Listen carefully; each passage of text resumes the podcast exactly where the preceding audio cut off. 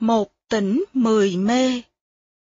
Khách du bỗng có một người, kỳ tâm họ thúc cũng nòi thư hương, vốn người huyện tích châu thường, theo nghiêm đường mở ngôi hàng lâm truy. Hoa khôi mộ tiếng kiều nhi, thiếp hồng tìm đến, hương khuê gửi vào. Trong thời gian tiếp khách, Kiều gặp một người đàn ông đem lòng say mê và cứu Kiều ra khỏi thanh lâu. Anh chàng tên là Thúc Kỳ Tâm, trước là học trò, bây giờ vừa học trò vừa là thương gia tập sự. Trướng tô giáp mặt hoa đào, vẻ nào chẳng mặn nét nào chẳng ưa. Hải đường mơn mởn cành tơ, ngày xuân càng gió càng mưa càng nồng. Nguyệt hoa hoa nguyệt não nùng, đêm xuân ai dễ cầm lòng được chăng? Anh chàng là một người có nhiều tiền, cô nàng là một người rất có nhan sắc. Vì vậy, lạ gì thanh khí lẻ hằng, một giây một buộc ai dằn cho ra. Sớm đào tối mận lân la, trước còn trăng gió sau ra đá vàng. Liên hệ giữa hai người ban đầu chỉ là liên hệ của những người chơi. Sau biết nhau, hiểu nhau thì đem lòng thương nhau. Trăng gió là vấn đề sinh lý, đá vàng là có sự gắn bó, thương mến về tâm lý. Dịp đâu may mắn lạ thường, lại vừa gặp khoảng xuân đường lại quê. Đáng lý cha đi vắng, thúc sinh ở lại phải lo chăm sóc cửa hàng, nhưng anh chàng chỉ đi lầu xanh. Sinh càng một tỉnh mười mê, ngày xuân lắm lúc đi về với xuân. Chất đam mê rất lớn, khi học đạo tỉnh thức thì chúng ta đi về hướng mười tỉnh một mê. Ở đây, anh chàng lại đi về hướng mười mê một tỉnh. Khi gió mát, khi trăng sân, bầu tiên chuốt rượu câu thần nói thơ.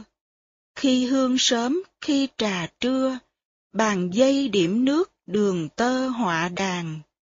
Miệt mài trong cuộc truy hoang, càng quen thuộc nết, càng gian díu tình.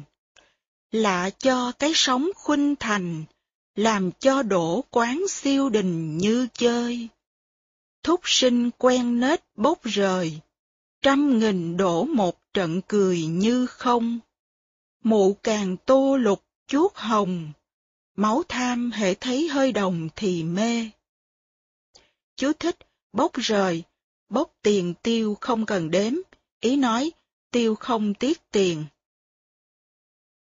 Thúc sinh xài tiền không tiếc, Tú bà biết chàng là khách sộp, nên lại càng trau chuốt cho Thúy Kiều thêm đẹp.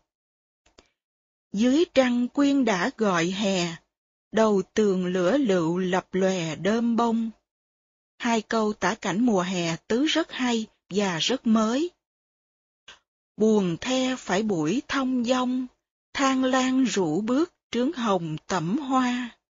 Rõ ràng trong ngọc trắng ngà, dày dày sẵn đúc một tòa thiên nhiên. Nhà nho Nguyễn Du tả một thiếu phụ đang khỏa thân tắm. Nhà nho này cũng ghê lắm chứ đâu phải chơi.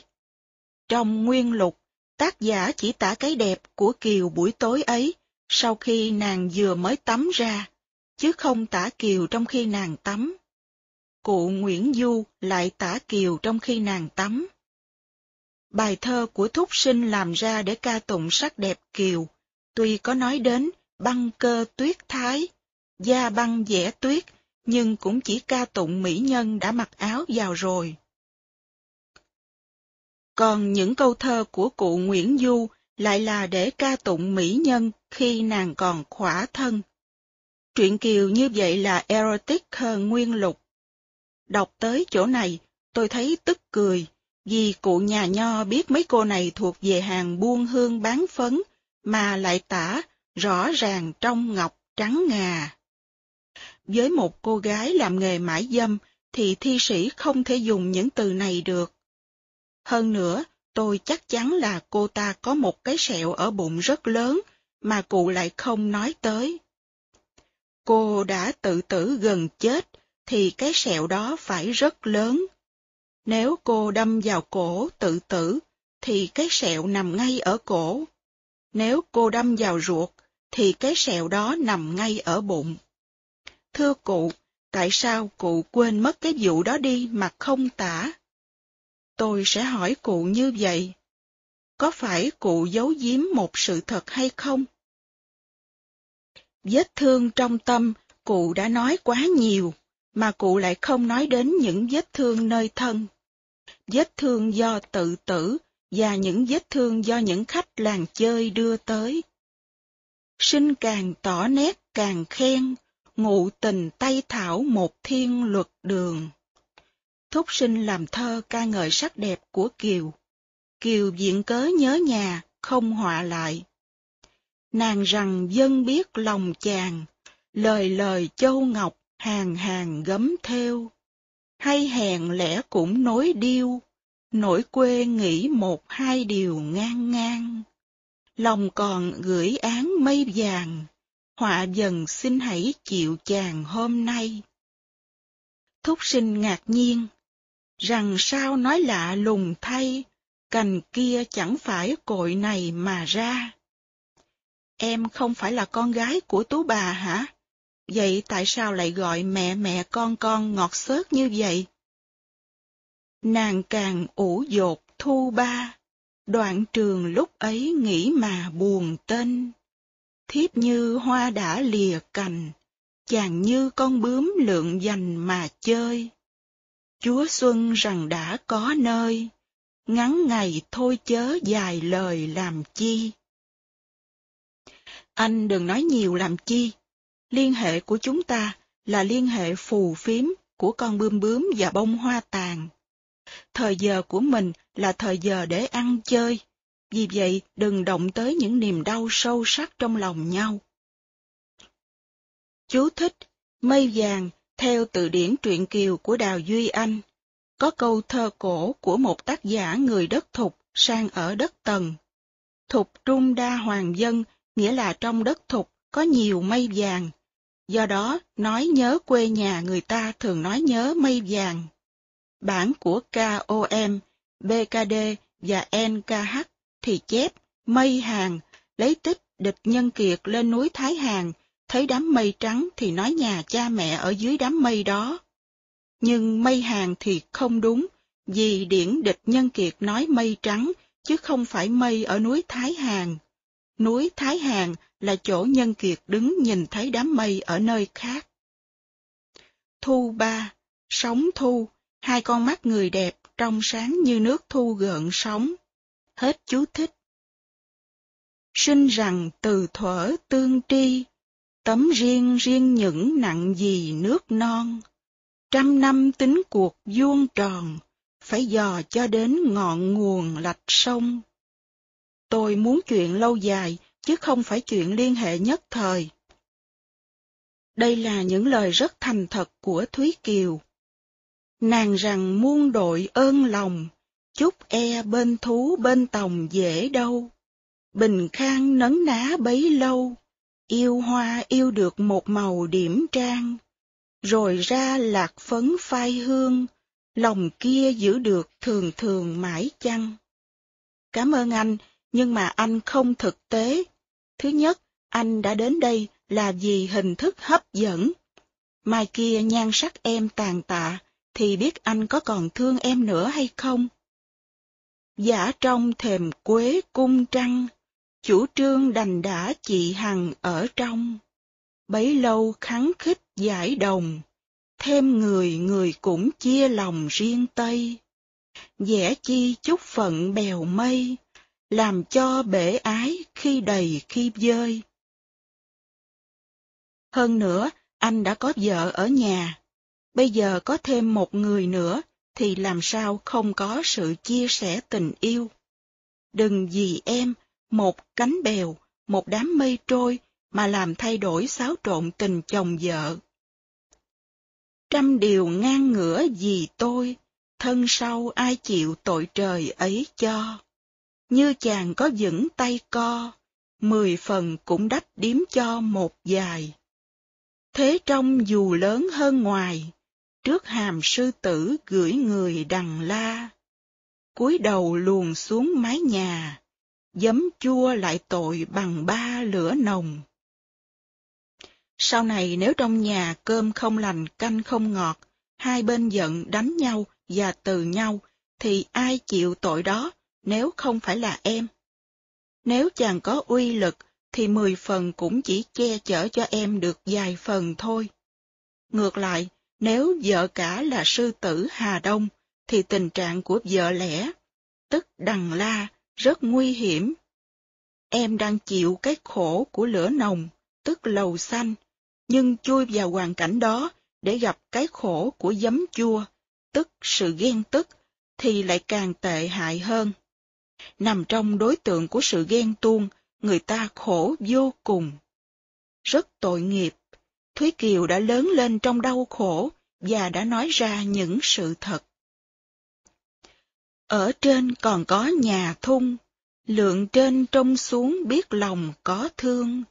Xá chi liễu ngõ hoa tường, lầu xanh lại bỏ ra phường lầu xanh, lại càng dơ dáng dại hình, đành thân phận thiếp nghĩ danh giá chàng. Rồi còn ba anh nữa, liệu ông có chấp nhận thân phận cây liễu mọc đầu ngõ, bông hoa nở bên tường của em không? Nếu ba anh đuổi em về lầu xanh, thì đành thân phận em là vậy. Nhưng danh giá của anh cũng sẽ bị tan nát vì chuyện này. Đọc ngang đây, tôi phục Thúy Kiều lắm. Trải qua bao nhiêu tuổi nhục ê chề, nàng Kiều đã học được bài học của thực tế và đã nói hết ngọn ngành hơn thiệt cho thúc sinh nghe. Nhưng anh chàng không nghe. Kiều lặp lại để kết luận. Thương sao cho vẹn thì thương, tính sao cho trọn mọi đường thì dân. Anh là con trai, nếu đã thương thì anh phải tính cho trọn, và đã quyết định thì anh phải chịu trách nhiệm. Buộc bằng một câu nói rạch ròi như vậy, rất thông minh. Sinh rằng, hay nói đè chừng, lòng đây lòng đấy chưa từng hay sao? Đường xa chớ ngại ngô lào, trăm điều hãy cứ trông vào một ta. Đã gần chi có điều xa, đá vàng đã quyết, phong ba cũng liều. Gan mà, mê quá rồi. Lát nữa, chúng ta sẽ biết có nên tin anh chàng này hay không. Cùng nhau căng dặn đến điều, chỉ non thề bể nặng gieo đến lời. Lại thề nữa. Nỉ non đêm ngắn tình dài, ngoài hiên thỏ đã non đoài ngậm gương. Hoàng Lương Mượn điều trúc diện thừa lương, rước về hãy tạm giấu nàng một nơi. Chiến hòa sắp sẵn hai bài, cậy tay thầy thợ mượn người dò la. Bắn tin đến mặt tú bà, thua cơ mụ cũng cầu hòa dám sao. Rõ ràng của dẫn tay trao, hoàng lương một kiếp thân vào cửa công. Thúc sinh lập mưu đón Thúy Kiều đi nghỉ mát ở giường trúc, rồi bắn tin về Tú bà, dọa kiện Tú bà đã lừa mua con nhà lương thiện, bắt làm đỉ, tức chiến, nếu Tú bà không cho chuột Kiều, tức hòa. Tú bà phải chịu nhận tiền và ký giấy hoàng lương cho Kiều. Công tư hai lẻ đều xong, gót tiên phúc đã thoát dòng trần ai. Một nhà sum họp trúc mai, càng sâu nghĩa bể, càng dài tình sông. Hương càng đượm, lửa càng nồng, càng sôi vẻ ngọc, càng lồng màu sen. Đất bằng dậy sóng Nửa năm hơi tiếng vừa quen, sân ngô cành biếc đã chen lá vàng, dậu thu vừa nảy giò sương, gối yên đã thấy xuân đường đến nơi. Phong lôi nổi trận bời bời, nặng lòng e ấp, tính bài phân chia. Quyết ngay biện bạch một bề, dạy cho má phấn lại về lầu xanh. Thúc ông về, thấy con trai đem một cô gái giang hồ về nhà, thì nổi trận lôi đình. Thúc ông không những ngại, nặng lòng e ấp về danh giá nhà mình, mà còn lo đối với nhà vợ cả của thúc sinh sẽ có chuyện lôi thôi. Ông bắt Kiều phải về lại lầu xanh. Chú thích, sân ngô, sân có trồng cây ngô đồng. Lá cây ngô đồng đổi sang màu vàng là dấu hiệu của mùa thu. Dậu thu, dậu hoa mùa thu. Giò sương, chồi hoa chịu được sương, tức là chồi hoa cúc, hoa mùa thu. Gối yên, gối dựa vào cái yên ngựa của các ông lão đời trước hay dùng. Xuân Đường là người cha.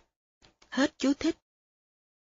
Thấy lời nghiêm huấn rành rành, đánh liều sinh mới lấy tình nài kêu, rằng con biết tội đã nhiều, dẫu rằng sấm sét búa rìu cũng cam.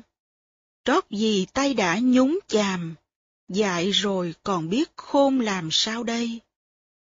Có người còn đố chơi, thúc sinh làm nghề gì? Trả lời, làm thợ nhuộm. Vì nếu không thì nhúng tay vào chàm làm gì? Truyện Kiều đã được yêu mến và đi vào đời sống của người dân dưới những hình thức đố kiều, bói kiều, lẫy kiều, vân vân. Cùng nhau giả tiếng một ngày, ôm cầm ai nở dứt dây cho đành. Lượng trên quyết chẳng thương tình, bạc đen thôi có tiếc mình làm chi. Thúc sinh nhất định chết, chứ không chịu đuổi kiều về lầu xanh. Thấy lời sắt đá tri tri, sốt gan ông mới cáo quỳ cửa công. Đất bằng nổi sóng đùng đùng, phủ đường sai lá phiếu hồng thôi tra. Thấy con trai cứng đầu quá, thúc ông đi thưa với chính quyền. Cùng nhau theo gót sai nha, song song vào trước sân hoa lạy quỳ. Hiểu nghĩa chữ thương Trông lên mặt sắc đen sì, lập nghiêm trước đã ra uy nặng lời, gã kia dại nết tơi bời. quan phủ mắng thúc sinh trước, nhưng chỉ mắng một câu thôi. Quay sang Thúy Kiều, ông la rất nhiều. Mà con người thế là người đông đưa, tuồng chi hoa thải hương thừa, mượn màu son phấn đánh lừa con đen. Gọi người con trai là con đen, dại nết, và như vậy bao nhiêu lỗi, ông mặt sắc đều đổ lên hết người con gái. Rõ ràng có sự thiên vị, không công bình. Mặt ông thật ra cũng không sắc bao nhiêu. Suy trong tình trạng bên nguyên, bề nào thì cũng chưa yên bề nào. Phép công chiếu án luận vào, có hai đường ấy muốn sao mặt mình. Một là cứ phép gia hình, hai là lại cứ lầu xanh phó về. Kiều phải chọn một trong hai giải pháp, bị đánh, bị gông hoặc là trở lại lầu xanh. Kiều nhất quyết không trở về đời sống lầu xanh nữa. Nàng rằng đã quyết một bề, nhện này dương lấy tơ kia mấy lần, đục trong thân cũng là thân, yếu thơ dân chịu trước sân lôi đình. Dầu đục dầu trong, thì thân con người vẫn là thân con người, ai cũng biết đau như nhau. Con chọn hình phạt. Chú thích, mặt sắc đen sì, do chữ thiết diện, chỉ ông quan nghiêm nghị, cương trực, hết chú thích. Dạy rằng cứ phép gia hình, ba cây chập lại một cành mẫu đơn, phận đành chi dám kêu oan, đào hoen quẹn má, liễu tan tác mày. Một sân lầm cát đã đầy, gương lờ nước thủy, mai gầy dốc sương. Với một người nhi nữ thì hình phạt kia quả thật là quá đáng. Nhưng cụ Nguyễn Du không nói thương Thúy Kiều, mà lại nói thương thúc sinh. Nghĩ tình chàng thúc mà thương, nẻo xa trông thấy lòng còn xót xa. Trong khi mọi người nhìn vào đều thấy cái khổ bị trừng phạt của Thúy Kiều, thì cụ lại nhìn thấy cái khổ của thúc sinh. Người thương của mình đang bị hành phạt thì mình rất đau khổ. Nhất là nỗi khổ đó là do vì mình mà có. Đau còn hơn là chính mình bị gông cùm và đánh đập nữa. Khóc rằng oan khóc vì ta, có nghe lời trước chẳng đà lụy sau. Cạn lòng chẳng biết nghĩ sâu, để ai trăng tuổi hoa sầu vì ai. Cạn lòng là suy nghĩ và tiếp xử với sự việc xảy ra trong ngày một cách rất hời hợt, không biết quán chiếu sâu sắc. Vì vậy cho nên, để ai trăng tuổi hoa sầu vì ai. Lúc đau khổ xảy ra mới biết kiểm thảo, hối hận. Ngày xưa, vì mê quá, cho nên anh chàng chỉ nói, để anh lo hết, em đừng sợ, anh hùng mà sợ gì. Nhưng đến lúc này, ta mới thấy anh chàng chẳng anh hùng gì cả. Chú thích, ba cây, tam mộc, là cái khóa tay, nữ, gông cổ, già và cùm chân, giới.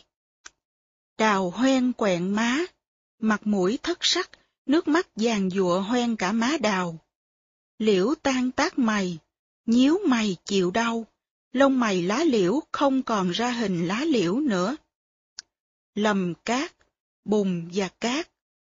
Dốc xương, khổ người nhẹ, thanh, trong trắng. Hình thù của Thúy Kiều tiều tụy khi bị hình phạt như gương không sáng nữa vì nước thủy ngân mờ đi, như cành mai bị sương tuyết. Hết chú thích. Phủ đường nghe thoảng vào tai, động lòng lại gạn đến lời riêng Tây. Sụt sùi chàng mới thưa ngay, đầu đuôi kể lại sự ngày cầu thân. Nàng đà tính hết xa gần, từ xưa nàng đã biết thân có rầy. Tại tôi hứng lấy một tay, để nàng cho đến nỗi này vì tôi. Ở đây, chúng ta cũng thấy được nghĩa của chữ thương. Thương mà chỉ biết nghe tiếng gọi của đam mê, không biết nghe tiếng gọi của trí tuệ, thì mình sẽ làm khổ và gây thương tích cho người mình thương. Nghe lời nói cũng thương lời, dẹp uy mới dạy cho bài giải vi. Chú thích, giải vi, mở dòng dây, hết chú thích.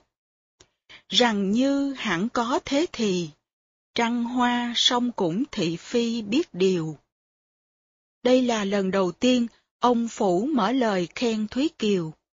Định kiến của ông về người con gái xuất thân từ giới trăng hoa bắt đầu thay đổi. Sinh rằng chút phận bọt bèo, theo đòi giả cũng ít nhiều bút nghiêng. Được quan bắt đầu hiểu, thì bên này chàng thúc nức lòng, liền khoe. Dạ bẩm quan lớn, em con tuy không có phước đức nhiều, nhưng ngày xưa cũng đã được đi học, khá giỏi văn chương. Kiều giỏi lắm đó, không phải thường đâu, bẩm quan lớn. Bây giờ quan phủ đã bắt đầu có cảm tình nhiều với Kiều. Cười rằng đã thế thì nên, một già hãy thử một thiên trình nghề. Quan lớn chịu chơi. Hay lắm, vậy thì bảo nó thử làm một bài thơ vịnh cái gông, một già, để ta xem thử tài học của nó đã tới trình độ nào. Trình nghề. Nghề ở đây là nghề văn chương. Trình kệ kiến giải cũng là trình nghề. Những chuyển hóa mình đã đạt sẽ xuất hiện trong bài kệ kiến giải. Nàng dân cất bút tay đề, tiên hoa trình trước án phê xem tường. Nguyên bản phong tình lục có bài thơ kiều làm như sau. Ta với cây gỗ là kẻ thù, mừng vì nổi trong dòng khuyên tròn được chui đầu ra, xấu vì nổi vuông tròn che khắp thân thể. Mặt mày chưa từng bị hổ thẹn, như người ngồi dưới giếng đáng lo. Thương thay vết dòng nước mắt, không chảy tới vạt áo và ống tay áo. Kính tạ hiền hầu, bắt người phải cứng cổ, không cho lại mở họng hát ra. quan xem thơ rất cảm kích, khen rằng giá đáng thịnh đường, tài này sắc ấy nghìn vàng chưa cân. Thật là tài tử giai nhân, châu trần còn có châu trần nào hơn. Chú thích, có bản ghi, giá lạc thịnh đường, tức là còn hay hơn cả thơ đời hưng thịnh của nhà đường nữa. Hết chú thích. Hướng về cha của thúc sinh. Thôi đừng rước giữ cưu hờn, làm chi lỡ nhịp cho đàn ngang cung. Đã đưa đến trước cửa công, ngoài thì là lý, song trong là tình. Dâu con trong đạo gia đình, theo thì dẹp nổi bất bình là xong. Thôi, ông hoan hỷ cho cả hai đứa. Mặt sắt bây giờ không còn sắt đá nữa. Ông quan này là người có khả năng thưởng thức văn chương. Cái may của Thúy Kiều là ở chỗ đó. Biết làm thơ, đôi khi cũng hay. Rồi ông quan chịu chơi, còn cho xe ngựa đưa cặp vợ chồng này về, và giúp phương tiện tổ chức đám cưới, chính thức hóa cho họ nữa. Kiếp truyền sắm sửa lễ công, kiệu hoa cất gió đuốc hồng điểm sao. Bày hàng cổ suý xôn xao, song song đưa tới trướng đào sánh đôi. Thương gì hạnh, trọng gì tài, thúc ông thôi cũng dẹp lời phong ba. Chú thích, Châu Trần, họ Châu và họ Trần đời đời làm thông gia với nhau. Đây là nói đến chuyện hôn nhân tốt đôi vừa lứa. Cổ suý, nhạc bát âm. Cổ là tên gọi chung những nhạc khí dùng để đánh, như chiên trống. Suý là những nhạc khí để thổi, như kèn sáo. Hết chú thích. Đó là thái độ mới của ông già chồng, chịu ảnh hưởng của thái độ quan huyện. Thấy được đức hạnh và tài năng của Thúy Kiều, nên ông đã chấp nhận Kiều như con dâu của mình. Trước đó, ông đâu thèm ngó tới. Ông có một ý niệm. Đây là một cô gái từ thanh lâu tới, và chỉ có ý niệm đó thôi. Kế đến là sợ thế lực của quan lại bộ bên nhà vợ cả thúc sinh. Hành động trên căn bản sợ và thành kiến, vì vậy ông đã không có khả năng thấy được con người của Thúy Kiều. Nhờ quan phủ mà bây giờ thúc ông đã thấy được đức hạnh và tài ba của Thúy Kiều. Ông hết giận, không còn những câu chửi rủa, mắng nhiếc và lên án nữa. Huệ Lan sực nức một nhà, từng cay đắng lại mặn mà hơn xưa. Hạnh phúc bây giờ lớn hơn vì con người đã trải qua những đắng cay, đau khổ. Sau khi giận thì người ta lại thương nhiều hơn. Sau những khó khăn thì tình người trở nên đậm đà. Trong ấm ngoài êm Mãn vui rượu sớm cờ trưa, đào đà phai thắm, sen dừa nảy xanh. Bị kiện tụng là hồi mùa thu, qua mùa đông, mùa xuân, và bây giờ bắt đầu mùa hạ. Không biết trong thời gian ấy, thúc sinh có học hành hoặc buôn bán gì không? Chỉ nghe cờ với rượu. Kiều bây giờ đã giỏi, có kinh nghiệm trong cuộc đời rồi. Kiều biết lo xa, chứ không phải chỉ ham chơi như anh chàng.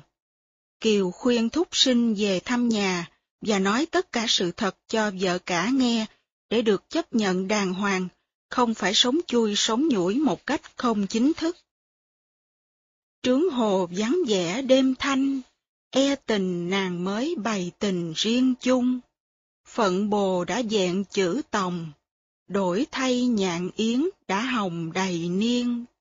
Tinh nhà ngày một vắng tinh, mặn tình các lũy, lạc tình tao khang. Nghĩ ra thật cũng nên giường, tâm hơi ai dễ giữ vàng cho ta. Trộm nghe kẻ lớn trong nhà, ở vào khuôn phép nói ra mối giường. E thay những dạ phi thường, dễ dò rốn bể khôn lường đáy sông.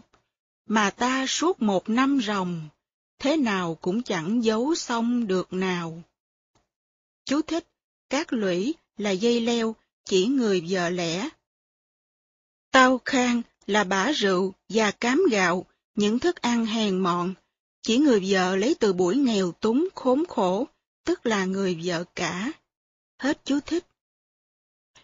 Những lời này chứng tỏ Kiều đã chính, đã có kinh nghiệm. Bấy chày chưa tỏ tiêu hao, hoặc là trong có làm sao chăng là, xin chàng kiếp liệu lại nhà, trước người đẹp ý, sau ta biết tình. Trong nguyên bản phong tình lục có năm chữ, vô nải hữu trá hồ. Hay là trong nhà người ta đã biết và có mưu mẹo gì rồi, hoặc là trong có làm sao chăng là. Đêm ngày giữ mực giấu quanh, rài lần mai lửa như hình chưa thông. Đi theo đường lối giấu, giấu và giấu, đó là tình trạng bế tắc, không thông. Đối với các tâm hành trong ta cũng vậy. Ta phải đưa tất cả ra dưới ánh sáng chánh niệm, thì mới mong tạo được tình trạng lưu thông, thông suốt và an toàn. Nghe lời khuyên nhủ thông dong, đành lòng sinh mới quyết lòng hồi trang. Lần này, anh chàng nghe lời Kiều. Rạng ra gửi đến xuân đường, thúc ông cũng dội dục chàng ninh gia. Tiễn đưa một chén quan hà, xuân đình thoát đã đổi ra cao đình. Sông tầng một bãi xanh xanh, loi thoi bờ liễu mấy cành dương quang. Chú thích Quan hà, cửa ải và sông tượng trưng cho chuyện đi xa. Chén quan hà là chén rượu tiễn biệt. Xuân đình, chỗ chơi. Cao đình, chỗ tiễn biệt. Sông Tần tượng trưng cho sự cách biệt. Có câu hát cổ, bài ca dị Tây, giao vọng Tần Xuyên can trường đoạn tuyệt. Nhìn xa thấy nước sông Tần nát gan đứt ruột vì sự ly biệt.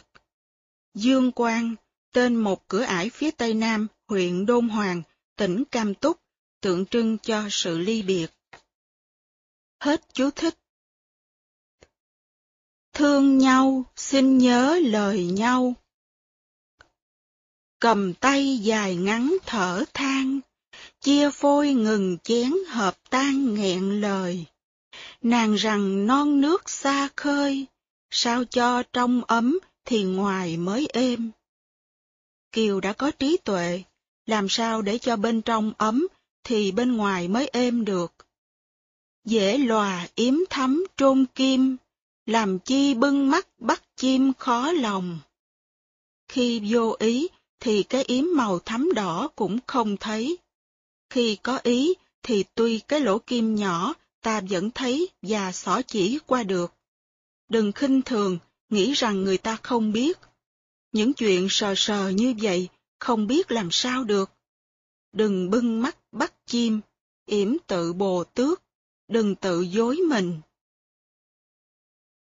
Đôi ta chút nghĩa đèo bồng, đến nhà trước liệu nói sòng cho minh. Dù cho sóng gió bất bình, lớn ra uy lớn tôi đành phận tôi. Dầu khó khăn sóng gió thế nào đi nữa, thì chị là lớn, em là nhỏ, danh phận đâu ra đó. Hơn điều giấu ngược, giấu xuôi, lại mang những việc tày trời đến sau. Thúy Kiều như một nhà tiên tri, biết trước những gì sẽ xảy ra và nói rõ cho thúc sinh những điều cần phải làm. Nhưng thúc sinh vẫn không làm, anh chàng không chuyển hóa gì cả. Thương nhau xin nhớ lời nhau, năm chầy cũng chẳng đi đâu mà chầy Chén đưa nhớ bữa hôm nay, chén mừng xin đợi ngày này năm sau. Rất cảm động, thương nhau xin nhớ lời nhau. Sáu chữ thôi mà rất hay. Nếu quả thực mình thương thì mình phải nhớ, phải hiểu được lời người kia nói bằng không thì mình sẽ trở thành một thúc sinh, đem lại đau khổ cho chính mình và cho người kia. Thương nhau xin nhớ lời nhau. Nếu mình lạy bụt, kính bụt, thương bụt, thì cách hay nhất để biểu hiện tình thương của mình là nhớ, hiểu và làm theo lời bụt. Liên hệ giữa bằng hữu và thầy trò cũng vậy. Phải nhớ lời nhau. Người lên ngựa kẻ chia bào, rừng phong thu đã nhốm màu quang sang. Hình ảnh rất đẹp, chia bào là buông giặt áo ra. Thôi thôi buông áo em ra, để em đi chợ kéo mà chợ trưa.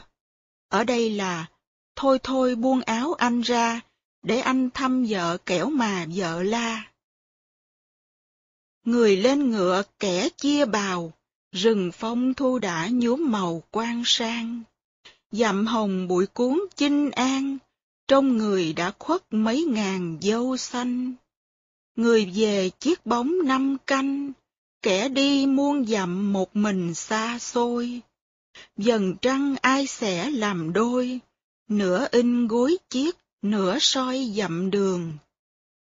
Thơ lục bát mà làm như vậy là tài tình. Câu dần trăng ai sẽ làm đôi có liên hệ đến hai câu thơ chữ Hán và một giai thoại thi ca. Hai câu thơ đó là Thùy bả kim bôi thân lưỡng đoạn, bán trầm thủy để bán phù không.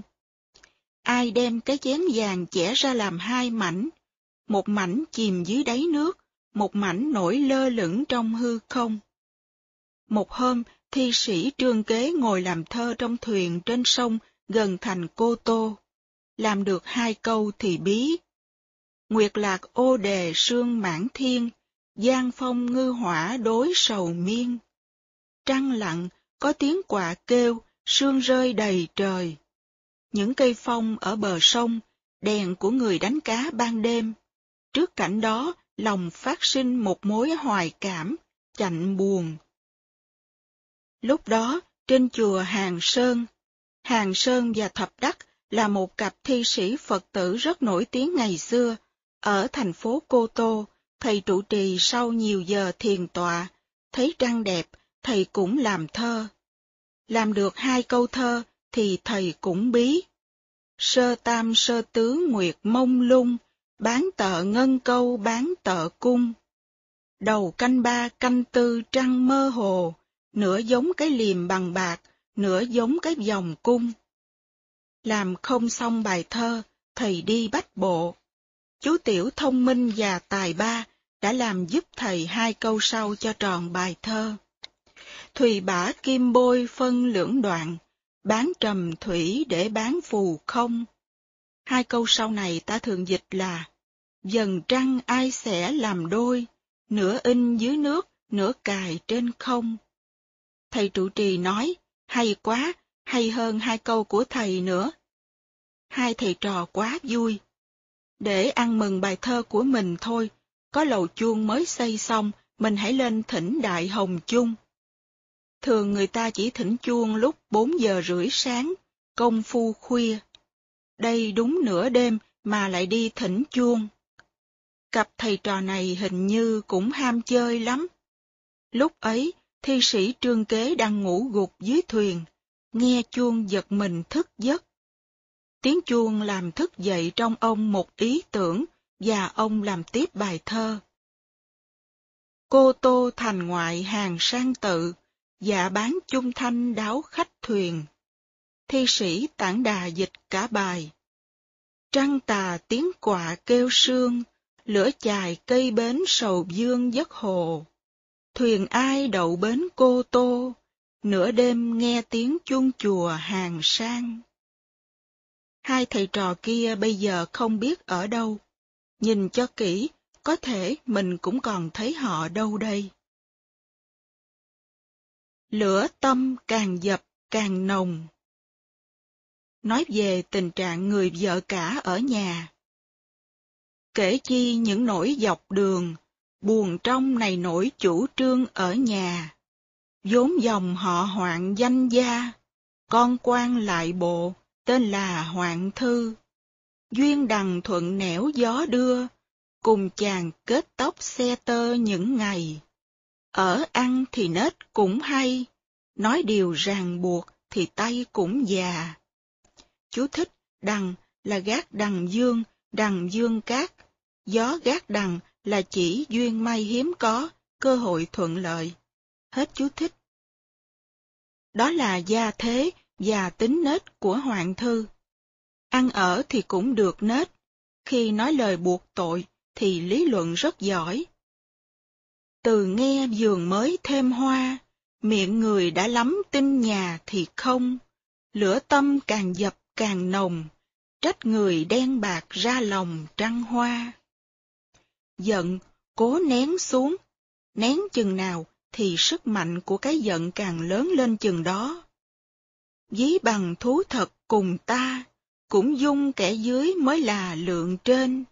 Dạy chi chẳng giữ lấy nền, tốt chi mà rước tiếng ghen vào mình. Rõ ràng, Kiều đã tiên đoán đúng. Lại còn bưng bích giấu quanh, làm chi những thói trẻ ranh nực cười. Tính rằng cách mặt khuất lời, giấu ta ta cũng liệu bài giấu cho.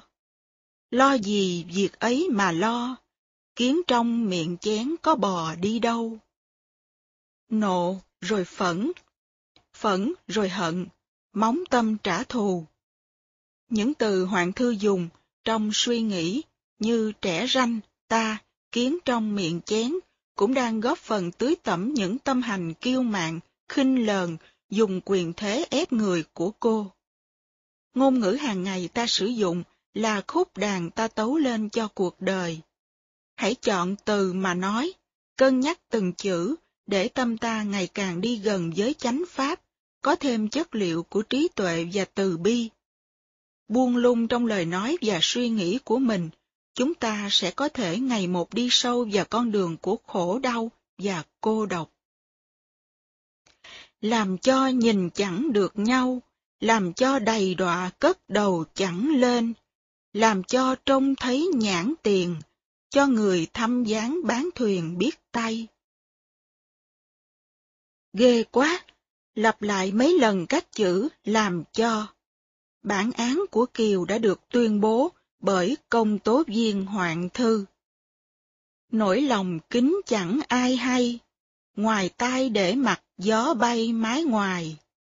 Thầm lắm. Tuần sau bỗng thấy hai người, mắt tinh ý cũng liệu bài tân công. Tiểu thư nổi giận đùng đùng, gớm tay theo dệt ra lòng trêu ngươi. Chồng tao chẳng phải như ai, điều này hẳn miệng những người thị phi. Dội vàng xuống lệnh ra uy, đứa thì giả miệng, đứa thì bẻ răng. Trong ngoài kính mít như bưng, nào ai còn dám nói năng một lời. Buồn đào khuya sớm thảnh thơi, ra vào một mực nói cười như không. Đoạn văn này nói rất rõ về tính khí và con người của Hoàng Thư.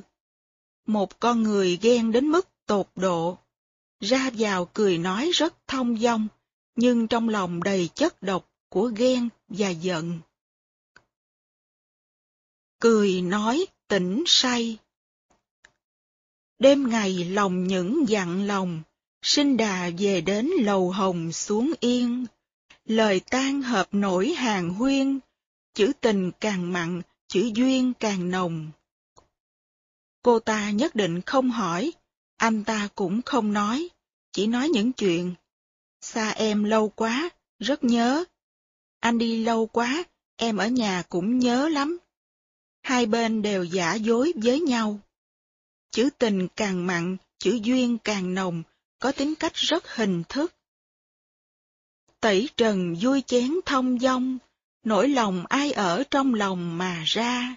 Chàng về xem ý tứ nhà, sự mình cũng rắp lân la giải bày. Mấy phen cười nói tỉnh say, tóc tơ bất động mảy may sự tình.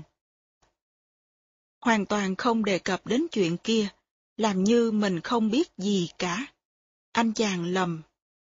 Nghĩ đà bưng kính miệng bình, nào ai có khảo mà mình lại xưng.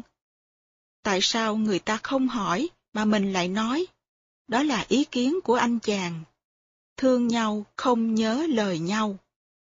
Những là e ấp dùng dằn, rút dây sợ nữa động rừng lại thôi. Quá nhút nhát, không dám nói, trong khi đó thì cô nàng. Có khi vui chuyện mua cười, tiểu thư lại dở những lời đâu đâu, rằng trong ngọc đá vàng thau, mười phần ta đã tin nhau những mười. Khen cho những miệng dông dài, bướm ông lại đặt những lời nọ kia. Thiếp dù dụng chẳng hay suy, đã dơ bụng nghĩ lại bia miệng cười. Tình nghĩa của mình là vàng đá, chúng ta tin nhau một trăm phần trăm. Đôi khi người ta đặt ra những chuyện nói chàng thế này thế kia. Đó là những chuyện buồn cười. Em hoàn toàn không tin. Chú thích, tẩy trần là rửa sạch bụi. Tục cổ, khi có người ở xa mới đến, đặt tiệc mời ăn hay biếu vật gì cho người đó, gọi là tẩy trần. Ý nói để rửa sạch những nỗi gian lao vất vả dọc đường. Hết chú thích. Thấy lời thủng thỉnh như chơi, thuận lời chàng cũng nói xuôi đỡ đòn. Anh chàng nói, đúng vậy đó. Những là cười phấn cợt son, đèn khuya chung bóng trăng tròn sánh vai. Rất dễ sợ, mỗi người có một tâm sự bên trong, và cả hai đều đang đóng kịch. Thú quê thuần dược bén mùi, giếng vàng đã rụng một vài lá ngô. Bắt đầu mùa thu trở lại, Thúc sinh sống với vợ gần được một năm. Nhớ đến chuyện đi, kỳ thực là nhớ đến Kiều. Chạnh niềm nhớ cảnh giang hồ, một màu quan tái mấy mùa gió trăng. Tình riêng chưa dám rỉ răng, tiểu thư trước đã liệu chừng nhủ qua. Cách năm mây bạc xa xa, lâm truy cũng phải tính mà thần hôn. Chưa dám nói, anh nhớ ba quá, muốn về thăm ba, thì tiểu thư đã nói, thôi, anh về thăm, hầu hạ cha đi. Được lời như mở tất son, gió câu thẳng rủi nước non quê người. Long lanh đáy nước in trời, thành xây khói biếc, non phơi bóng vàng. Chú thích thuần dược, do chữ thuần lô, rau thuần cá dược là hương vị của quê hương.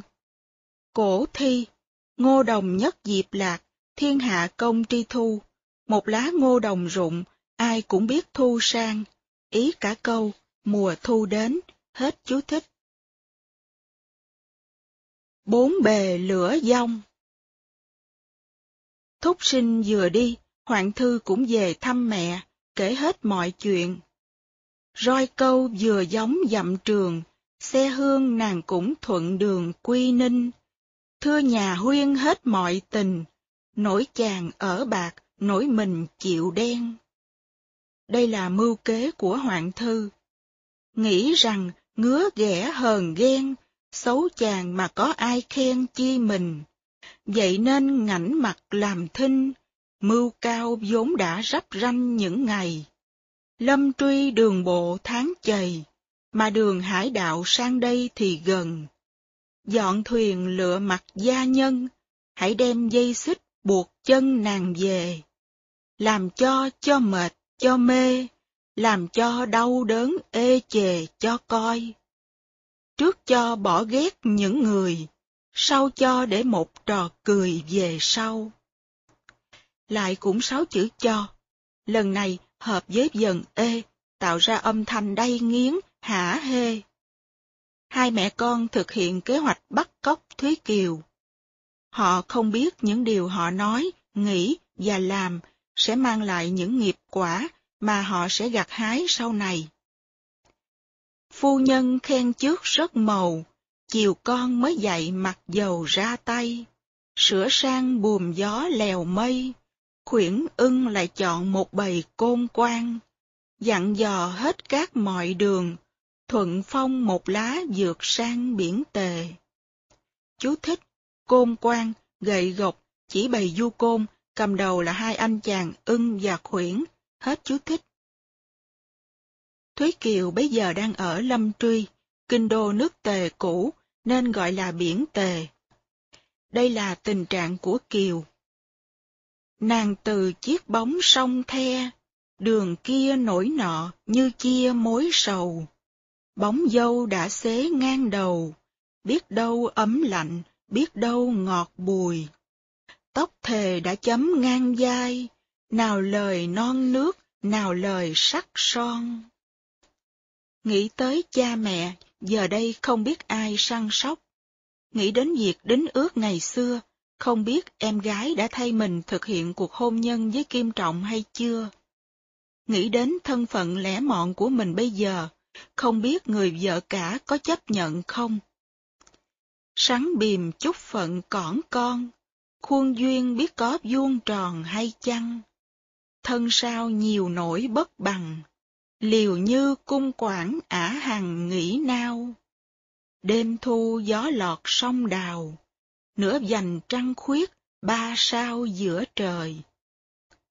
Có người đọc câu này cho là tác giả nói về tâm sự, vì chữ tâm có một dành trăng và ba ngôi sao. Thao thức không ngủ, kiều dậy, thắp hương khấn trước bàn thiên ngoài trời. Nén hương đến trước thiên đài, nỗi lòng khấn chữa cạn lời dân dân.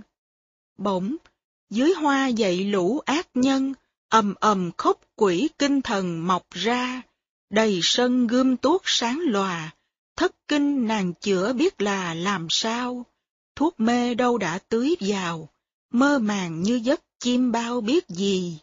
Giật ngay lên ngựa tức thì, phòng đào diện sách bốn bề lửa dông, sẵn thay vô chủ bên sông, đem vào để đó lộn sòng ai hay. Đốt nhà, bắt cóc Thúy Kiều, bỏ một tử thi chết đuối bên sông vào đám cháy, để giả bày một vụ rủi ro hỏa hoạn. Ngọn lửa trong tâm hoạn thư bây giờ đã phát hiện ra thành đám cháy ở nhà Thúy Kiều. Một niệm ghen tức trong lòng có công năng phá hoại rất lớn, mà ai trong cuộc cũng đều là nạn nhân. Tôi đòi phách lạc hồn bay, pha càng bụi cỏ gốc cây ẩn mình. Thúc ông nhà cũng gần quanh, chợt trong ngọn lửa thất kinh rụng rời. Tớ thầy chạy thẳng tới nơi, tơi bời tưới lửa tìm người lao sao. Gió cao ngọn lửa càng cao, tôi đòi tìm đủ nàng nào thấy đâu. Hớt hơ hớt hải nhìn nhau, giếng sâu bụi rậm trước sau tìm quàng.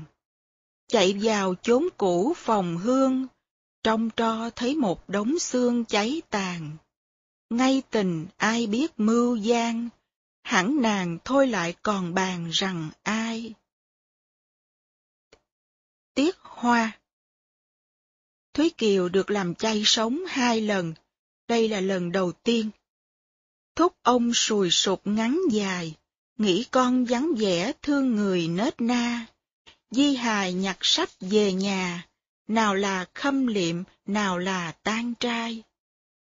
Thúc sinh về. Lễ thường đã đủ một hai, lục trình chàng cũng đến nơi bấy giờ.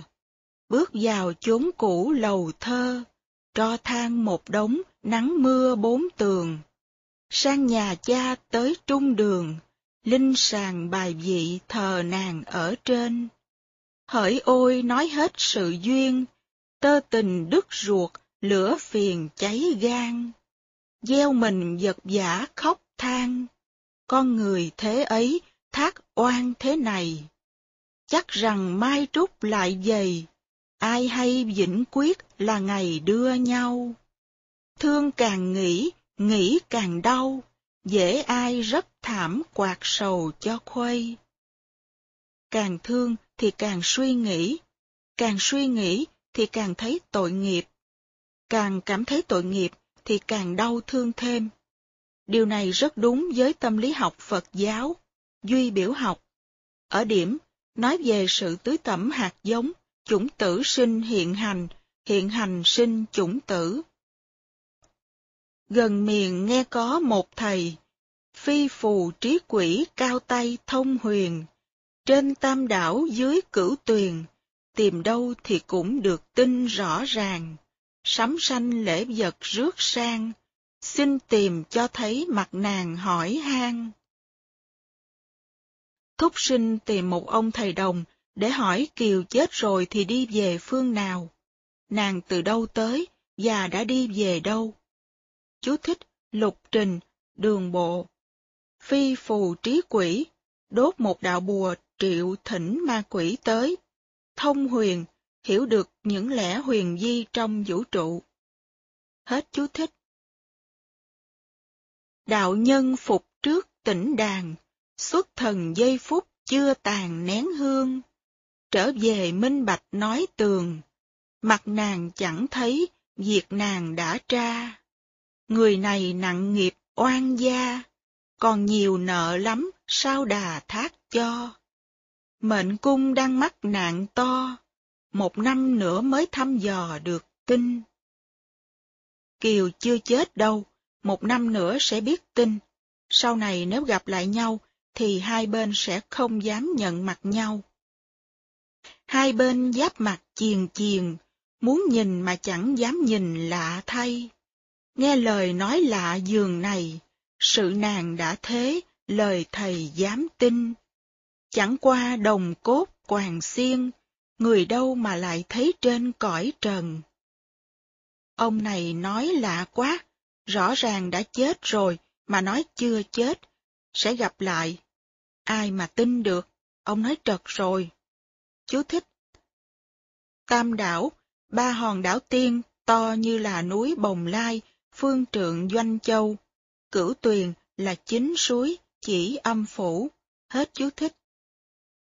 Tiết hoa những ngậm ngùi xuân, thân này dễ lại mấy lần gặp tiên. Nước trôi hoa rụng Nước trôi hoa rụng đã yên. Kiều chưa chết, nhưng với chàng thúc thì Kiều đã chết rồi. Nước đã trôi, hoa đã rụng, và mình chấp nhận sự thật đó. Con người vô minh chưa?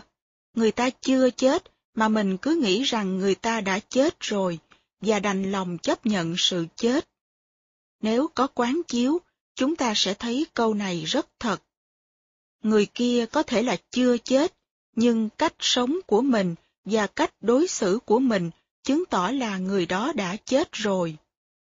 Dù người kia đã chết, đã làm giấy khai tử, chính mắt mình thấy được người đó đã được hỏa thiêu, nhưng chưa chắc người đó đã không còn. Người đó có thể đang còn có mặt trong nhiều cách thức, đang còn trong tự thân mình và đang còn trong thế giới. Trong kinh Bụt dạy sự vật vô thường, nhưng sự vật không đoạn diệt. Chấp về thường là một thái cực, chấp về đoạn là một thái cực khác. Chấp rằng con người sẽ như vậy cho đến vô biên, không thay đổi trong tương lai là chấp thường. Chấp rằng khi con người chết là không còn gì nữa là chấp đoạn. Con đường bụt dạy là trung đạo. Thực tại không phải thường, mà cũng không phải đoạn. Trước khi chết cũng vậy, sau khi chết cũng vậy.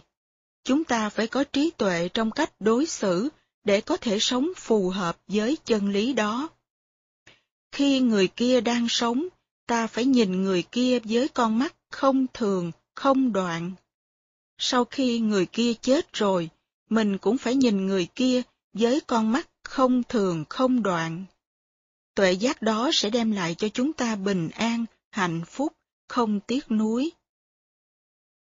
Nước trôi hoa rụng đã yên, hay đâu địa ngục ở miền nhân gian. Địa ngục Thúy Kiều đang đi qua, không phải ở dưới cửu tuyền, mà ở ngay bên cạnh thúc sinh.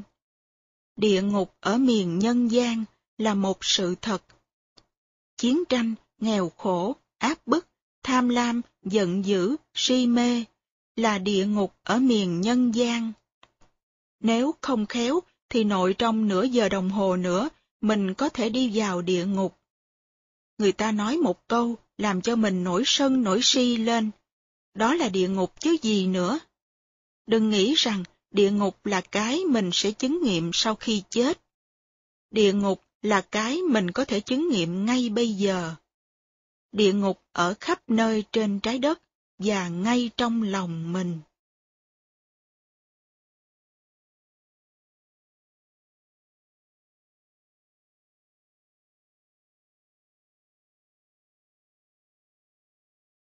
Một cơn mưa gió Khuyển ưng đã đắc mưu gian, giật nàng đưa xuống để an dưới thuyền.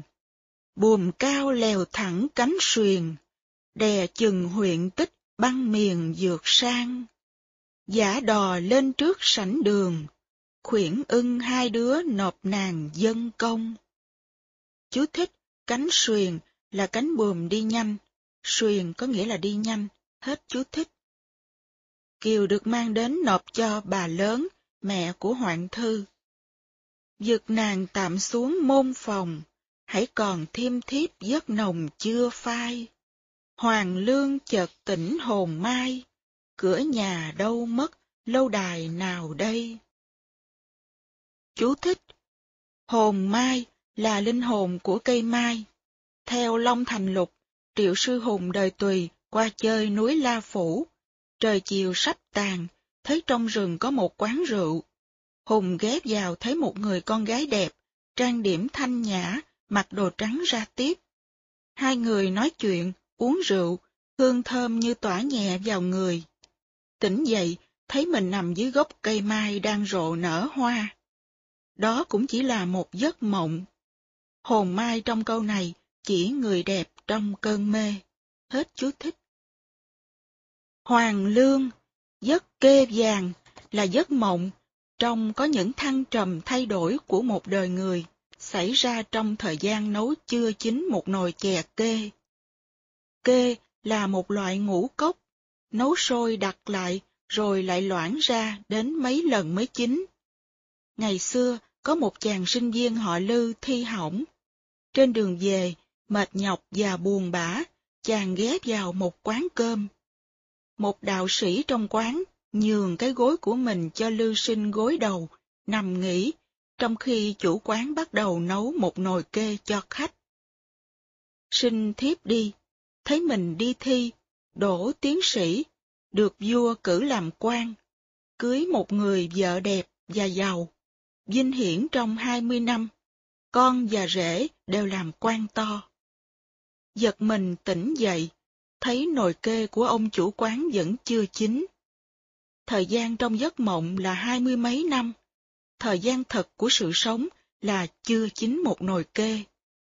Sinh bàng hoàng tự hỏi, việc đó là chuyện mộng ư?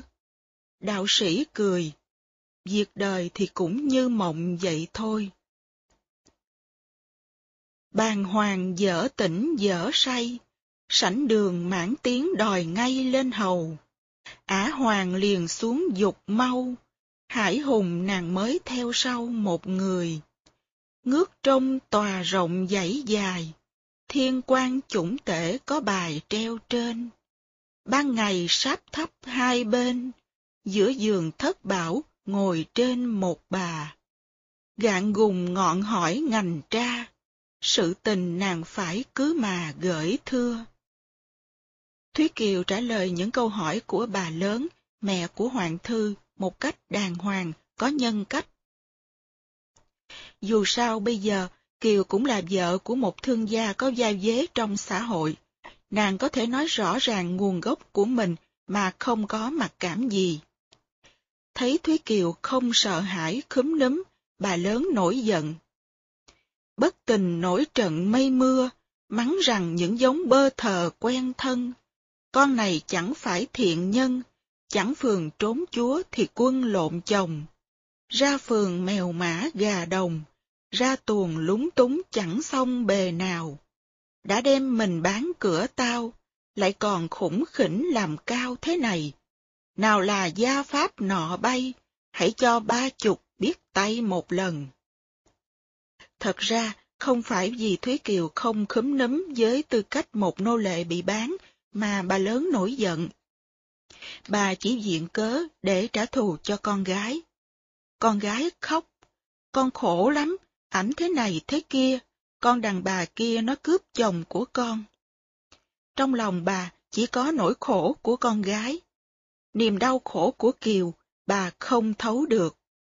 Dù Kiều có kể hết ngọn nguồn của mình, bà cũng không nghe lọt lỗ tai. Khi người ta đã đầy những ý kiến và cảm xúc rồi, thì mình không thể nói vô thêm được gì nữa cả. Không nên nói gì lúc đó, vì nói cũng không ích gì. Phải đợi cho người kia lưng lại nửa túi, lưng túi thì mới nói gì được. Đó là một bài học. Ả hoàng trên dưới dạ rân, dẫu rằng trăm miệng khôn phân lẽ nào, côn ra sức đập vào, thịt nào chẳng nát, da nào chẳng kinh.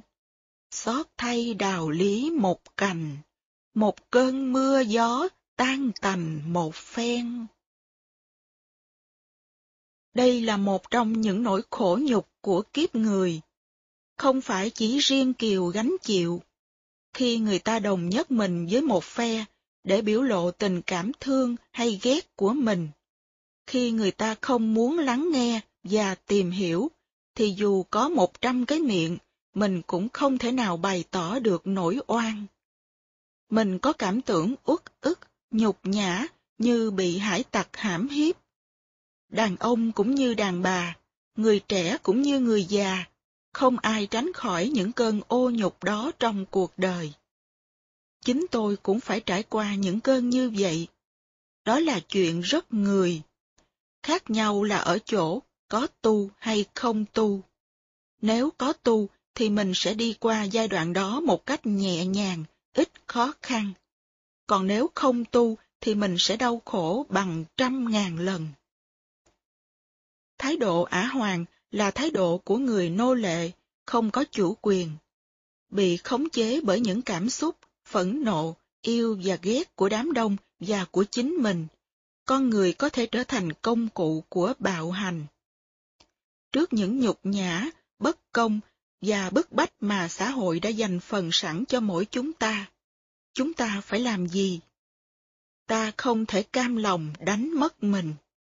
Thái độ của người tu là thái độ dũng mãnh của người biết nắm lấy thân tâm, đi trong cơn lốc của những cảm xúc ghét, thương, phẫn nộ và mặc cảm bên trong hay bên ngoài mình.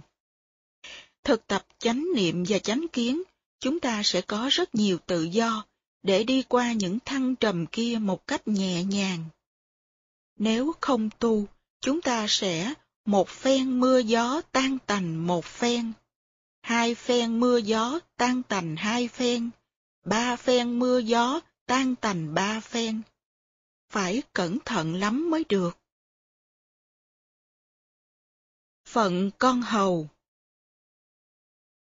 Hoa nô truyền dạy đổi tên, buồn the dạy ép vào phiên thị tỳ, ra vào theo lũ thanh y, giải dầu tóc rối da chì quảng bao.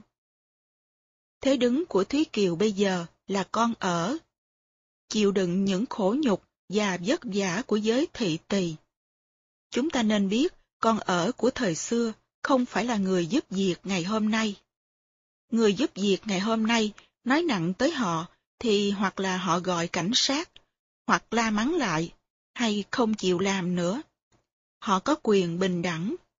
Nhưng thân phận người ở ngày xưa là thân phận người nô lệ họ phải chịu đánh đập và hành hạ, mà không có quyền lên tiếng đòi nhân quyền. Quản gia có một mụ nào, thấy người thấy nết ra vào mà thương, khi chè chén, khi thuốc thang, đem lời phương tiện mở đường hiếu sinh. Bà quản gia nhà họ Hoạn thấy dáng điệu và nết na của Thúy Kiều, thì đặc biệt đem lòng thương bà đã săn sóc, thuốc thang, an ủi và khuyên nhủ Kiều. Trong nguyên lục, Kiều chỉ bị đánh hai chục roi, thay vì ba chục. Khiêng xuống, bà quản gia lấy rượu trắng hâm nóng, khuấy vào vài muỗng đường cho Kiều uống. Kiều nói, con không uống được, tim con đang tức, uống vô không nổi. Con uống đi, nếu không sẽ chết đó. Uống cái này cho máu huyết lưu thông thì con sẽ sống được. Kiều ráng uống được nửa bát rượu, thì máu huyết lại chảy đàng hoàng, tim bớt tức. Kiều lại muốn chết. Bà quản gia khuyên, con đừng chết ở đây. Con chết ở đây thì không nghĩa lý gì cả. Bất quá chỉ như con chó hay con gà chết thôi. Không ai để ý, không ai thương xót. Nhìn con, thiếm biết con là con nhà đàng hoàng, sau này sẽ có tương lai. Con nên giữ lấy thân con, đợi có cơ hội thoát ra khỏi cái củi, cái lòng này. Đem lời phương tiện mở đường hiếu sinh, bà quản gia này có Phật tâm trong lòng. Phương tiện và hiếu sinh là hai từ nhà Phật. Dùng pháp môn phương tiện, lựa lời khuyên nhủ. Mở đường hiếu sinh là bảo vệ sự sống, là biết thương lấy con người và mọi loài. Dạy rằng may rủi đã đành, liễu bồ mình giữ lấy mình cho hay. Cũng là oan nghiệt chi đây, sa cơ mới đến thế này chẳng dưng. Phải có những oan nghiệp trong quá khứ, nên ta mới phải trả cái quả ngày hôm nay. Không phải tự nhiên mà mình lại gánh chịu những oan khổ này. Nếu hôm nay mình bị khổ là vì trong quá khứ mình đã có gây những nghiệp không lành. Vì vậy, mình phải biết chấp nhận cái khổ đó và tìm cách chuyển hóa. Trốn chạy không giải quyết được vấn đề. Chẳng dưng, nghĩa là không phải tự nhiên mà xảy ra như vậy. Cái gì cũng có nguyên do. Nếu quý vị có đau đầu, nhức mỏi hay bị người ta la mắng, thì đều có nguyên do hết, không phải tự nhiên mà xảy ra như vậy. Ở đây tai vách mạch rừng, thấy ai người cũ cũng đừng nhìn chi. Kẻo khi sấm sét bất kỳ, con ong cái kiến kêu gì được oan. Hình như bà quản gia biết chuyện, bà khuyên Kiều phải cẩn thận, có gặp người quen cũ, cố nhân thì cũng đừng nhìn. Bà là một người có lòng thương đối với Thúy Kiều. Lâu lâu ở trên đời, mình được gặp một người như vậy, và mình biết mình có may mắn. Có những người đi suốt cuộc đời, không bao giờ gặp một người biết thương mình như vậy. Bà quản gia là một vị Bồ Tát. Nàng càng giọt ngọc như chan, nỗi lòng luống những bàn hoàng niềm tây. Phong trần kiếp đã chịu đầy, lầm than lại có thứ này bằng hai. Phận sao bạc chẳng vừa thôi, khăng khăng buộc mãi lấy người hồng nhan. Chú thích, bàn hoàng là nghĩ quanh nghĩ quẩn, băn khoăn lo lắng. Bạc tức là mỏng. Người có hạnh phúc, may mắn thì gọi là có đức dày, đôn hậu. Ăn ở cho đôn hậu và cho có tình thì số phận mình sẽ không bạc, mỏng. Ngày xưa, Kiều đã nói thân phận mình mỏng như cánh con chuồn chuồn. Nghĩ mình phận mỏng cánh chuồn. Phận Kiều mỏng là vì Kiều không có đức. Đức có là do chuyện tu hành. Thương người nhiều thì tự nhiên có đức dày. Phận mình sẽ từ từ dày thêm lên.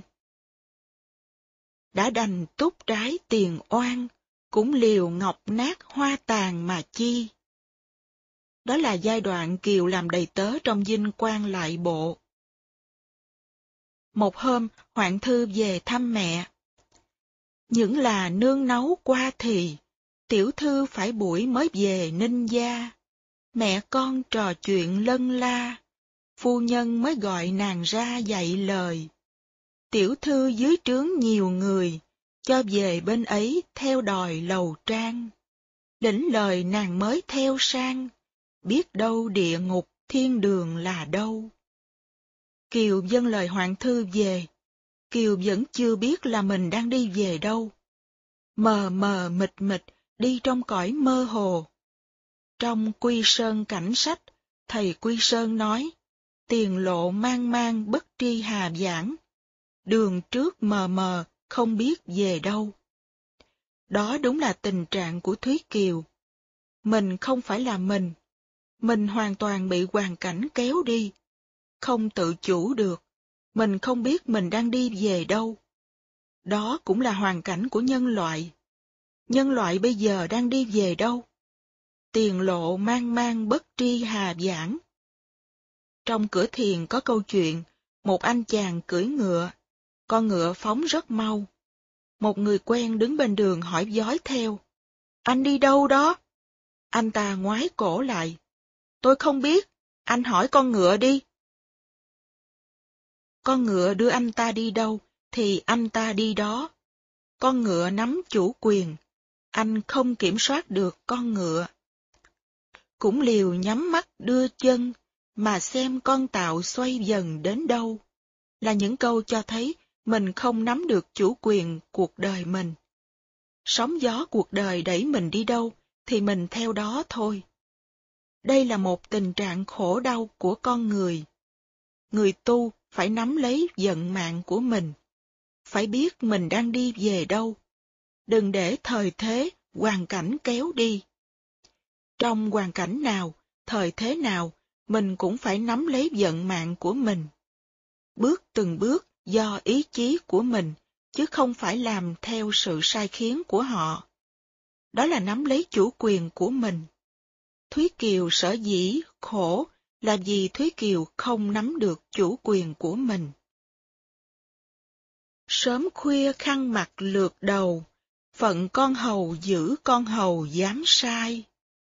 Một hôm, Hoàng Thư hỏi về nghề đàn của Kiều.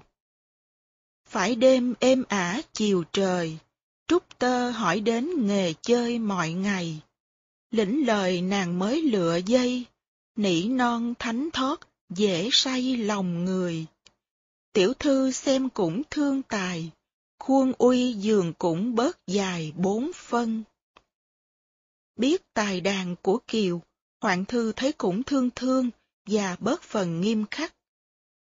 Cửa người đầy đọa chúc thân, sớm năng nỉ bóng đêm ân hận lòng. Lâm truy chúc nghĩa đèo bồng, nước non để chữ tương phùng kiếp sau. Bốn phương mây trắng một màu, trong dời cố quốc, biết đâu là nhà. Thui thủi, gặm nhấm trong lòng với những nhớ thương, buồn tuổi. Đó là tình trạng kiều với tư cách con ở. Cùng trong một tiếng tơ đồng. Bây giờ nói về tình trạng của thúc sinh. Lần lần tháng trọn ngày qua, nổi gần nào biết đường xa thế này. Lâm truy từ thuở uyên bay, phòng không thương kẻ tháng ngày chiết thân. Mày xanh trăng mới in ngần, phấn thừa hương cũ, bội phần xót xa. Nhìn thấy dần trăng non, thì chàng nhớ lông mày của Thúy Kiều. Nhìn những hộp phấn và những chai nước hoa của Kiều thì lại càng xót xa. Nhà đã cháy rồi, không biết tại sao mà lại còn phấn, còn hương. Chắc là thi sĩ tưởng tượng ra, chứ làm gì có thiệt. Sen tàn cúc lại nở hoa, sầu dài ngày ngắn, đông đà sang xuân. Tìm đâu cho thấy cố nhân, lấy câu giận mệnh, khuây dần nhớ thương. Cứ như vậy mà qua hết một năm. Bây giờ, đến lúc thúc sinh nhớ vợ, trở về vô tích. Chậm niềm nhớ cảnh gia hương, nhớ quê chàng lại tìm đường thăm quê. Tiểu thư đón cửa giả về, hàng huyên vừa cạn mọi bề gần xa. Tiểu thư ra đón rất nồng nhiệt, nói chuyện trên trời dưới biển, rồi cuối cùng gọi con đầy tớ mới ra chào chủ. Nhà hương cao cuốn bức là, phòng trong truyền gọi nàng ra lạy mừng. Bước ra một bước một dừng, trong xa nàng đã tỏ chừng nẻo xa. Mỗi bước đi ra là lại càng thấy rõ. Kiều nhận ra ông chủ của mình là thúc sinh. Không thể lầm được. Càng bước càng sợ, không dám bước thêm, nhưng vẫn phải bước vì bà chủ đã gọi. Bước ra một bước một dừng, trong xa nàng đã tỏ chừng nẻo xa. Nhiều chữ lặp lại một cách rất khéo léo trong câu này, chứng tỏ sự ngần ngại, giật tới giật lui trong bước chân, cũng như trong tâm trạng Thúy Kiều. Phải chăng nắng quái đèn lòa, rõ ràng ngồi đó chẳng là thúc sinh. Bây giờ tình mới tỏ tình, thôi thôi đã mắc vào dành chẳng sai. Bây giờ mới hiểu mình bị mắc mưu. Đây cũng là một sự giác ngộ. Trước đâu có trước lạ đời, người đâu mà lại có người tinh ma.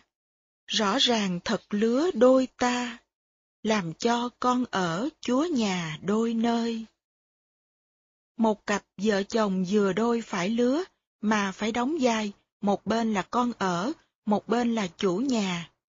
Con ở với chủ nhà là một trời một vực. Nên nhớ rằng chế độ của con ở ngày xưa không phải là chế độ của người giúp việc ngày hôm nay. Không có sự bình đẳng.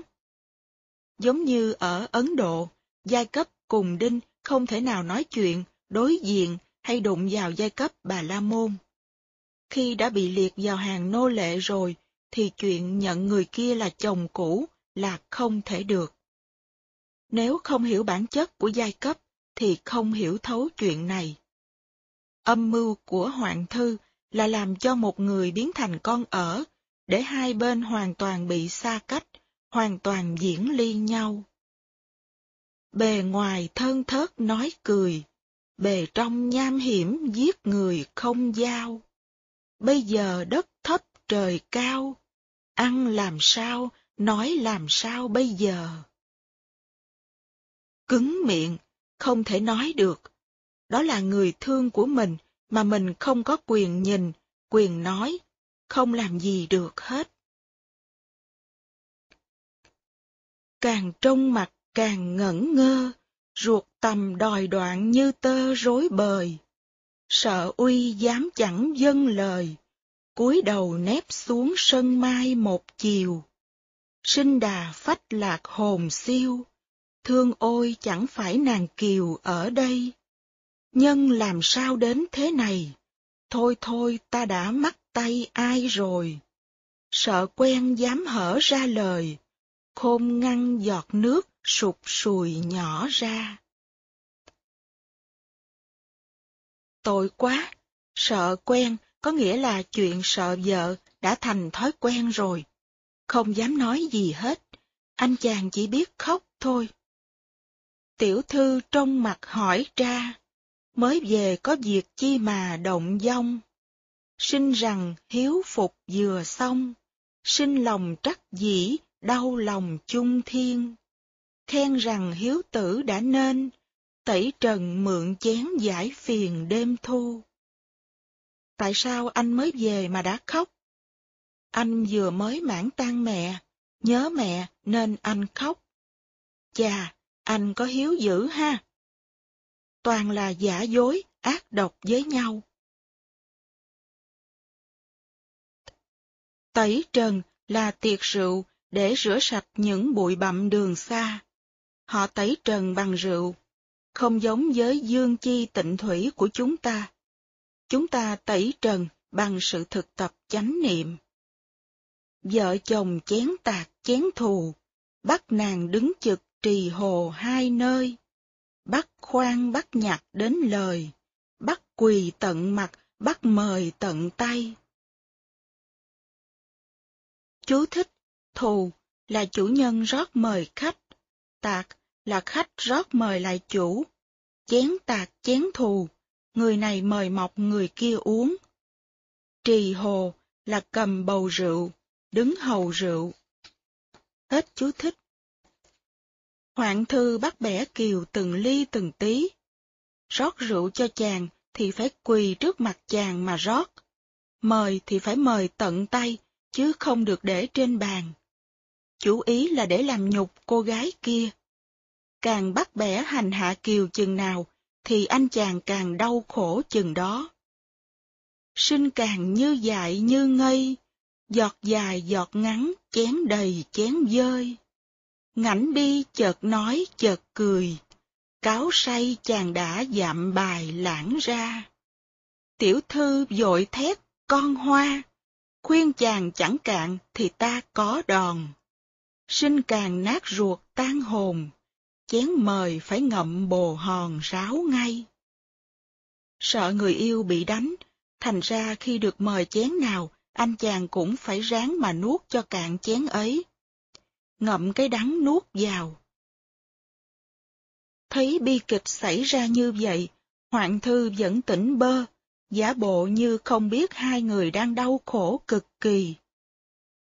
Tiểu thư cười nói tỉnh say, chưa xong cuộc rượu lại bày trò chơi, rằng hoa nô đủ mọi tài, bản đàn thử dạo một bài chàng nghe. Nàng đà tán hoán tê mê, dâng lời ra trước bình the dặn đàn. Bốn giây như khóc như than, khiến người trên tiệc cũng tan nát lòng. Lòng của Thúy Kiều rất xót xa, nên đã làm phát hiện trên bản đàn bao nhiêu là tức tối, khổ đau. Thúc sinh càng nghe, càng thấy tan nát trong lòng. Cùng trong một tiếng tơ đồng, người ngoài cười nụ, người trong khóc thầm. Cùng một bản đàn mà người thì rất khoái, người thì đau khổ tan nát. Người ngoài cuộc, hoạn thư thì cười nụ. Người trong cuộc, kiều và thúc sinh thì phải khóc thầm. Đó là duy tâm.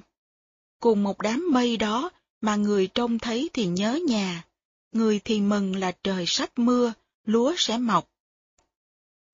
Cùng một hoàn cảnh mà người thì khổ đau, người thì sung sướng. Giọt châu lã chả khôn cầm, cúi đầu chàng những gạt thầm giọt tương. Không kiểm soát được nữa, anh chàng rơi lệ, phải cúi đầu xuống lau nước mắt. Tiểu thư lại thét lấy nàng, cuộc vui gãy khúc đoạn tràng ấy chi? Sao chẳng biết ý tứ gì, cho chàng buồn bã tội thì tại ngươi. Sinh càng thảm thiết bồi hồi, dội vàng gượng nói, gượng cười cho qua. Giọt rồng canh đã điểm ba, tiểu thư nhìn mặt dường đà cam tâm, lòng riêng tấp tễnh mừng thầm, vui này đã bỏ đau ngầm xưa nay. Họ uống rượu tới nửa đêm, hoạn thư nhìn mặt thúc sinh, thấy đau khổ đã lên tới cùng độ rồi, thì trong lòng rất đã. Lâu nay đau khổ cực kỳ, tối nay mình mới có dịp trả thù. Cái vui của mình được làm bằng niềm đau của người khác. Đây là niềm vui không có bản chất tu tập, không có bản chất trí tuệ. Chính cái vui này sẽ đem lại những tai nạn cho Hoạn Thư sau này. Ngay trong hiện tại, Hoạn Thư cũng đang đánh mất chồng mình và trở nên một người rất cô đơn. Cái vui vẻ, săn đón của hai vợ chồng này không thật, mang đầy sự chịu đựng và oán trách. Gần nhau, nhưng thật sự họ đã mất nhau. Đánh mất nhau, họ đánh mất hạnh phúc của chính mình. Sinh càng gan héo ruột đầy, nỗi lòng càng nghĩ càng cay đắng lòng. Người vào chung gối loan phòng, nàng ra tựa bóng đèn trong canh dài. Tối hôm đó, Kiều thức suốt đêm. Bây giờ mới rõ tâm hơi, máu ghen đâu có lạ đời nhà ghen. Trước đâu rẻ thúy chia uyên, ai ra đường nấy, ai nhìn được ai. Bây giờ một vực một trời, hết điều khinh trọng, hết lời thị phi. Nhẹ như bất, nặng như chì, gỡ cho ra nợ còn gì là duyên. Lỡ làng chút phận thuyền quyên, bể đâu sóng cả có tuyền được dây. Một mình âm ỉ đêm chày, đĩa dầu dơi nước mắt đầy năm canh. Đó là nỗi khổ của cái đêm bị hoạn thư trả thù. Bị cướp bắt, bị làm đầy tớ, tuy là khổ nhưng chưa khổ lắm. Cái đêm hầu rượu cho hai người là đêm khổ sở nhất. Vừa khổ nhục, vừa lo sợ, không biết thân phận mình sẽ ra sao. Xin nhờ cửa không. Đoạn sắp tới là đoạn Thúy Kiều đi tu. Khổ quá, chỉ muốn thoát nợ. Đi tu, nhưng không biết tu như thế nào. Không có thầy dạy thực tập chánh niệm, không biết an trú trong hiện tại, thành ra tu không thành công. Sớm khuya hầu hạ đài doanh, tiểu thư chạm mặt đè tình hỏi ra. Tại sao cái mặt mày rầu rầu vậy? Lựa lời nàng mới thưa qua, phải khi mình lại xót xa nổi mình. Tiểu thư hỏi lại thúc sinh, cậy chàng tra lấy thực tình cho nao. Sinh đà nát ruột như bào, nói ra chẳng tiện, trông vào chẳng đang. Thúc sinh biết hết tất cả những nỗi đau của Kiều, nhưng không nói ra được. Nếu nói, anh biết cô này từ hồi xưa hồi xưa, thì sợ lụy cho Kiều, thành ra phải giả bộ tra hỏi. Nhưng e lại lụy đến nàng, đánh liều mới sẽ lựa lời hỏi tra. Kiều khai hết thân thế mình vào một tờ giấy và trình lên cho Hoàng Thư. cúi đầu quỳ trước sân hoa, thân cung nàng mới dâng qua một tờ. Diện tiền trình với tiểu thư, thoát xem giường có ngẩn ngơ chút tình. Liền tay trao lại thúc sinh, rằng tài nên trọng mà tình nên thương. Dí chăng có số giàu sang, giá này dẫu đúc nhà vàng cũng nên. Bể trần chìm nổi thuyền quyên, hữu tài thương nổi vô duyên lạ đời. Tài văn chương kỳ này cũng đã giúp được Kiều.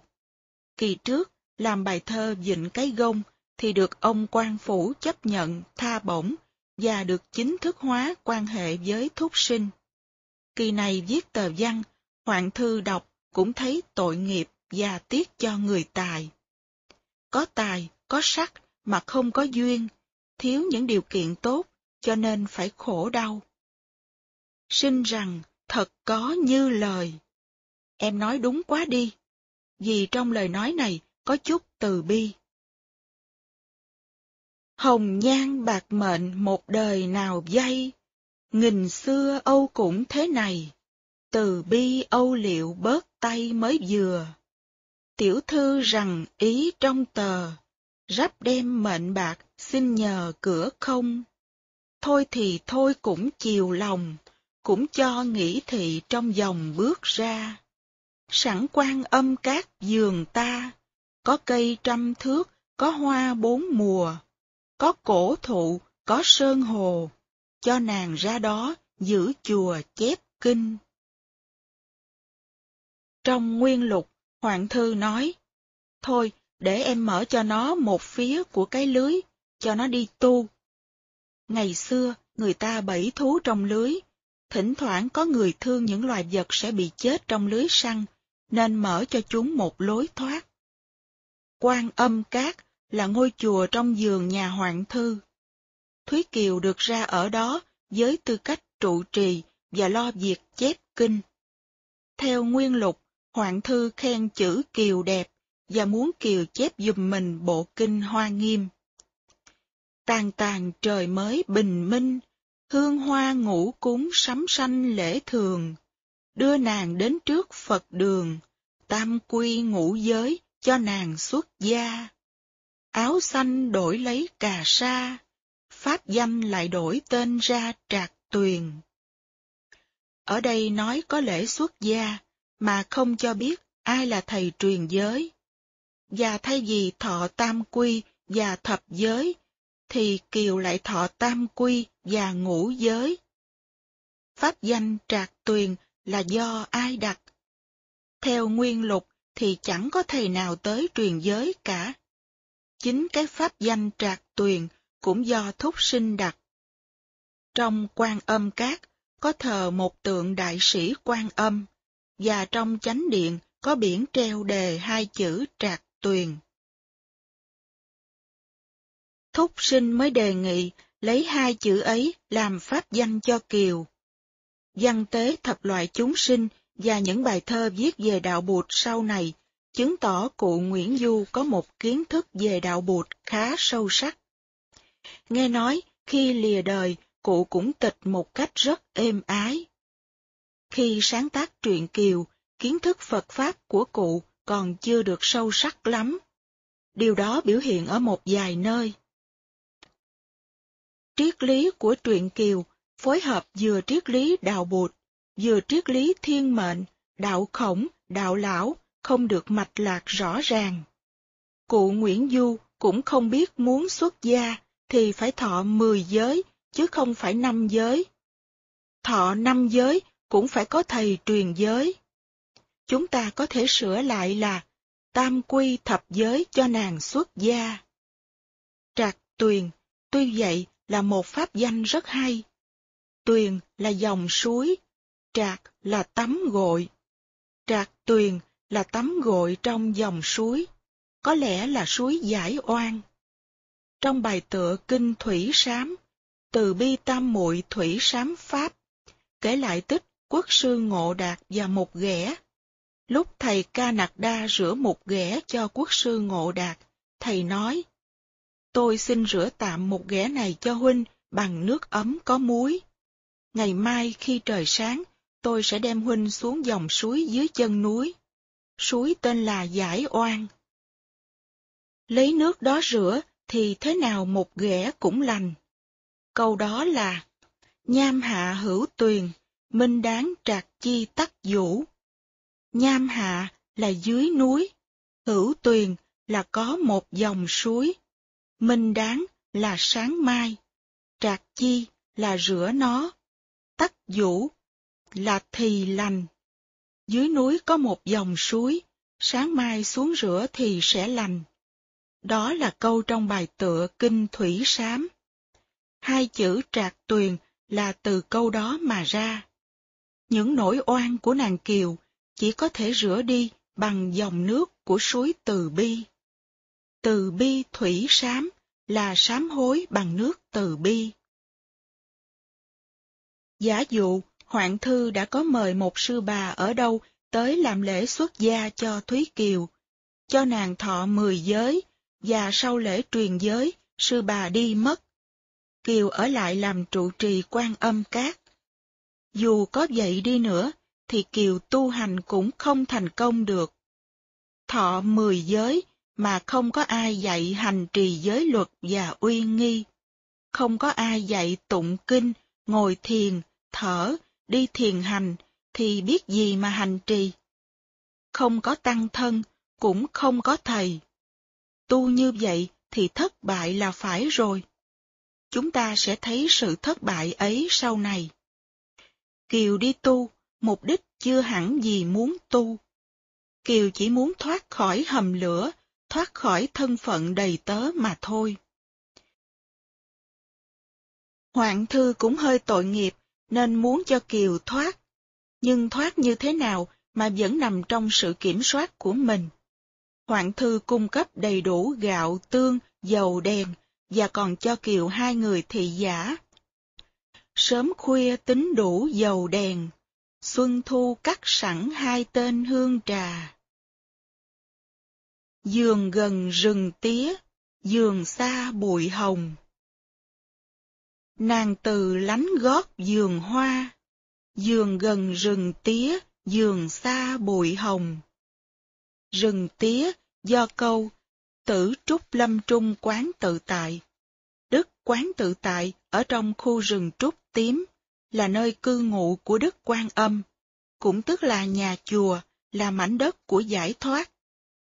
Từ khi được ra ở Quan Âm Cát, Kiều như được gần thế giới của giải thoát. Dường gần rừng tía thôi, chứ chưa hẳn là đã ở trong rừng tía. Lòng chưa ở hẳn thiền môn, chưa quyết tâm tu.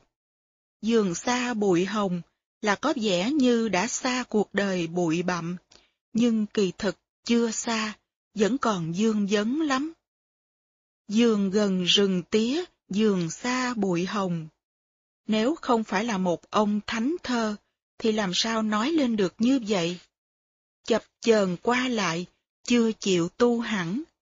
Vấn đề là ở chỗ đó.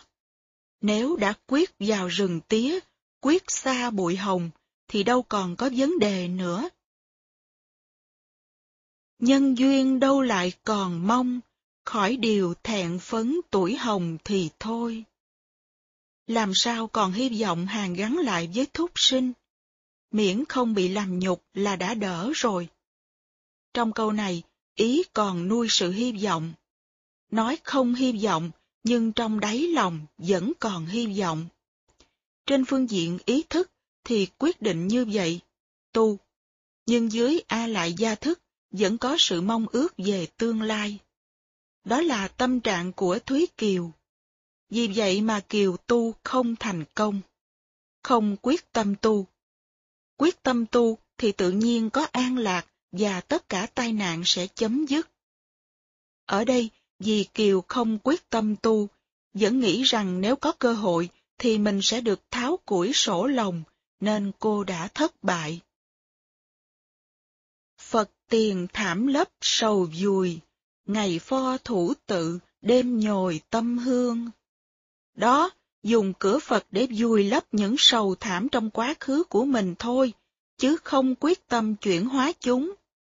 Có chỗ để là, ngày pho thủ tự, đêm nồi tâm hương. Nhưng chữ nồi khó hiểu. Người ta đốt hương trong lư, chứ ai lại đốt trong nồi. Chữ nhồi là động từ, có nghĩa là huấn luyện, thực tập. Tâm hương không phải là hương thường, phải đem lòng mình ra làm hương, chứ không phải lấy trầm để làm. Tâm thiên ngũ phận là lấy lòng mình thắp lên năm thứ hương. Giới hương, định hương, tuệ hương, giải thoát hương, giải thoát tri kiến hương. Sự thực tập giới, định, tuệ là cúng dường ba thứ hương đầu tiên. Sự giải thoát và cái thấy do sự giải thoát đem lại là những thứ hương rất quý để cúng dường bụt. Chúng ta phải thực tập mỗi ngày năm thứ tâm hương thì mới có phẩm vật mà cúng dường. Đó là nhồi tâm hương. Nếu nhồi là một động từ, thì chữ đối lại phải là một động từ. Chữ pho, danh từ, không thích hợp, phải được đọc là phô, động từ. Phô có nghĩa là trình bày ra. Ngày phô thủ tự, đêm nhồi tâm hương. Ban ngày thì bài kinh ra chép, ban đêm thì thực tập ngồi thiền. Trên nguyên tắc là phải làm như vậy. Nhưng trên thực tế, Kiều không được hướng dẫn để tu tập như thế. Cho hay giọt nước cành dương, lửa lòng tưới tắt mọi đường trần duyên. Giọt nước cành dương là hình ảnh trong nghi thức gia trì nước tịnh. Dương chi tịnh thủy, biến sái tam thiên, tánh không bát đức lợi nhân thiên, pháp giới quảng tăng viên diệt tội tiêu khiên, hỏa diệm hóa hồng liên. Nghĩa là, giọt nước tịnh trên đầu cành dương liễu, rưới khắp tam thiên đại thiên thế giới. Tự tánh của nước đó là không, nước đó có tám khả năng, bát công đức thủy, có thể làm tiêu tan những sầu khổ, phiền não, đưa lại sự thanh lương mát mẻ và giải thoát cho con người. Pháp giới rộng ra, sáng thêm, tiêu diệt được tất cả những tội lỗi oan khiên. Trong biển lửa cháy bừng mà có giọt nước cam lộ rưới vào, thì tự nhiên có một đóa sen hồng nở. Tôi dịch, cành dương nước tịnh, rưới khắp tam thiên, tánh không tám đức độ nhân thiên, pháp giới sáng rộng thêm, diệt mọi oan khiên, biển lửa nở hoa sen. Giọt nước trên cành dương với sức tâm linh và từ bi của Đức Quan Thế Âm có thể tưới tắt những khổ đau và nóng bức trong lòng mình. Phải là giọt nước cam lộ thật mới có thể làm được điều đó. Những câu vừa đọc có dính đến kinh. Không hiểu kinh thì không hiểu thơ. Cho hay giọt nước cành dương, lửa lòng tưới tắt mọi đường trần duyên. Trên nguyên tắc là như vậy, nhưng trên thực tế, tâm của Kiều không có sự cương quyết, và Kiều cũng không có một vị thầy hướng dẫn tu học. Thông minh cách mấy mà không có thầy, bạn và tăng thân thì cũng khó mà tu được. Vì vậy, tuy việc ở chùa có giúp Kiều thoa dịu phần nào những đau khổ, nhưng vẫn chưa đủ để Kiều có an lạc, hạnh phúc. Nico Trạc Tuyền vì tu một mình nên không thành công được bao nhiêu. Nâu sồng từ trở màu thiền, sân thu trăng đã dài phen đứng đầu. Chữ thiền có một số người phát âm là thuyền. Hồi còn là chú tiểu, tôi cũng đọc là thuyền na. Nhưng sau này, tôi nghĩ chúng ta nên thống nhất cách phát âm là thiền để khỏi trùng với chữ thuyền là chiếc đò. quan phòng then nhặt lưới mau, nói lời trước mặt rơi châu vắng người. Cụ Trần Trọng Kim giải thích chữ quan phòng là hoạn thư canh giữ, không cho Kiều đi trốn. Giải thích như vậy không đúng nghĩa.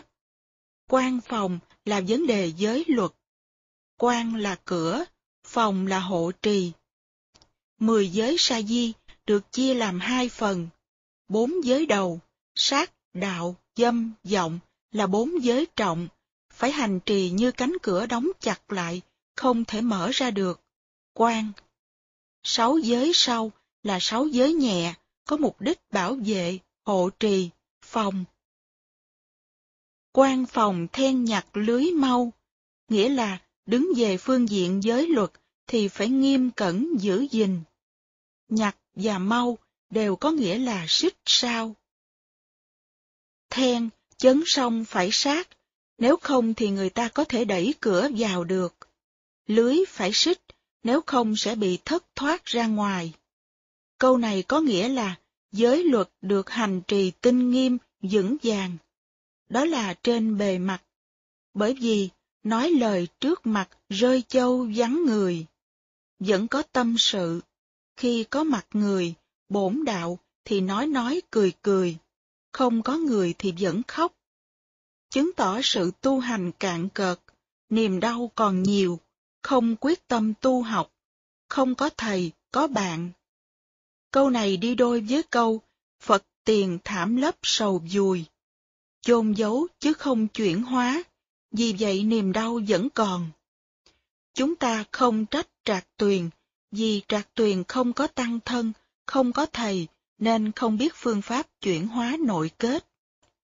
Dùi sầu lấp thảm bằng gì? Bằng sự bận rộn. Ở đây, sự bận rộn là chép kinh, đốt nhang, quét dọn, Chuyện tụng kinh, đốt nhang, làm công việc chùa, có thể chỉ là sự bận rộn để phủ lấp niềm đau của mình. Sự bận rộn đó không được gọi là sự tu học chân chính. Chúng ta có thể nhận thấy điều đó trong đoạn thơ này. Tụng kinh, lạy bụt, ngồi thiền, chấp tác, phải được thực tập như sự tu học. Phải làm những công việc hàng ngày này một cách có chánh niệm và hạnh phúc thì những công phu ấy mới có tác dụng chuyển hóa. Nếu chúng ta làm những việc này như những bổn phận hay những công tác thì chưa phải là tu. Đó chỉ là làm cho mình bận rộn để quên đi vấn đề của mình thôi. Vấn đề vẫn y nguyên như cũ, rất nguy hiểm. Trên phương diện hình thức thì có thể gọi là tu, nhưng trên phương diện nội dung đó chưa phải là tu lấp thảm dùi sầu hay chuyển hóa thảm sầu. Chuyện này không thể che giấu được. Mình tự soi mình, trước mặt bổn đạo, có thể mình nói cười như đang có hạnh phúc và giải thoát. Nhưng khi trở về đối diện với chính mình, thì mình có thể không nói không cười được với chính mình. Mình khóc. Đó là trường hợp của Trạc Tuyền. Lại thêm, gác kinh diện sách đôi nơi, trong gan tất lại gấp mười quan sang. Hai câu này tố cáo trong đáy lòng Kiều vẫn có ước muốn gặp thúc sinh, chứ Kiều chưa quyết tâm đi tu. Vì vậy, đời của Kiều còn khổ. Chúng ta có thể học được rất nhiều bài học từ truyện Kiều. Làm việc và tu tập ở một nơi, nhưng tâm không nằm ở đó, mà nằm ở một chỗ khác. Tu như vậy thì làm sao thành công, làm sao chuyển hóa được? Những là ngậm thở nuốt than, tiểu thơ phải buổi vấn an về nhà. Thừa cơ sinh mới lẻn ra, xăm xăm đến mé vườn hoa với nàng. Trong nguyên lục, Thúc sinh đang có một kỳ thực tập đi thi. Thời xưa, sinh viên thỉnh thoảng có một kỳ thi thực tập ở quận. Các sinh viên đại tập đã học xong, đang ôn luyện để đi thi, được tụ họp lại và làm những đề thi do các thầy giáo trong vùng đưa ra. Làm bài trong thời gian tương đương với thời gian của trường thi. Các thầy chấm bài xem thử các ông học trò này nếu đi thi thì có đậu không. Đó là kỳ thi tổ chức trong quận. Trong thời gian mười mấy ngày thúc sinh đi thi thử đó, Hoạn Thư về thăm mẹ. Thúc sinh quên một vật dụng gì đó, về lấy, thì mới biết là Hoạn Thư đi vắng. Lợi dụng cơ hội đó, thúc sinh ra thăm Kiều ở quan âm cát. Đó là trình tự trong nguyên lục. Trong truyện Kiều thì giống như Hoạn Thư gài bẫy, đi thăm mẹ rồi giữa chừng trở về xem Thúc sinh có lẻn ra thăm Kiều không? Thúc sinh ra gặp Kiều. Sụp sùi kể nổi đoạn trường, giọt châu tầm tả đẫm tràn áo xanh. Chàng đã khóc quá trời quá đất, không có tư cách của một nam nhi gì cả. Áo xanh là áo của anh chàng, vì áo cô nàng bây giờ đã là áo nâu rồi. Đã cam chịu bạc giới tình, Chúa Xuân để tội một mình cho hoa. Thấp cơ thua trí đàn bà, trông vào đau ruột, nói ra ngại lời. Vì ta cho lụy đến người, các lầm ngọc trắng thiệt đời xuân xanh. Than thở cho hoàn cảnh của Kiều, anh chàng thấy mình cũng phải lãnh trách nhiệm. Phải hành động chứ. Vậy thì làm gì? Quảng chi lên thác xuống gần, cũng toan sống thác với tình cho xong. Nói hay lắm, anh không ngại ngùng gì hết, đã thương thì không sợ gì cả. Nếu cần thì anh cũng sẽ chết cho cuộc tình. Nhưng sở dĩ anh chưa chết được là tại vì sao? Tông đường chút chữa cam lòng, cắn răng bẻ một chữ đồng làm hai. Anh chưa có con trai nối giỏi, nên chưa chết được. Trong luân lý ngày xưa, người con trai có bổn phận phải có con trai để nối dõi tông đường. Nếu không có con trước khi chết, là phạm tội bất hiếu rất lớn. Không thể hiểu câu này nếu không hiểu nhân sinh quan của người Á Đông thời xưa, thời nông nghiệp. Bất hiếu hữu tam, vô hậu di đại. Có ba tội bất hiếu, không con nối dõi là tội nặng nhất. Không có sự nối tiếp về sau, vô hậu là tội bất hiếu lớn hơn cả. Đó là luân lý khổng giáo trong bối cảnh xã hội nông nghiệp ngày xưa. Không có con trai nối dõi tông đường, thì bao nhiêu cơ nghiệp của tổ tiên để lại sẽ không giữ được. Đứng về phương diện đó mà nhận xét, thì những người con trai đi tu đều là bất hiếu đó là sự kích bác đạo bụt từ đạo nho. Để đáp lại, trong đạo bụt có một thời người ta phải viết lách, thuyết pháp để chứng tỏ rằng người đi tu cũng có hiếu lắm. Những chuyện như truyện bà chúa ba, quan âm Nam Hải hay quan âm thị kính đều chứng tỏ rằng người xuất gia có thể bày tỏ niềm hiếu thảo của mình, thực tế cứu độ được cha mẹ, gia đình và giúp cho xã hội. Bốn câu đầu của truyện Bà Chúa Ba Chân như đạo bụt rất màu, tâm trung chữ hiếu niệm đầu chữ nhân. Hiếu là độ được đấng thân, nhân là cứu vớt trầm luân mọi loài. Trả lời ngay sự kích bác của khổng giáo. Trong đạo bụt có hiếu và có nhân. Tại sao các ông nói chúng tôi không có nhân và không có hiếu? Thúc sinh nói, anh chưa chết với em được, là vì anh chưa có con trai. Người Tây Phương nghe lý luận này chắc là không hiểu được. Đây là ý niệm về hiếu trong xã hội cổ. Thẹn mình đá nát vàng phai, trăm thân dễ chuột một lời được sao? Nghĩ đến chuyện chung tình là nghĩ đến chuyện phải chết thôi, không có con đường nào để sống. Anh chàng này dở lắm. Nàng rằng, chiếc bách sóng đào, nổi chìm cũng mặc lúc nào rủi may. Chút thân quằn quại dũng lầy, sống thừa còn tưởng đến rầy nữa sao? Cũng liều một giọt mưa rào, mà cho thiên hạ trông vào cũng hay. Xót gì cầm đã bén dây, chẳng trăm năm cũng một ngày duyên ta. Liệu bài mở cửa cho ra, ấy là tình nặng, ấy là ân sâu. Kiều nói, thân em quằn quại trong dũng bùn, sống được đến ngày hôm nay là may mắn rồi. Em không đòi hỏi gì hết, chỉ mong anh nghĩ đến tình của chúng ta mà tháo cái củi sổ lòng cho em ra khỏi tình trạng này.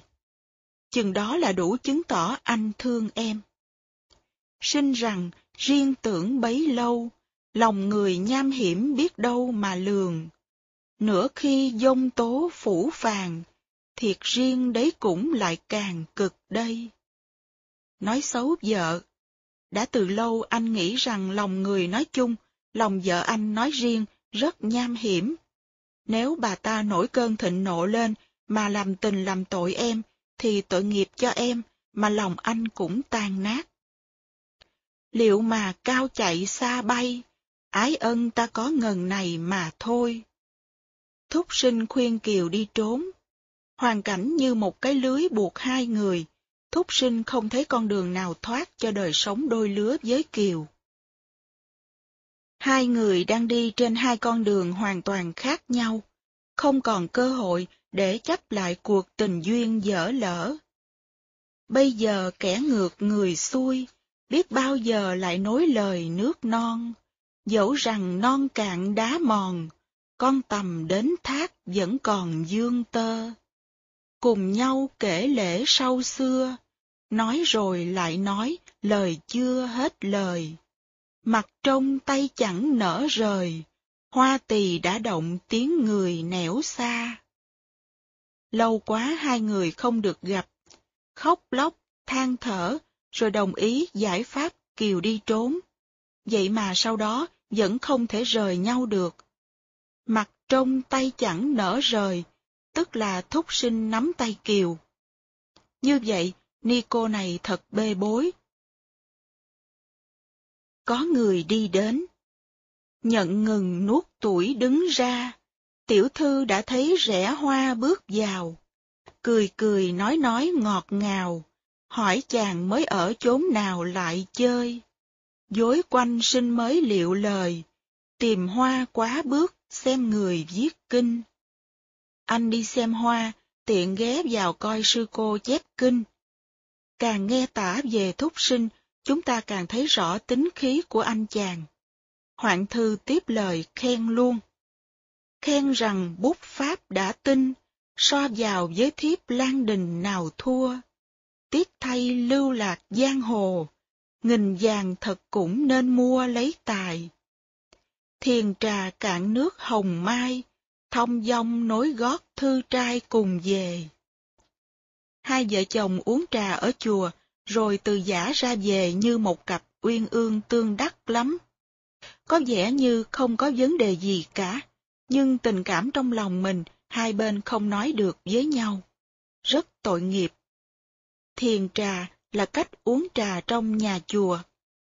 Trà ở đây được làm bằng nước hồng mai, tức là nước gỗ cây mai sống gần trăm năm.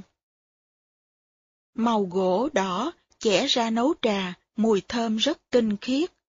Ở chùa Hương Tích, thỉnh thoảng thấy có bán trà hồng mai. Những cây mai ở làng mai mới có 9-10 tuổi, phải đợi 90 năm nữa mới có thể làm trà hồng mai được. Nàng càng e lệ ủ ê, rỉ tai hỏi lại hoa tỳ trước sau. Hoa rằng bà đến đã lâu, nhón chừng đứng nấp độ lâu nửa giờ. Rành rành kẻ tóc chân tơ, mấy lời nghe hết đã dư tỏ tường. Bao nhiêu oan khổ tình thương, nỗi ông giật giả, nỗi nàng thở than. Dặn tôi đứng lại một bên, chán tay rồi mới bước lên trên lầu. Cô thị giả báo cáo lại như vậy. Nghe thôi kinh hãi xiết đâu, đàn bà thế ấy thấy đâu một người. Ấy mới gan, ấy mới tài, nghĩ càng thêm nổi sởn gai rụng rời. Lạnh xương sống luôn, thật là một người đàn bà ghê gớm. Người đâu sâu sắc nước đời, mà chàng thúc phải ra người bó tay.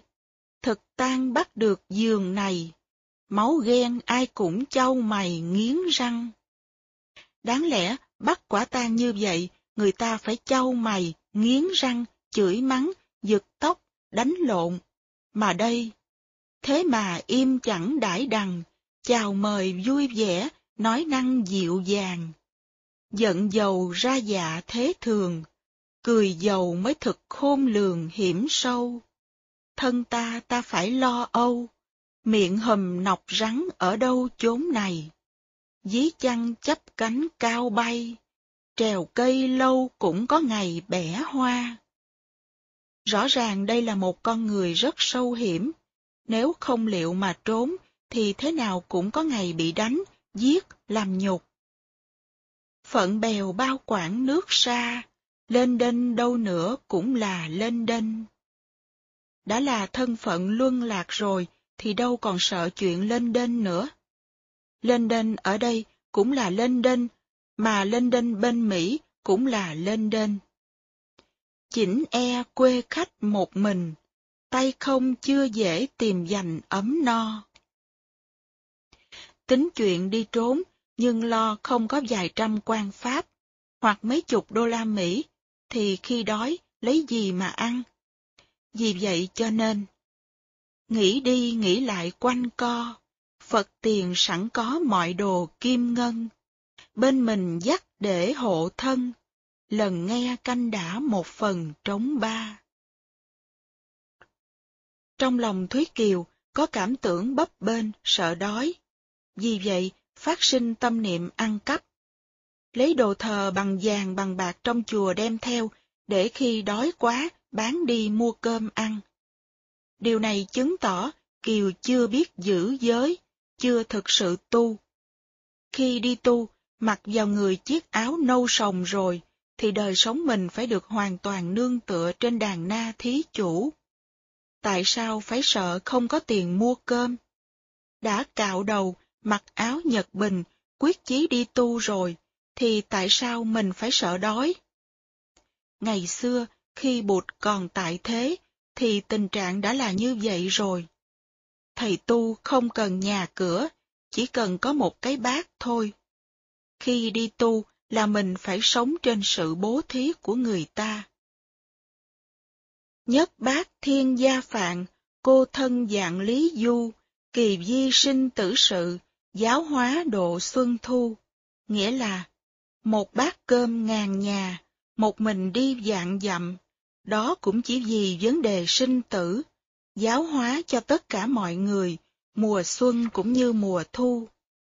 Tạm dịch, bình bát cơm ngàn nhà, thân chơi muôn dặm xa, vì việc lớn sinh tử, giáo hóa tháng ngày qua.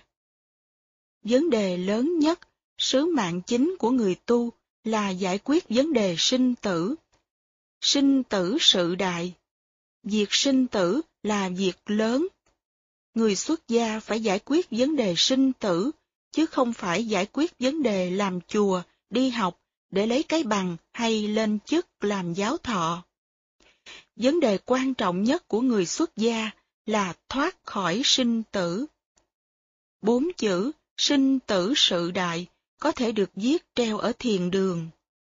Ngồi thiền, đi thiền hành, ăn cơm làm tất cả mọi cái là để giải quyết một vấn đề, vượt thoát sinh tử. Khi đã đi tu thật rồi, thì phải lấy cơm thiên hạ làm cơm của mình, lấy gốc cây làm nhà. Chùa nào cũng có thể là chùa của mình cả.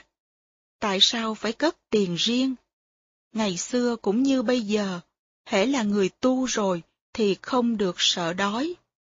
Mình trở thành con người chung, quần chúng Phật tử sẽ lo cho mình. Chỉ sợ mình không tu thôi. Nếu mình tu thì cơm của tính thí là cơm của mình. Ăn cơm đó là để hoàn thành sự nghiệp giác ngộ.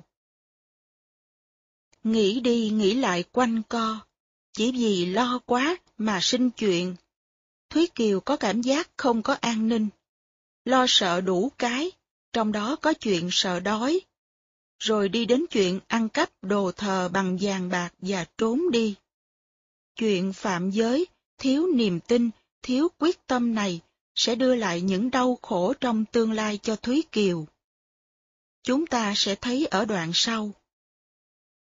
Nếu Thúy Kiều quyết chí tu hành, quyết chí làm ni cô, thì Thúy Kiều sẽ không sợ nữa. Ở ngay tại đó cũng không sợ. Thái độ của Kiều với thúc sinh sẽ khác. Giả dụ như hồi Hoạn Thư đứng nghe lóm, dù Kiều không biết, mà Kiều nói, Thôi anh đừng tới đây nữa, em muốn tu, em muốn làm một người xuất gia đàng hoàng.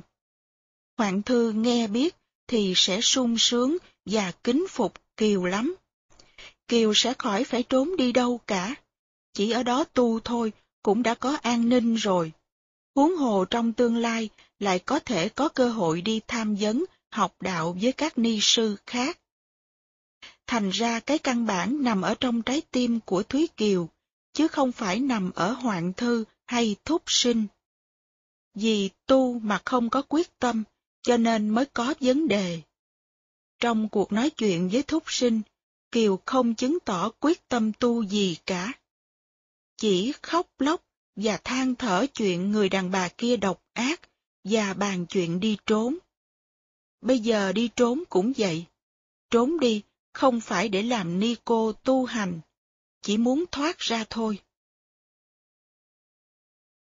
Chính vì không được bảo vệ bởi niềm tin, bởi bồ đề tâm và nhất là bởi giới luật, nên ni cô trạc tuyền phạm giới tùm lum. Ăn cắp, leo tường chạy trốn, không có niềm tin và sau này sẽ phạm giới nói dối. Cất mình qua ngọn tường hoa, lần đường theo bóng trăng tà về Tây. Nửa đêm, Kiều trèo tường đi về hướng Tây. Trong nguyên lục, Thúc Sinh nói, ở hướng Tây có một số chùa của các ni sư, trốn về hướng đó thì có thể tạm trú được trong những ngày đầu. Kiều không đi ngõ chính mà phải leo tường. Ta có thể nghĩ muốn vào quan âm cát thì phải vào cửa chính của tư thất hoàng thư. Đây là những câu thơ đẹp, vẽ lên hình ảnh người trốn đi trong đêm khuya. Mịt mù dặm cát đồi cây, tiếng gà điếm nguyệt giấu dày cầu sương. Canh khuya thân gái dặm trường, phần e đường xá, phần thương giải dầu. Thật là tội nghiệp. Chú thích Điếm nguyệt là điếm cỏ, lều cỏ dưới trăng. Cầu sương là cầu dáng có sương ướt. Thơ ôn đình quân, kê thanh mau điếm nguyệt, nhân tích bản kiều sương. Tiếng gà gáy nơi điếm cỏ dưới trăng, vết chân người in trên cầu dáng có sương ướt. Hết chú thích.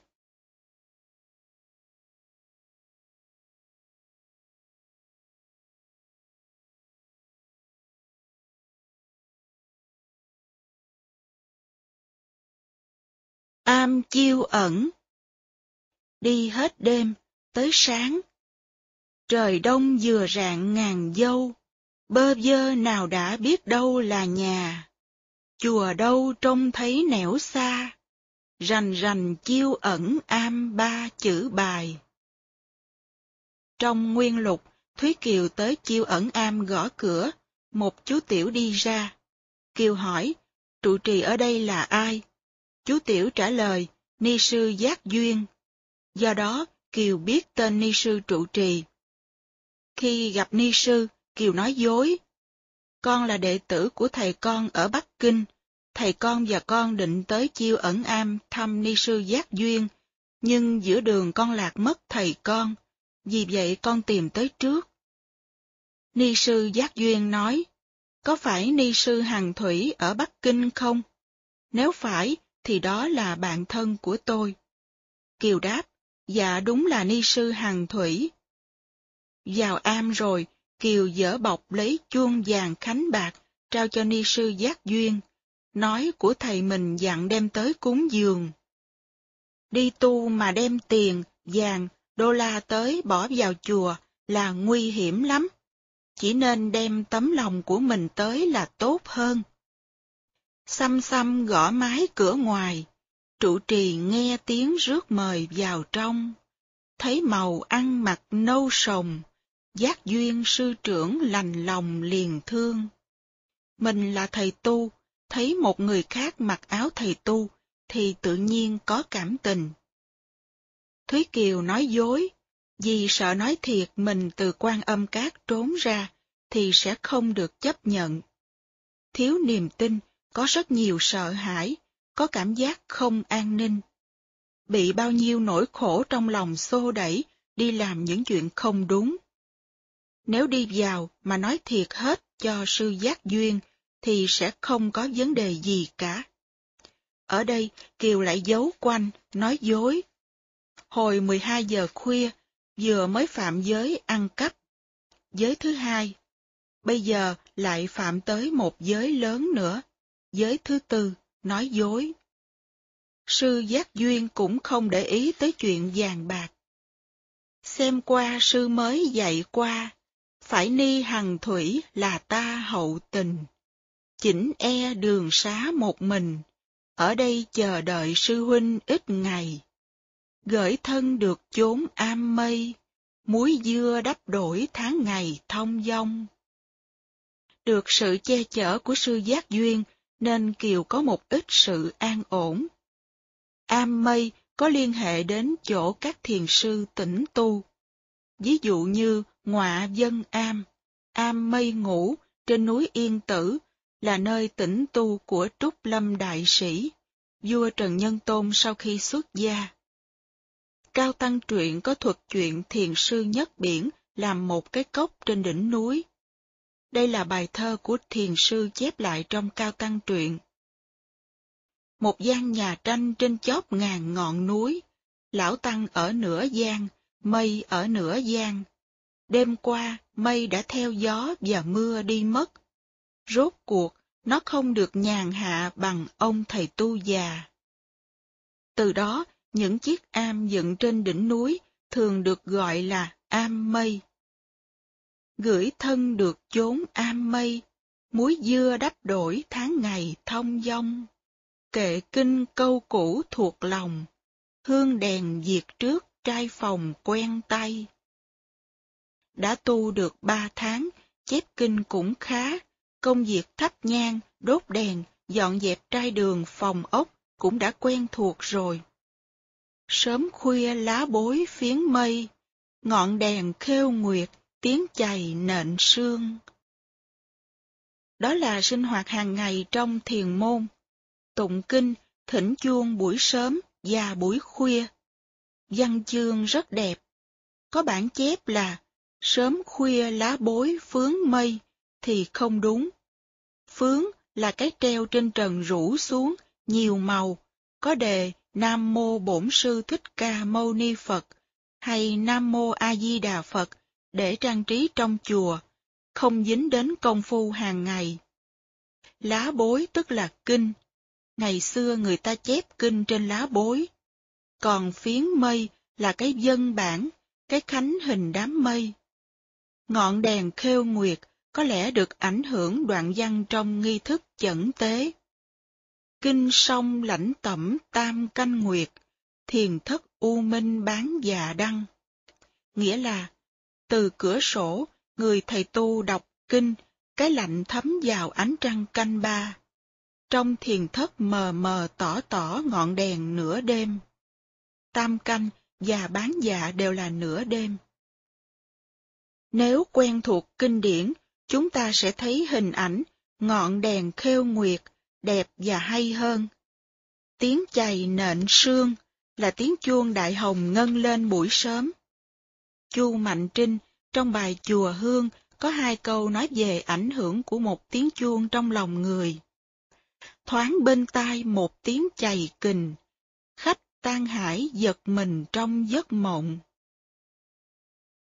Mỗi hành động đều có kết quả. Thấy Kiều thông minh, học mau, ni sư thương cho ở lại lâu trong chùa. Thấy nàng thông tuệ khác thường, sư càng nể mặt, nàng càng vững chân. Cửa thiền vào cử cuối xuân, bóng hoa đầy đất, vẽ ngân ngang trời. Kiều ở chiêu ẩn am cũng khá lâu. Trước kia ở quan âm cát chỉ được vài tháng mùa thu. Sân thu trăng đã dài phen đứng đầu. Như vậy trốn đi, đến am chiêu ẩn phải là đầu mùa đông. Ở lại qua mùa đông, rồi hết mùa xuân. Gió quang mây tạnh thảnh thơi, có người đàn diệt lên chơi cửa già. Dở đồ chuông khánh xem qua, khen rằng khéo giống của nhà hoàng nương. Chú thích, đàn diệt, Dana là cúng dường. Người đàn diệt là người cư sĩ đến chùa cúng dường. Cửa già, chốn già lam, tức là tu viện. Người bổn đạo này có lẽ đã đi nhiều chùa, trong đó có quan âm cát, cho nên đã nhận ra chuông vàng khánh bạc của Hoàng Thư. Chúng ta thấy không có một hành động nào của mình mà không có kết quả. Theo cụ Nguyễn Du, Kiều bị lộ tung tích vào lúc cuối xuân. Nhưng theo Nguyên Lục, Phong Tình Lục, thì đó là mùa thu, lúc chùa Chiêu Ẩn tổ chức lễ Du Lan. Ni sư Giác Duyên là người có đạo hạnh, rất dễ thương, vì vậy khi có lễ, các phu nhân và tiểu thư cũng đã đến rất đông. Hôm đó Kiều thoái thác là nhức đầu, nằm trên lầu không xuống. Dinh quan lại bộ thượng thư, không cách am chiêu ẩn bao xa. Kiều sợ bị nhận diện. Cũng theo nguyên lục, chuông vàng khánh bạc không bày trên chánh điện, mà để trong phòng sư giác duyên. Người bổn đạo được phép vào phòng sư, nên thấy và nhận ra. Câu chuyện chỉ xảy ra giữa hai người. Nguy lắm, chùa mà chứa những đồ vàng bạc ăn cắp, lại từ một nhà quan nữa, thì có thể bị cảnh sát tới thăm bất cứ lúc nào. Sư nghe, sợ, nhưng không nói liền. Đợi tối khuya, bổn đạo về hết, hai thầy trò ngồi lại với nhau, sư mới hỏi Kiều. Giác duyên thực ý lo lường, đêm thanh mới hỏi lại nàng trước sau. Khi Kiều đến gõ cửa am chiêu ẩn, một chú tiểu ra mở cửa. Ngoài hai người, chùa còn có người khác. Chi tiết, đêm thanh mới hỏi lại nàng trước sau, cho thấy Trạc Tuyền được ni sư coi như một người thân, cho ở chung một phòng. Như vậy, ni sư Giác Duyên rất thương Trạc Tuyền, bởi vì thấy nàng thông tuệ khác thường, sư càng nể mặt, nàng càng vững chân. Những lời đối thoại giữa Giác Duyên và Trạc Tuyền trong nguyên lục chứng tỏ Giác Duyên chưa phải là một ni sư lớn tuổi. Sư đối với Trạc Tuyền thân mật như em ruột của mình. Trạc Tuyền thường gọi Giác Duyên là sư huynh, đạo huynh, đúng ra phải gọi là sư chị. Như vậy, Giác Duyên cũng còn trẻ, hơn Kiều nhiều lắm là 10 tuổi. Nghĩ nàng khôn nổi dấu màu, sự mình nàng mới gót đầu bày ngay. Bây giờ sự đã giường này, phận hèn dù rủi dù may tại người. Giác duyên nghe nói rụng rời, nửa thương nửa sợ bồi hồi chẳng xong. Rỉ tai mới kể sự lòng, ở đây cửa Phật là không hẹp gì. Cửa Phật là cửa rộng, đó là một câu nói mà ai cũng thuộc lòng. Cửa Phật là cửa rộng, không ai có thể đóng cửa lại không cho mình vào. Đó là truyền thống của Đông Phương đã đi sâu vào lòng người Việt. Một năm nọ ở Cali, ban tổ chức khóa tu đã làm việc theo kiểu Tây Phương, nghĩa là khi đã đủ 150 người thì khóa sổ. Có những người điện thoại muốn ghi tên thì được ban tổ chức trả lời. Dạ thưa hết chỗ. Nhưng những người muốn ghi tên không chịu thua. Hết chỗ rồi hả? Cho tôi biết địa chỉ đi. Và họ nói với nhau. Bữa đó mình cứ kéo nhau lên, thầy sẽ không đóng cửa đuổi mình đâu mà sợ. Đó là dân tộc tính của mình. Cửa Phật là cửa rộng. Hễ mình tới chùa thì không ai có thể đuổi mình về được, vì ai cũng công nhận cửa Phật là cửa rộng. Ban tổ chức bên Mỹ làm việc theo phương pháp Mỹ, không đi đôi được với tinh thần truyền thống. Ở đây cửa Phật là không hẹp gì. E chăng những sự bất kỳ, để nàng cho đến thế thì cũng thương. Nhưng nếu không làm gì hết, cứ ngồi yên như vậy, thì một ngày kia có tai họa, sư em sẽ bị bắt bớ và tra khảo, thì sư chị cũng sẽ chịu không nổi. Lánh xa trước liệu tìm đường, ngồi chờ nước đến nên đường còn quê. Em phải đi lánh đi, chứ nếu ngồi đây mà đợi nước đến chân mới nhảy thì quê lắm. Và do đó mà Kiều đã bị rơi trở lại trong dũng bùn một lần nữa. Bởi nghiệp còn nặng mà lòng không quyết chí tu. Có nhà họ bạc bên kia, am mây quen lối đi về dầu hương. Nhắn sang dặn hết mọi đường, dọn nhà hãy tạm cho nàng trú chân. Những mừng được chốn an thân, dội vàng nào kịp tính gần tính xa. Kiều mang chuông vàng khánh bạc đi tị nạn ở nhà họ bạc. Nào ngờ cũng tổ bợm già, bạc bà học với tú bà đồng môn. Rốt cuộc là Kiều phải dương vào cái ổ nhện nhện thanh lâu một lần thứ hai. Bài học Trạc Tuyền Bởi vì Trạc Tuyền đã không có cơ hội để thực sự thực tập đời sống xuất gia, nên mới xảy ra những chuyện rủi ro và trầm luân trở lại.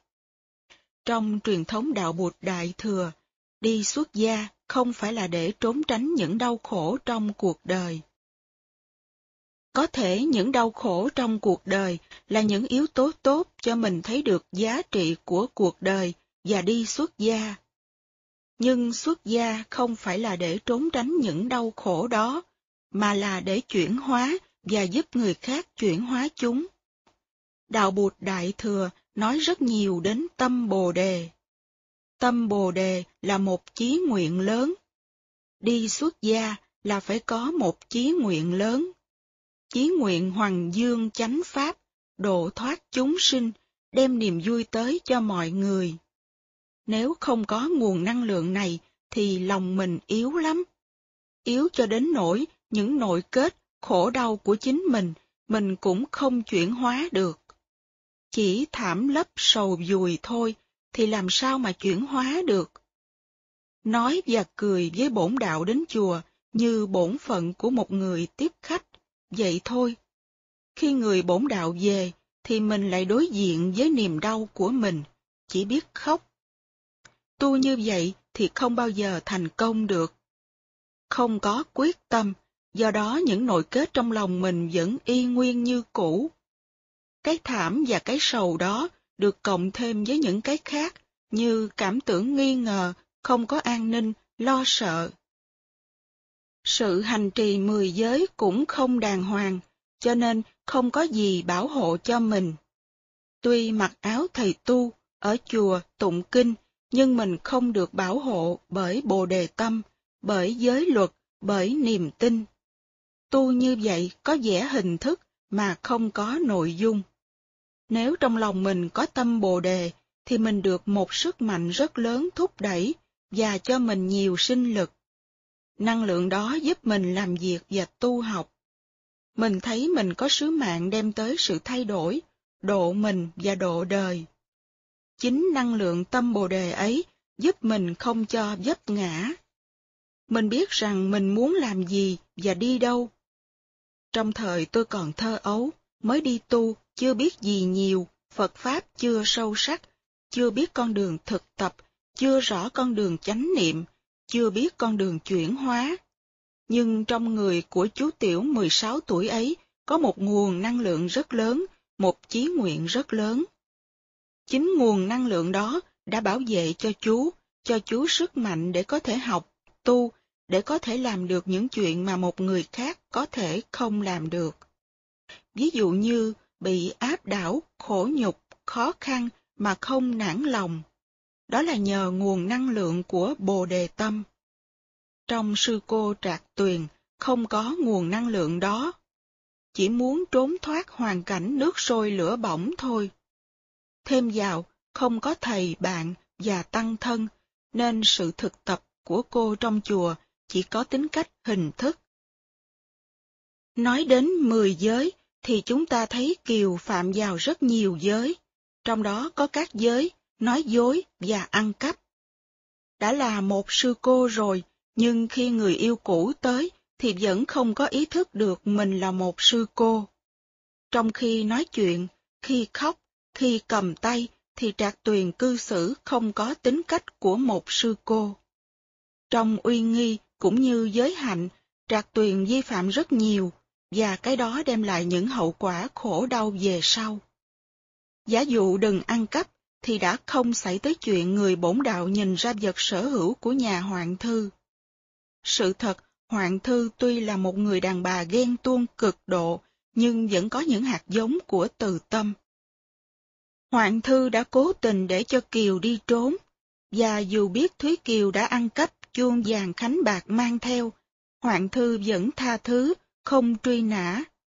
Nếu muốn truy nã, thì chỉ trong vòng 4 năm tiếng đồng hồ là bà có thể tìm ra Kiều ở đâu và lấy lại những bảo vật đó rồi. Chính nhờ hạt giống lành đó trong tâm mà hoạn thư sẽ được cứu thoát sau này. Bất cứ một tâm niệm lành nào, bất cứ một hạt giống nào mình có trong lòng, đều có thể nảy mầm và sinh hoa kết trái. Chỉ cần tưới tẩm thôi. Luật nhân quả này cũng áp dụng được trong trường hợp Kiều ăn cắp. Hành động gọi là ăn cắp đó có kết quả về tương lai. Tuy không bị bắt, bị tù, nhưng chính vì hành động ăn cắp đó mà Kiều rơi một lần thứ hai nữa vào dòng khổ đau. Rõ ràng, Hoạn Thư đã cố tình không theo đuổi, đã cố tình tha cho Kiều, mà Kiều vẫn sợ. Chính vì sợ nên Kiều mới lâm vào tình trạng này. Sợ rằng nếu không có tiền, không có gì để hộ thân, thì mình sẽ bấp bênh. Chỉnh e quê khách một mình, tay không chưa dễ tìm dành ấm no. Nghĩ đi nghĩ lại quanh co, Phật tiền sẵn có mọi đồ kim ngân. Bên mình dắt để hộ thân, lần nghe canh đã một phần trống ba. Hành động phạm giới này được thúc đẩy không phải bởi lòng tham, mà bởi cái sợ. Nguyên nhân cái sợ ở chỗ nào? Ở chỗ vô minh, không thấy rõ được rằng đã là người xuất gia thì mình không nên sợ đói, sợ không có chỗ ở. Nếu mình là người tu đích thực, thì ở đâu người ta cũng ủng hộ mình, tới chùa nào người ta cũng thương, cũng chấp nhận. Nhất bác thiên gia phận, cô thân dạng lý du. Bao nhiêu là không gian, bao nhiêu là tự do. Ở đâu mình cũng ở được vì mình có tu, có quyết tâm tu. Đã quyết tâm tu rồi thì không cần phải sợ cái gì cả. Kiều chưa quyết tâm tu, cho nên cái sợ bấp bênh vẫn còn. Xuất gia, cạo sạch mái tóc là một hành động rất quả quyết. Gương mặt mình tự nhiên rạng rỡ, đẹp ra. Mình biết con đường mình đi, thành ra không còn những dương vấn khác. Một cánh cửa đã đóng lại, và mình đã cương quyết đóng lại mãi mãi rồi, thì tự nhiên có một sự giải thoát. Sự giải thoát đó bừng tỏa trong con người, nơi nét mặt của mình. Trước đó một ngày, hai ngày, người ta chưa thấy điều đó, vì cánh cửa chưa đóng. Xuất gia làm ni cô, mình sẽ có cái hay đó. Một cánh cửa đã được đóng rồi, và mình biết mình sẽ không đi qua cửa đó nữa. Mình quyết tâm đi về hướng xuất thế, không còn dương vấn với chuyện chồng con. Thúy Kiều chưa được cái đó. Kiều bước vào cửa thiền như vào một chỗ tị nạn. Vậy thôi, chưa quyết tâm. Tuy có cảm tình với thiền môn, nhưng chưa hết lòng. Chưa nhận ra được mình là người tu hành, hoàn toàn phó hết tất cả thân mạng, tâm ý, lý tưởng mình cho đạo. Một người đã đi tu rồi là cương quyết tu học. Hành động ăn cắp ở đây không được thúc đẩy bởi lòng tham, mà bởi sự sợ hãi có nguồn gốc ở vô minh và thiếu bồ đề tâm. Vô minh là không có sự sáng suốt. Có sáng suốt thì tự nhiên sẽ thấy rằng ngay ở quan âm cát mình cũng đã có thể có tự do và hạnh phúc rồi. Chính vì không thấy điều đó nên những dương vấn cũ của Kiều vẫn còn đó và đã biểu hiện trong giờ viếng thăm của thúc sinh. Tưởng rằng chỉ có hai người, không ai biết, không ngờ người vợ cả đã đứng nghe hết tất cả. Cái sợ của Kiều vì vậy càng lớn thêm. Cái sợ càng lớn, sự u mê càng to. Và Kiều lại phạm vào những lỗi lầm có ảnh hưởng đến đời sống sau này của mình.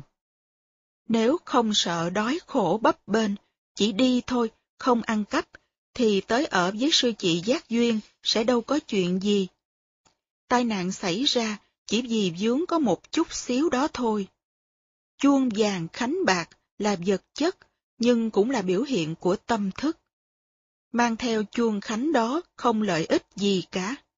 Mang theo chúng, chứng tỏ mình mang theo vô minh, sợ hãi, nghiệp chướng. Chính chuông vàng khánh bạc đó đã đẩy Kiều xuống hố sâu một lần thứ hai. Tất cả những đoạn này, nếu đọc với chánh niệm, chúng ta sẽ thấy rất rõ giá trị của Bồ Đề Tâm, của sự trì giới và sự quyết tâm của một người tu học. Nếu chúng ta quyết tâm tu học, thì những tai nạn sẽ tan biến như mây khói. Chúng ta biết con đường của chúng ta đi. Số hoa đào Tuy đã trốn trên lầu, không gặp bổn đạo sáng hôm đó, nhưng Kiều vẫn không tránh khỏi bại lộ tung tích. Giác duyên thương không muốn trạc tuyền bị bắt bớ tội tình, nên tìm nhà bổn đạo để gửi gắm. Không ngờ lại vô tình đẩy Kiều đi vào chỗ tai nạn. Nào ngờ cũng tổ bợm già, bạc bà học với tú bà đồng môn, thấy nàng mặn phấn tươi son, mừng thầm được buổi bán buôn có lời. Trong xã hội, có những người chuyên buôn thịt người. Giác duyên không biết bạc bà cũng có hạt giống của tú bà. Thấy Kiều có nhan sắc thì liền nghĩ đến chuyện đem bán. Bằng cách nào? Bằng cách mỗi ngày đều gieo tưới hạt giống sợ hãi sẵn có trong lòng Thúy Kiều. Hư không đặt để nên lời, nàng đà lớn sợ rụng rời lắm phen. Nguy hiểm lắm đó cô, ở đây thế nào cũng bị bắt. Đôi khi cảnh sát đã được thông báo, đang đi tìm mà tìm chưa ra đó thôi. Không có chuyện gì cả, nhưng người ta đặt thành vấn đề. Mỗi lần nói chuyện với bạc bà là Kiều sợ run lên, ngủ không được. Mỗi ngày đều bị tưới như vậy, cuối cùng Kiều phải chấp nhận đề nghị của bạc bà. Cô phải đi lấy chồng, cô không tu được đâu. Cô phải đi lấy chồng, và phải lấy chồng rất xa. Trong vùng này cũng không có ai dám lấy cô đâu. Cô phải lấy một người con trai ở xa cả ngàn cây số.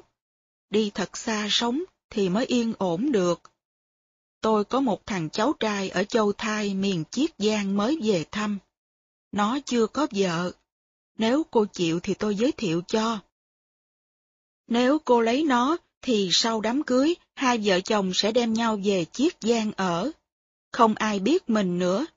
Chỉ có cách đó mới có an ninh mà thôi. Còn ở đây thêm ngày nào thì nguy cho cô ngày đó. Đọc đến đây, chúng ta biết rõ khổ đau của Thúy Kiều là ở chỗ sợ.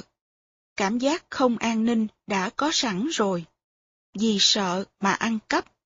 Bây giờ vì sợ mà làm tầm bậy một lần nữa, chịu lấy một người mình không biết và không thương. Chúng ta phải quán chiếu hạt giống sợ trong ta. Vì sợ cho nên nhiều khi ta làm nhiều điều rất ngu xuẩn, nhất là sợ không có an ninh trong khi mình đang có an ninh. Buồn cười như vậy đó. Có thể là trong giờ phút này, mình đang thật sự có an ninh nhiều nhất mà mình lại không biết. Những cái không an ninh thì nhìn đâu cũng thấy. Ở đây lại có người tưới hạt giống sợ đó mỗi ngày. Mụ càng xua đuổi cho liền, lấy lời hung hiểm ép duyên châu trần, rằng nàng muôn dặm một thân, lại mang lấy tiếng giữ gần lành xa. Khéo oan gia của phá gia, còn ai dám chứa vào nhà nữa đây? Kiếp toan kiếm chốn xe dây, không dung chưa dễ mà bay đường trời. Ghê gớm, những câu này là những câu có tác dụng tưới tẩm hạt giống, lo sợ. Bà càng nói chừng nào thì cái sợ của Kiều càng lớn lên chừng đó. Nơi gần thì chẳng tiện nơi, nơi xa thì chẳng có người nào xa. Này chàng bạc hạnh cháu nhà, cũng trong thân thích ruột rà chẳng ai. Cửa hàng buôn bán châu thai, thật thà có một đơn sai chẳng hề. Quảng cáo cho cháu, không biết có phải cháu thật không? Thế nào nàng cũng phải nghe, thành thân rồi sẽ liệu về châu thai. Bấy giờ ai lại biết ai, dầu lòng bể rộng sông dài thênh thênh.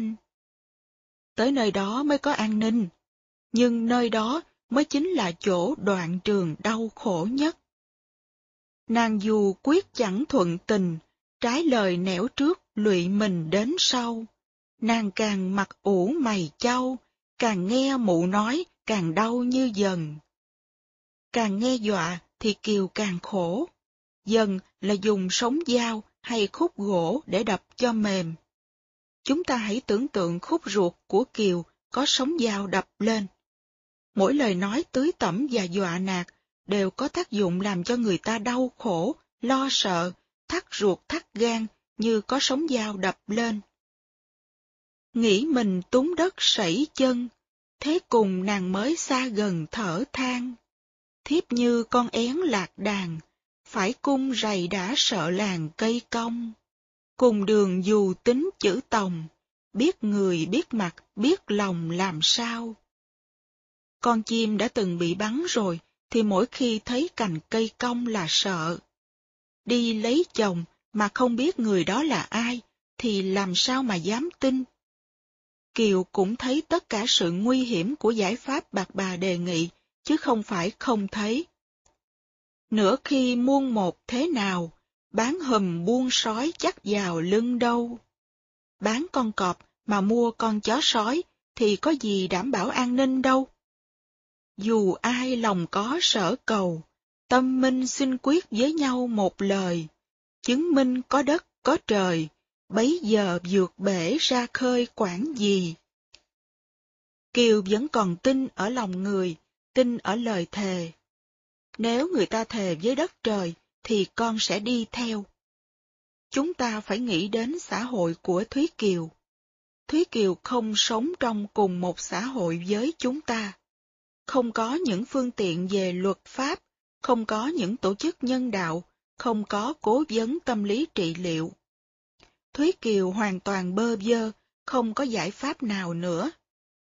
Được lời mụ mới ra đi, mách tin họ bạc tức thì sắm xanh, một nhà dọn dẹp linh đình, quét sân đặt trác rửa bình thắp hương. Trong nguyên lục, sau khi Kiều đã chấp nhận, bạc bà hỏi, như vậy cô tính cần phải bao nhiêu tiền sính lễ để cưới? Kiều nói, con không cần tiền, có lẽ nên đòi độ chừng hai mươi lạng vàng thôi. Con sẽ biếu bác năm lạng, nhờ bác đem lên chùa chiêu ẩn cúng năm lạng. Còn mười lạng, con nhờ bác đi mua những vật dụng cần thiết để làm đám cưới và lo cho chuyến đi mấy ngàn cây số sắp tới. Rõ ràng, Kiều không có lòng tham gì hết. Truyện Kiều của cụ Nguyễn Du không nói tới việc này. Bạc sinh quỳ xuống dội vàng, quá lời nguyện hết thành hoàng thổ công. Nếu tôi mà có ăn ở hai lòng, thì xin ông trời tru diệt tôi đi. Thề rất độc. Mấy người này không có tin trời đất và thần thánh. Họ thề để gạt kiều đi theo mà đem bán. Trước sân lòng đã giải lòng, trong màn làm lễ tơ hồng kết duyên. Thành thân mới rước xuống thuyền, thuận buồm một lá xuôi miền châu thai. Đi không biết bao nhiêu ngày mới đến châu thai, một vùng đất phía nam, gần biển. Thuyền vừa đổ bến thảnh thơi, bạc sinh lên trước tìm nơi mọi ngày. Cũng nhà hành diện xưa nay, cũng phường bán thịt, cũng tay buôn người. Xem người định giá vừa rồi, mối hàng một đã ra mười thì buông. Theo nguyên lục, bạc hạnh bán kiều được 240 lạng, gấp 12 lần tiền vốn bỏ ra để cưới kiều. Khi đến bến, hai người dọn vào khách sạn. Kiều hỏi tại sao không về nhà mình mà lại vào khách sạn. Dĩ nhiên anh chàng đâu có nhà ở đây, anh ta là kẻ đi buôn người mà. Anh đi lâu quá, sáu bảy tháng thành ra nhà có người thuê. Mình ở tạm khách sạn vài ngày, đợi người ta dọn đi rồi về. Kiều hơi nghi. Bạc Hạnh nói là đi lo công việc, độ nửa ngày sau đưa về một người đàn ông tướng tá rất kỳ cục. Hai người vào tửu điếm trong khách sạn, gọi thịt cá, cơm canh uống rượu với nhau tới khuya. Giới thiệu với Kiều này kia kia nọ. Khi người khách về rồi, Kiều hỏi, anh đưa người nào về hồi chiều vậy? Người gì mà trông dễ sợ thế, giống như ăn cướp. Bạc Hạnh nói, đâu phải, người ở miền này làm nghề đánh cá, dân quê tướng mạo họ như vậy đó, chứ đâu phải là ăn cướp. Kỳ thực, người kia là nhân viên của hành diện, đến để xem mặt Kiều. Mai lại, Bạc Hạnh nói, anh về nhà trước sắp đặt rồi chờ em ở nhà. Một giờ sau sẽ có kiệu tới đón, em không cần mang theo hành lý, vì sẽ có người tới lấy sau. Bạc Hạnh đi, kiệu đến đón. Bà nên đi một mình thôi, hành lý sẽ khiêng tới sau. Kiều đã nghi là mình đang chui vào một cái bẫy nào đây rồi, nên nhất định đem theo tất cả vật sở hữu của mình và của anh chàng Bạc Hạnh. Theo nguyên lục, trị giá khoảng 40 lạng vàng. Sau khi tới hành diện nhận 240 lạng vàng, Bạc Hạnh trở lại khách sạn gom hành lý thì không còn gì cả. Tác phẩm của cụ Nguyễn Du bỏ hết tất cả những chi tiết không quan trọng đó. Ở đây, chúng ta đề cập tới vì muốn biết cho tường tận gốc gác câu chuyện. Những dị biệt nho nhỏ này vẽ nên hai thần thái rất khác nhau của đoạn trường Tân Thanh và phong tình lục. Mượn người thuê kiệu rước nàng, bạc đem mặt bạc kiếm đường cho xa. Đây là lời mắng của cụ Nguyễn Du. Hèn gì mà nói tên bạc, bạc tình, bạc bẻo.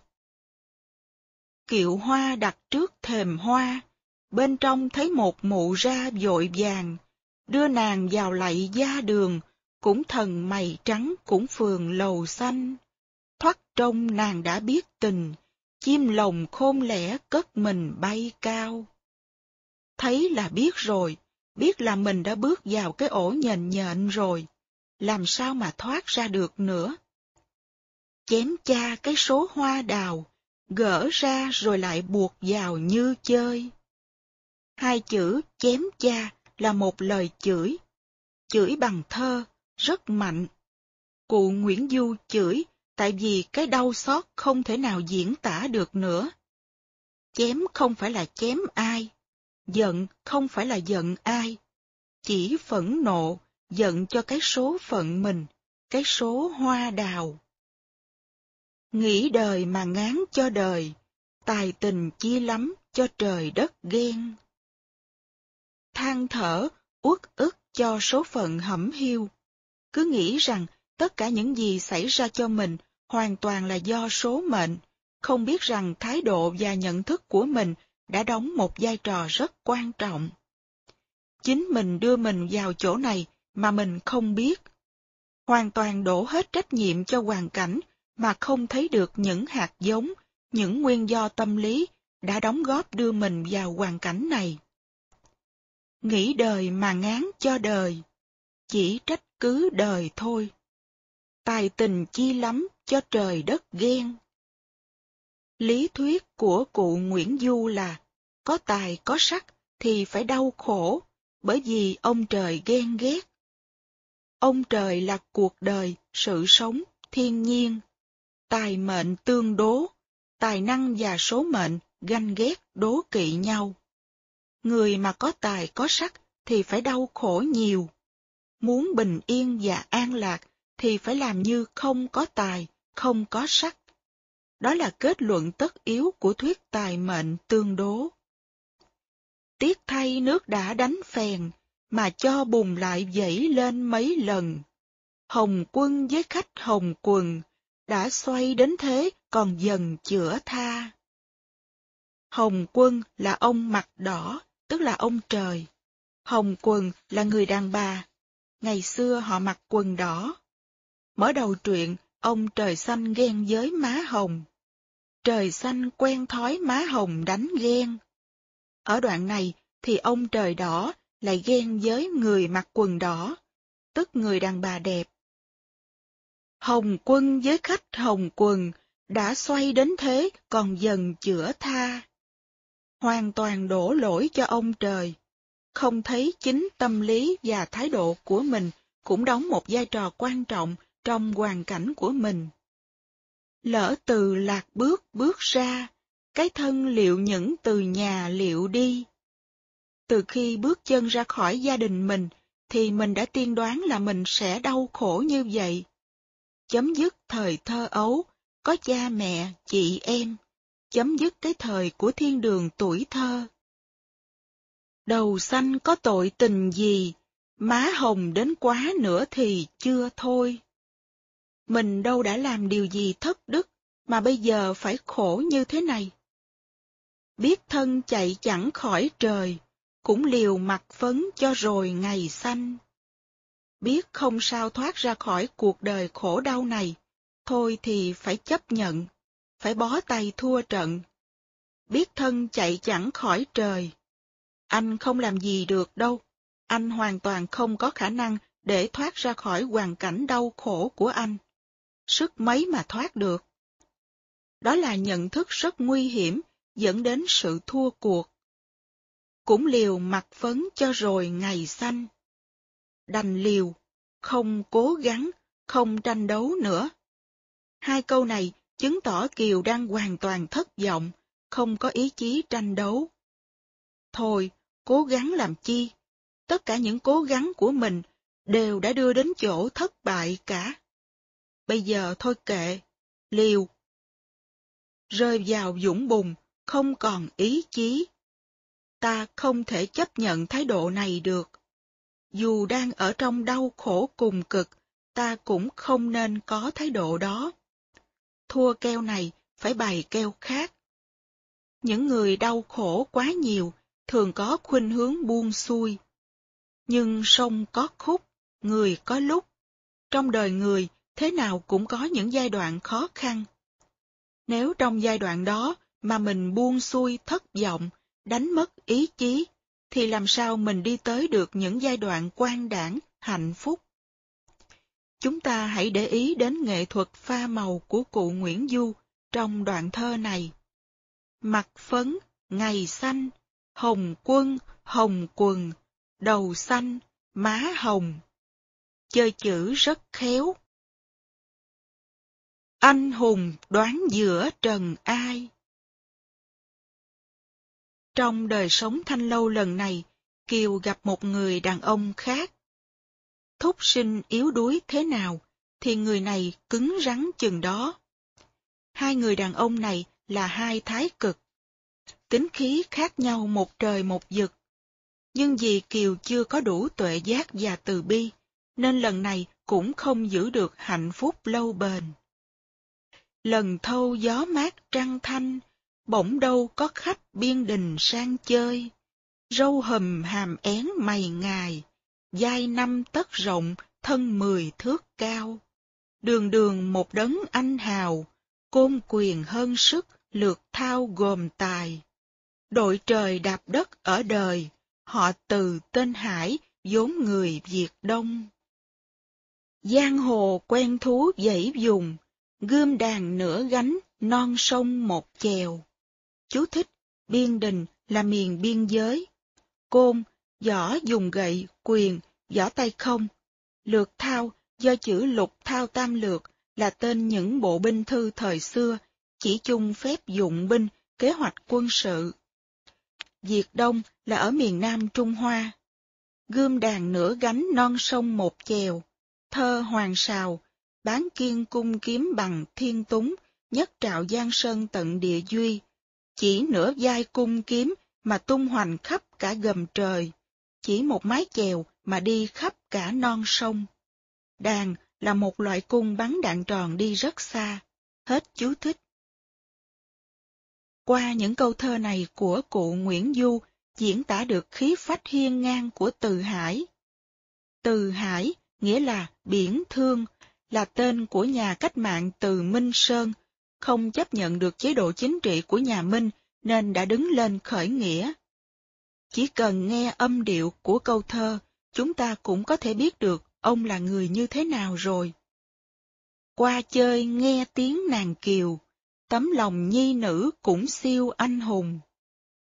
Từ Hải đi qua vùng Châu Thai, nghe nói có một người đàn bà tên là Thúy Kiều, sắc đẹp, tài năng và phẩm cách phi thường. Tuy ở Thanh Lâu, nhưng nàng vẫn có nhân cách của mình, không phải người đàn ông nào cũng có thể tới với nàng được. Kiều có một nhận thức về đàn ông, ít người tới mà được Kiều cho là người có nhân cách và phẩm giá. Từ Hải nghe vậy, muốn đến làm quen cho biết người đàn bà này. Thiếp danh đưa đến lầu hồng, hai bên cùng liếc, hai lòng cùng ưa. Chỉ mới thấy nhau, họ đã có cảm tình với nhau rồi. Từ rằng, tâm phúc tương cờ, phải người trăng gió giật giờ hay sao? Bấy lâu nghe tiếng má đào, mắt xanh chẳng để ai giàu có không. Một đời được mấy anh hùng, bỏ chi cá chậu chim lồng mà chơi. Từ Hải hỏi, lấy bụng dạ, trái tim mà đến với nhau, thì đâu phải là người trăng gió giật giờ. Lâu nay tôi nghe tiếng cô. Đối với cô, không có người đàn ông nào là đáng mặt phải không? Đời phần nhiều là hạng tầm thường, thì không đáng bỏ công chơi với họ phải không? Mắt xanh là con mắt tinh đời, con mắt thấy được những người nào có giá trị và những người nào không có giá trị.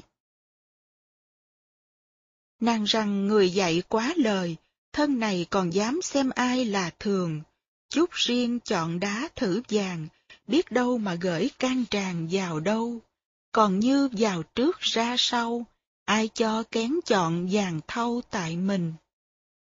Thân phận tôi là thân phận một cô gái điếm, thì có giá trị gì mà dám khinh thường người khác? Duy có điều này là thật. Tôi có nỗi niềm riêng mà chưa tìm được một người tri kỷ nào để gửi gắm thông cảm. Còn khinh người, xem thường người thì dạ không dám. Ai muốn đến thì bỏ tiền ra mà đến. Tôi đâu có quyền, đâu còn tự do gì nữa mà nói chuyện kém chọn. Kiều trả lời như vậy là rất thẳng, rất thật. Đây là buổi nói chuyện đầu tiên giữa hai người. Gặp nhau, họ nói chuyện liền, chứ không có những sinh hoạt gì gọi là sinh lý cả. Vừa gặp mặt, anh chàng đã hỏi rất thẳng câu mình muốn hỏi, chứ không một hai rào đón gì cả. Kiều cũng trả lời rất thật. Từ rằng lời nói hữu tình, khiến người nhớ lại câu bình nguyên quân. Lại đây xem lại cho gần, phỏng tin được một vài phần hay không. Chú thích, Bình Nguyên Quân, tên Triệu Thắng, con Linh Dương nước Triệu, đời chiến quốc, là người hiền thích tân khách, tính hào hiệp, trong nhà có đến mấy nghìn khách ăn. Ông làm tể tướng cho Huệ Văn Dương và Hiếu Thành Dương, ba lần thôi không làm tể tướng, ba lần trở lại địa vị, được phong đất ở Đông Vũ Thành. Thơ cao thích, vị tri can đảm hướng Thùy Thị, linh nhân khước ức bình nguyên quân. Chẳng biết gan mật hướng vào ai cho phải, khiến người nhớ lại bình nguyên quân. Đây nhân câu trên, Thúy Kiều nói, biết đâu mà gửi can trường vào đâu, cho nên từ hải lấy câu bình nguyên quân mà đáp lại, cũng là có ý tự dí mình. Hết chú thích. Lời nói của cô có cái tình thật bên trong, không khách sáo. Vừa mới gặp nhau mà tôi đã có cảm tưởng là mình đã được hiểu. Cô hãy đến gần lại một chút mà nhìn, để xem thử tôi là người cô có thể tin cậy được hay không. Đây là một con người rất đặc biệt. Thưa rằng, lượng cả bao dung, tấn dương được thấy mây rồng có phen. Rộng thương cỏ nội hoa hèn, chút thân bèo bọt, dám phiền mai sau. Nhìn đại nhân, tôi biết đại nhân là người có tâm lượng và tương lai lớn, mong sẽ nghĩ tình mà cho tôi nhờ cậy sau này. Nghe lời vừa ý gật đầu, cười rằng tri kỷ trước sau mấy người. Tri kỷ là người hiểu mình, chỉ cần nhìn một cái, nghe một câu là hiểu. Tìm được một người tri kỷ thật khó khăn hy hữu. Người gặp được tri kỷ là người rất may mắn, hạnh phúc. Khen cho con mắt tinh đời, anh hùng đoán giữa trần ai mới già. Một lời đã biết đến ta, muôn chung nghìn tứ cũng là có nhau. Chú thích, Tấn Dương, tên đất, nơi đường cao tổ từ đó giấy binh đánh nhà Tùy, dựng nghiệp đế. Ý cả câu, Thúy Kiều tin rằng có phen từ hải làm nên được nghiệp đế dương như đường cao tổ. Chung là học lúa, tứ là xe chở người, vật dụng. Sự giàu sang được đo bằng lúa và xe. Hết chú thích. Từ Hải khen Kiều rằng, trong đám bụi bặm, đầy những người vũ phu mà nhận diện ra được người anh hùng, thì phải là con người có con mắt rất tinh. Một lời nói thôi cũng đủ chứng tỏ là hiểu được mình. Khi tìm được người tri kỷ rồi, thì cái gì cũng có thể chia sẻ với nhau được, không có gì thành vấn đề cả. Hai bên ý hợp tâm đầu, khi thân chẳng lọ là cầu mới thân. Hai người trở thành bạn thân, không phải do sự cầu thân mà được, không phải muốn thân mà được thân. Thân là do có sự hiểu nhau, vì hiểu nhau mà thành ra thân nhau. Ngõ lời nói với băng nhân, tiền trăm lại cứ nguyên ngân phát hoàng. Người đàn ông này tới thanh lâu chỉ vì tò mò, muốn nói chuyện với Kiều. Khi hai bên thông cảm, hiểu nhau rồi, thì họ đặt vấn đề giải phóng Kiều ra khỏi tình trạng của cô ngay lập tức. Không cần phải trải qua giai đoạn đi chơi, đi ngủ với nhau. Buồn riêng sửa chốn thanh nhàn, đặt giường thất bảo dây màn bát tiên. Trai anh hùng, gái thuyền quyên, phỉ nguyền sánh phượng, đẹp duyên cưỡi rồng. Chú thích, băng nhân là người làm mai. Giường thất bảo là giường có khảm bảy thứ báu, vàng bạc, pha lê xà cừ, trân châu mã não, đồi mồi. Màn bát tiên là màn theo hình tám vị tiên, chung ly, trương quả lão, hàng tương tử, lý thiết quải, tào quốc cậu, lữ đồng tân, lam thái hòa, hà tiên cô, hết chú thích. Hai người ra ở riêng. Trong nguyên lục, Thúy Kiều hỏi tại sao Từ Hải không làm đám cưới, đưa Kiều về nhà như những người khác. Từ Hải đáp, anh chưa có nhà nên chưa làm chuyện đó được. Bây giờ mình sống với nhau như vậy thôi. Anh muốn đám cưới của anh là đám cưới của một vị quốc dương đi đón một vị hoàng hậu, phải có hàng chục ngàn quân lính, tiền hô hậu ủng. Nhà anh phải là một dinh thự đàng hoàng, chứ không phải là cái nhà bé nhỏ như vậy. Thúy Kiều thấy nơi người con trai này một tham vọng, một chí hướng lớn. Trong con người này có cả một dùng năng lượng. Kiều biết mình chẳng qua chỉ là một yếu tố làm nên sự sống của người đàn ông này thôi, và Kiều chấp nhận. Con người này không phải vì sống bên cạnh người đẹp mà quên hết lý tưởng của mình. con người này muốn người đẹp tham dự vào lý tưởng của mình. Đó là những dữ kiện trong nguyên lục, không được nhắc tới trong tác phẩm của Nguyễn Du. Nửa năm hương lửa đương nồng, trượng phu thoát đã động lòng bốn phương. Trong nguyên lục, hai người ở với nhau năm tháng, thì Từ Hải muốn đi. Ở đây là nửa năm. Cụ Nguyễn Du muốn cho Kiều có thêm một tháng hạnh phúc. Cụ có thêm vào nhiều chi tiết rất dễ thương. Nàng Kiều của cụ Nguyễn Du dễ thương và từ bi hơn nàng Kiều trong nguyên lục nhiều lắm. Bởi nàng Kiều của cụ có khá nhiều dân tộc tính. Tuy có những lỗi lầm, nhưng cũng có những cái đẹp có tính cách Việt Nam. Khi sống với Thúy Kiều, năng lượng của người anh hùng vẫn còn nằm nguyên trong lòng Từ Hải. Đây là một người đàn ông đặc biệt. Không muốn làm tiêu ma ý chí trượng phu của người đàn ông, người đàn bà trong trường hợp này cũng là một người đàn bà đặc biệt. Ở đây, chúng ta có trường hợp rất lý tưởng. Trong dời trời bể mênh mang, thanh gươm yên ngựa lên đường thẳng rong. Nàng rằng phận gái chữ tòng, chàng đi thiếp cũng một lòng xin đi. Từ rằng tâm phúc tương tri, sao chưa thoát khỏi nữ nhi thường tình. Từ hải ra đi để xây dựng sự nghiệp. Thúy Kiều xin đi theo. Từ hải nói, đã biết tim, biết bụng của nhau rồi, mà sao em vẫn chưa bỏ được thói quen của người đàn bà? Anh là con người của cách mạng, chí hướng của người con trai nơi anh bắt buộc anh phải đi. Em đi theo chỉ làm dướng bận. Phận sự của em là ở nhà và đợi. Bao giờ mười vạn tinh binh, tiếng chiên dậy đất, bóng tinh rợp đường, làm cho rõ mặt phi thường, bấy giờ ta sẽ rước nàng nghi gia. Bằng nay bốn bể không nhà, theo càng thêm bận, biết là đi đâu. Đành rằng chờ đó ít lâu, chày chăng là một năm sau dội gì. Chú thích, chiên là nhạc khí bằng đồng, hình tròn, có núm ở giữa để đánh. Tinh là cờ xí, nghi gia là về nhà chồng, hết chú thích. Em đợi chừng một năm, anh sẽ về với ít nhất là một dạng quân lính. Lúc đó chúng ta mới có nhà. Bây giờ em đi theo, chỉ là dướng chân anh thôi. Em phải ở nhà, làm công việc của người đàn bà, nghĩa là chờ đợi. Con người này có đức tự tin, hoàn toàn trái ngược với anh chàng thúc sinh mít ướt, chỉ biết khóc thôi. Quyết lời dứt áo ra đi, gió đưa bằng tiện đã lìa dặm khơi. Cố nhiên, bổn phận của người đàn bà là phải nắm áo lại, và bổn phận của người đàn ông là phải dứt áo ra đi.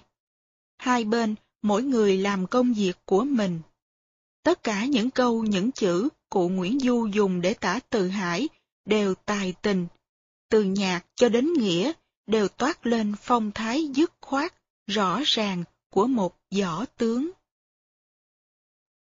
Đường kia nổi nọ Đây là tâm trạng của Kiều sau khi Từ Hải ra đi. Trong thời gian sống với Từ Hải, những tâm sự này không có dịp phát hiện. Nàng từ chiếc bóng sông mai, đêm thâu đằng đẵng nhặt cài then mây, sân rêu chẳng vẽ dấu dày, cỏ cao hơn thước, liễu gầy dài phân. Không đi thiền hành, không cắt cỏ làm giường, đóng cửa trong phòng, gặm nhắm sự thương nhớ. Đoái thương muôn dặm tử phần, lòng quê theo ngọn mây tầng xa xa.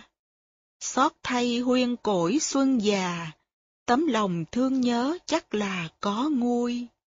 Chốc đà mười mấy năm trời, còn ra thì đã da mồi tóc sương.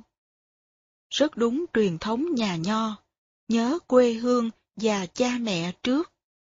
Bây giờ mới nhớ tới người yêu là Kim Trọng tiếc thay chút nghĩa cũ càng, dẫu lìa ngó ý còn dương tơ lòng.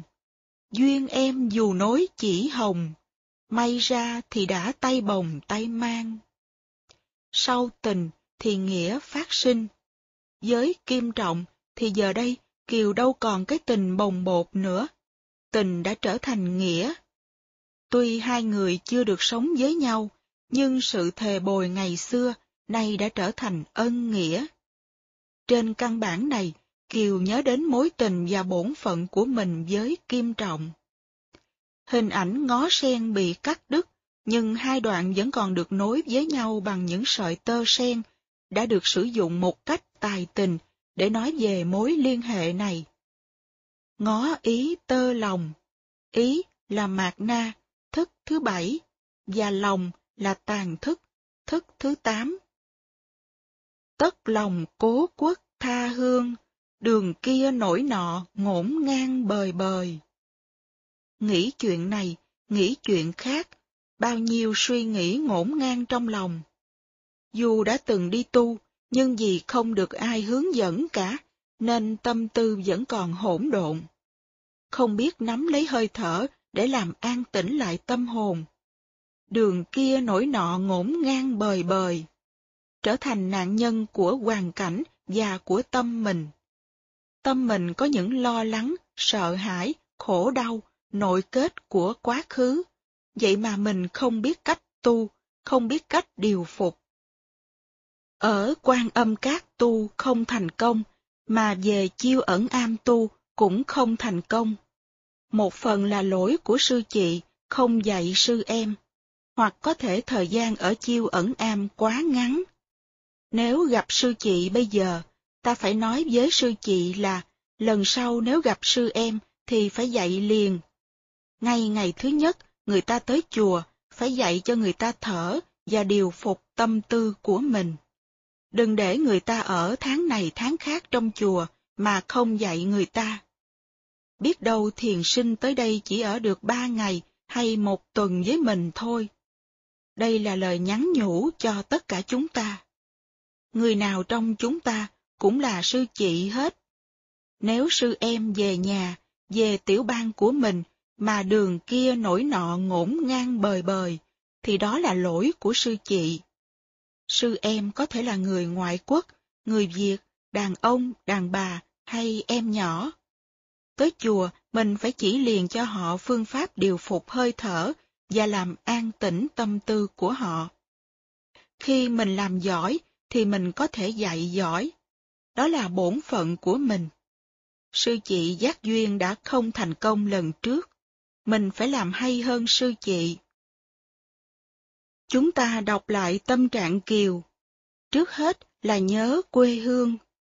Đoái thương muôn dặm tử phần, lòng quê theo ngọn mây tầng xa xa. Tiếp đến là nhớ cha mẹ.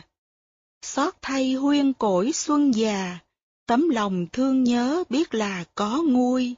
Chốc đà mười mấy năm trời, còn ra thì đã da mồi tóc xương nhớ tới người yêu và em gái. Tiếc thay chút nghĩa cũ càng, dẫu lìa ngó ý còn dương tơ lòng. Duyên em dầu nối chỉ hồng, may ra thì đã tay bồng tay mang. Không nhớ em trai, vì theo nguyên tắc, nó là con trai, nó có đủ sức để tự lo. Tất lòng cố quốc tha hương, đường kia nổi nọ ngổn ngang bời bời. Đó là tâm sự ngổn ngang, không có định, không có an lạc của Kiều. Cuối cùng, trở về với tình trạng hiện tại, Kiều chỉ thấy mình đang thiếu từ hải mà thôi. Cánh hồng bay bổng tuyệt vời, đã mòn con mắt phương trời đăm đăm. Hoàn toàn không có khả năng sống an lạc trong hiện tại, thành ra đã tu hai chùa rồi mà vẫn không thành công Chất củi cho mùa đông. Vào khoảng đầu truyện, có một câu thơ nói lên sự khiếp đảm của một con người không biết tương lai vận mệnh của mình ra sao. Câu 218 Đó là lúc Kiều đi chơi thanh minh về, mơ thấy đạm tiên cho biết mình có tên trong sổ đoạn trường. Kiều thức giấc trong một tâm trạng lo sợ, hoàn toàn mù mịt về tương lai. một mình lưỡng lự canh chầy, đường xa nghĩ nổi sau này mà kinh. Thức dậy một mình giữa đêm khuya, Kiều thấy mình rất cô đơn. Nghĩ đến tương lai, cô không biết cái gì sẽ xảy ra cho mình. Hoảng sợ, lo lắng. Cuộc đời đoạn trường của Kiều bắt đầu từ chỗ đó. Kiều đã bước ra khỏi thời thơ ấu thiên đường, trở thành một cô gái lớn, nhưng không biết sẽ đi về đâu. Đường xa nghĩ nổi sau này mà kinh. Có thể Kiều cũng sẽ đi một mình như đạm tiên ngày xưa. Biết bao người giàu sang thăm viếng, hâm mộ sắc đẹp và tiếng hát của mình, nhưng khi chết thì mình hoàn toàn trơ trọi. Khi Kiều bỏ quan âm cát trốn đi, cũng có câu. Đêm khuya thân gái dặm trường. Thức dậy nửa đêm với cảm giác cô đơn và sợ hãi. Một mình lưỡng lự canh chày, đường xa nghĩ nổi sau này mà kinh. Hoa trôi bèo dạt đã đành, biết duyên mình biết phận mình thế thôi. Nổi riêng lớp lớp sóng dồi, nghĩ đòi cơn lại sụp sùi đòi cơn.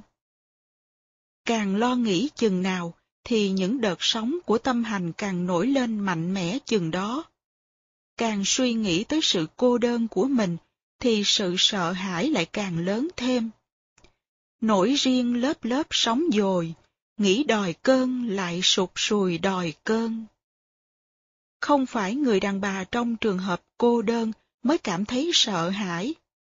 Người đàn ông khi thấy một mình một bóng cô đơn, không ai hiểu mình, cũng sợ hãi, không biết cái gì sẽ xảy ra trong đời mình. Đời một con người thế nào cũng có những giai đoạn may và những giai đoạn rủi. Chuyện may rủi này có thể không phải là ngẫu nhiên. Chúng đều có những nguyên nhân gần hay xa. Lâm vào tình trạng khó khăn mà bên mình có được một người hiểu mình, thương mình, yểm trợ cho mình thì đỡ lắm. Khi cô đơn, gặp tai nạn và khổ đau, mà một thân một mình và hoàn toàn cô đơn thì ta sẽ đau khổ tột độ.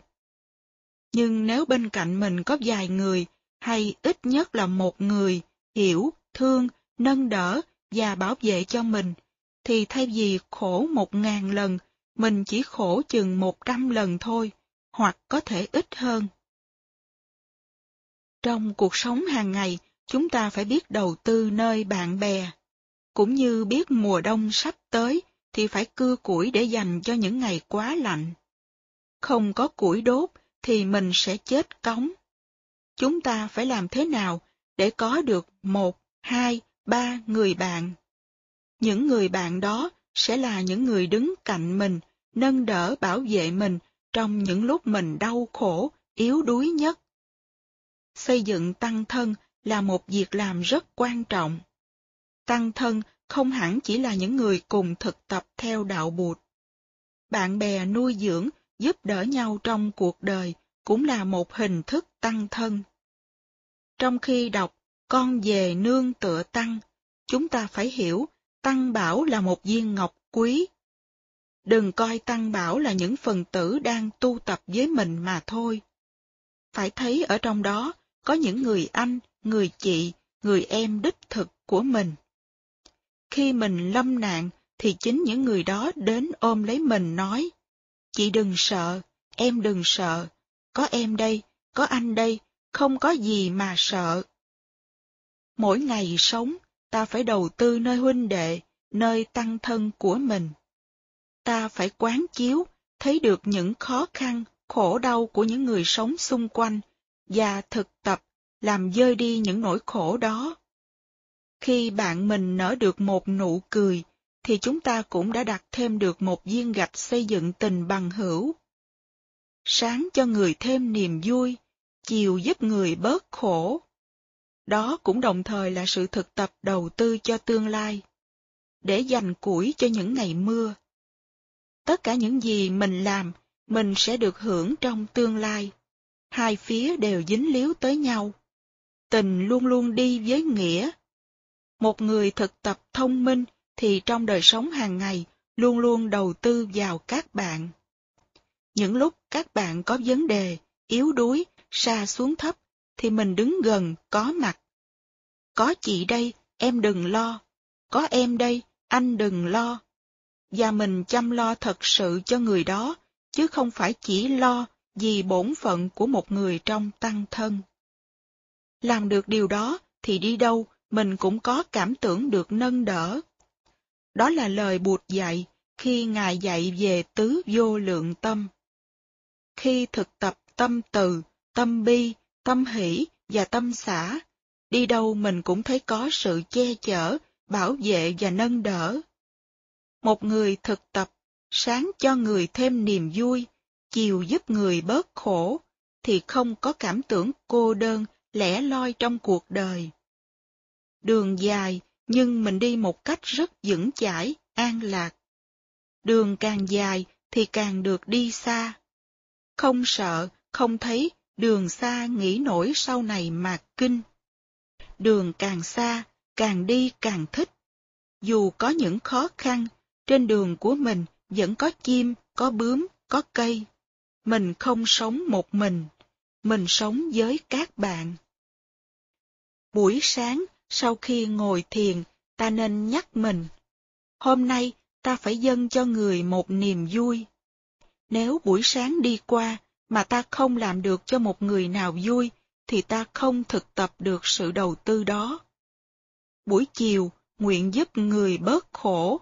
Ta sẽ quán chiếu xem người huynh đệ nào đang cần sự săn sóc của ta.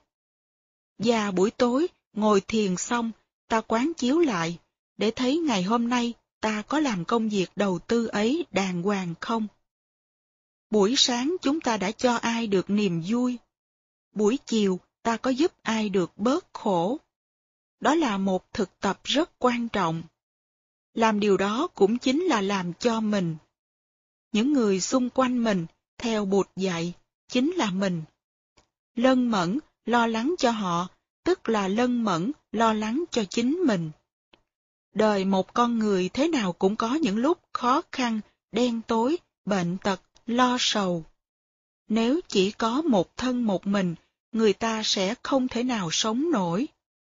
Người ta tự tử thường là gì vậy? Hoàn cảnh khó quá, không thể nào vượt thoát.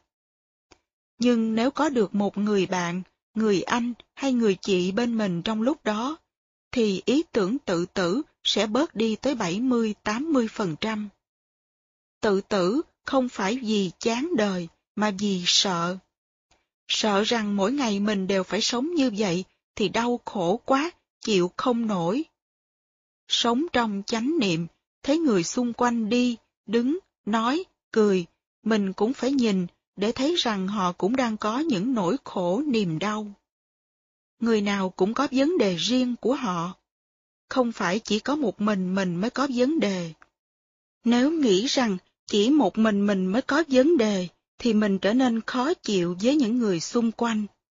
Đôi khi, thấy được những vấn đề của người xung quanh rồi, mình lại thấy vấn đề của mình không quan trọng mấy, và tự nhiên nỗi đau của mình nhẹ đi. Tới giúp người kia, tự nhiên mình có niềm vui, và vấn đề của mình cũng tan biến. Thực tập này rất quan trọng.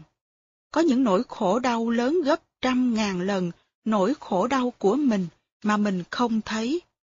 Mình chỉ nghĩ rằng nỗi khổ đau của mình là lớn nhất.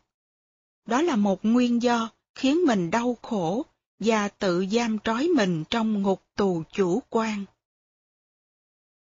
Nhận diện Đọc truyện Kiều, ta thường tự đồng nhất hóa với những nỗi khổ đau của nhân vật chính. Nhưng ta cũng phải tập đồng nhất hóa với hoàn cảnh và những khổ đau của các nhân vật khác. Trong ta không những có chất liệu của Thúy Kiều, mà còn có chất liệu của những nhân vật khác trong truyện nữa. Chúng ta có chất liệu của sư trưởng Giác Duyên. Chúng ta rất thương sư em, nhưng chúng ta làm ăn ra sao mà không dạy cho sư em cách thở, cách đi thiền hành, cách nắm vững tâm ý chúng ta phải thấy ni sư ở trong ta. Một người cũng có hạnh phúc, tu hành rất chân chính, nhưng không biết tại sao mà không giúp được sư em về việc thực tập. Tại lo việc chùa hơi nhiều, nên không có thì giờ. Hay sư chị chưa được học kinh an ban thủ ý. Như vậy thì ta cũng thương. Ta nói, sư trưởng giác duyên, em sẽ cố gắng làm hay hơn chị. Vì chị không được gặp sư ông, nhưng em đã có dịp gặp thầy rồi. Nơi ni sư giác duyên có nhiều cái hay, cái đẹp, mà có thể chúng ta chưa có. Ni sư rất thương Trạc Tuyền, nhưng khi Trạc Tuyền gặp lại gia đình và được gia đình mời về, thì Ni sư không ngăn cản. Ni sư là một cái chùa nhỏ là để ở chung với sư em. Sư em về nhà rồi, thì Ni sư khóa cửa, đi dân du. Sư đà hái thuốc phương xa, mây bay hạt lánh biết là tìm đâu. Không biết địa chỉ của Ni sư để gửi thư. Ni sư là một đám mây tự do, thông dong bay, không dướng bận. Trong túi của Ni sư có rất nhiều trăng. Đi tới đâu, Ni sư cũng có hạnh phúc. Đó là những cái chúng ta có thể học được từ sư chị Giác Duyên. Chúng ta có một thúc sinh ở trong lòng. Không nhiều thì ít, trong mỗi chúng ta đều có chất liệu đam mê và nhu nhược. Chúng ta phải công nhận rằng chúng ta có hạt giống của sự đam mê và nhu nhược đó. Đừng nói, đâu, tôi đâu phải thúc sinh nè. Phải công nhận sự có mặt của những hạt giống đó để có thể thực tập chuyển hóa. Thúc sinh tuy rất thương Thúy Kiều, nhưng thiếu hẳn trí tuệ. Không biết nghe lời khuyên của Kiều. Và khi Kiều bị lâm nạn, tuy rất đau khổ, Thúc sinh không có can đảm để hành động cứu Kiều. Rất sợ vợ. Tuy có một ít sự chung tình, nhưng sự chung tình đó không đủ mạnh để Thúc sinh hành động. Những hạt giống của Thúc sinh chúng ta đều có hết. Phải nhìn kỹ để thấy sự có mặt của những hạt giống đó mà thực tập chuyển hóa và để đừng làm như Thúc sinh hạt giống của từ hải trong ta cũng có. Chúng ta cũng có khí phách. Thấy những sự bất bình, đôi khi ta cũng nổi giận như từ hải.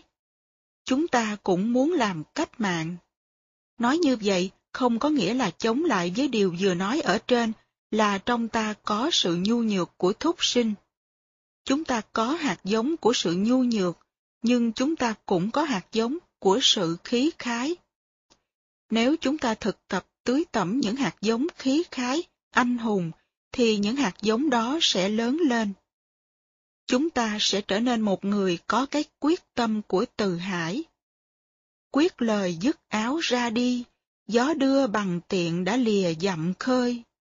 Đi một cái rột. Người đàn bà không thể làm tiêu hao, lung lạc chí khí trượng phu. Đó là cái chúng ta cần phải học ta có bồ đề tâm, có chí hướng, lý tưởng, đừng làm theo kiểu của thúc sinh. Cần hành động, cần quyết định, thì phải hành động và quyết định một cách rất mạnh mẽ. Nếu trí tuệ cho chúng ta biết hành động đó là hành động đúng, phù hợp với con đường lý tưởng của ta, thì ta nhất định phải làm. Đừng để tình cảm này níu kéo, tình cảm kia xô đẩy, ngày này sang tháng khác kéo dài rốt cuộc không bao giờ ta làm được cả. Có những người ôm một cái mộng mà ba, bốn, năm mươi năm không thực hiện được. Đó là vì họ có quá nhiều tính chất nhu nhược của anh chàng thúc sinh. Nếu anh chị có cái mộng nào muốn thực hiện, thì phải làm như từ hải. Chúng ta cũng có hạt giống của Hoạn Thư. Đừng nói, ôi, Hoạn Thư là một người ghê gớm quá, mình làm sao mà là hoạn thư được? Kỳ thực, hoạn thư và ta có những điểm giống nhau. Mỗi người trong chúng ta đều có hạt giống của sự ghen ghét trong lòng. Có khi chúng ta ganh với em, với chị, với anh, với bạn. Hạt giống ganh ghét đó, chúng ta không biết, không nhận diện ra, và chúng ta lấy những lý do khác để bào chữa cho thái độ của mình. Không có ai trong chúng ta vượt ra khỏi tình trạng đó. Tôi cũng có hạt giống ghen. Trong tất cả quý vị, ai cũng đều có hạt giống ghen cả. Vì vậy, chúng ta phải học thực tập từ, bi, hỷ, xã để chuyển hóa cái ghen của mình. Thấy một người có hạnh phúc, được thương, được may mắn, mình mừng cho người đó, vui cái niềm vui của họ, gọi là hỷ. Trong lòng mình có niềm vui, có sự nhẹ nhàng thảnh thơi, và người kia tự nhiên trở lại thương mình, chia sẻ hạnh phúc của họ cho mình. Nếu mình ghen, thì người kia đau khổ và không thể nào chia sẻ được hạnh phúc cho mình. Hạnh phúc của người kia bớt đi là vì sự ghen tuông của mình. Hoạn thư có mặt trong ta, nhưng hoạn thư không phải chỉ có ganh thôi. Trong cô cũng có lòng từ bi. Đọc tờ cung khai của Kiều, Hoạn Thư thương cho tài văn và tâm trạng của Kiều và đã cho phép Kiều đi tu, khỏi phải làm thân tôi tớ. Nghe lõm được câu chuyện giữa Kiều và Thúc Sinh, Hoạn Thư vẫn lờ đi, không canh gác, cố ý để Kiều đi trốn. Kiều trốn đi, mang theo chuông vàng khánh bạc, Hoạn Thư vẫn không theo bắt, dù cô có đầy đủ phương tiện để truy nã. Hành động nhân từ đó đã có kết quả rất tốt mà chúng ta sẽ thấy trong những đoạn tới. Từ Hoạn Thư, chúng ta cũng học được bài học nhân ái, chứ cô không phải là một người bỏ đi.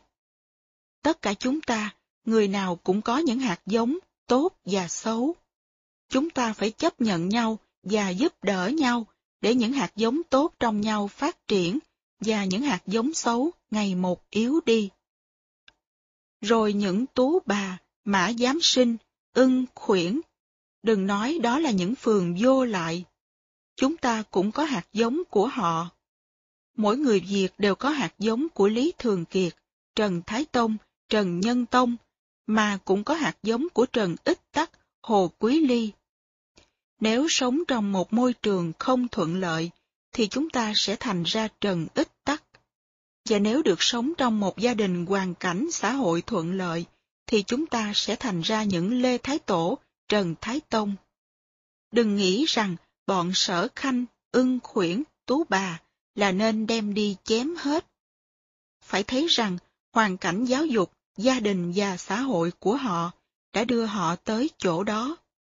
Chúng ta phải có lòng từ bi với những người này và phải chăm sóc họ một cách đặc biệt.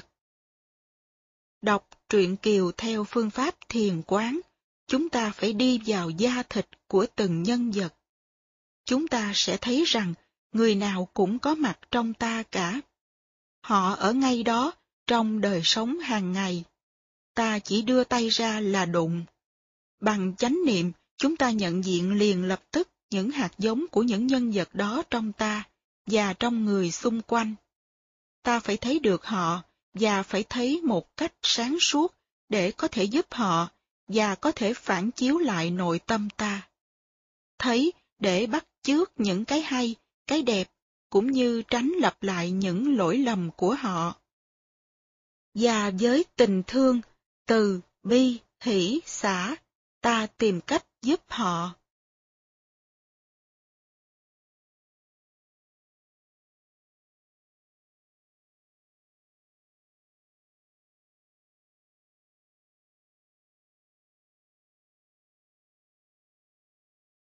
hạnh phúc chân thật. Bỏ lúc phong trần đêm ngày luống những âm thầm lửa binh đâu đã ầm ầm một phương.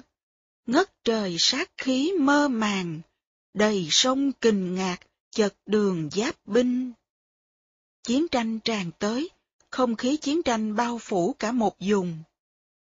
Người quen thuộc kẻ chung quanh nhủ nàng hãy tạm lánh mình một nơi.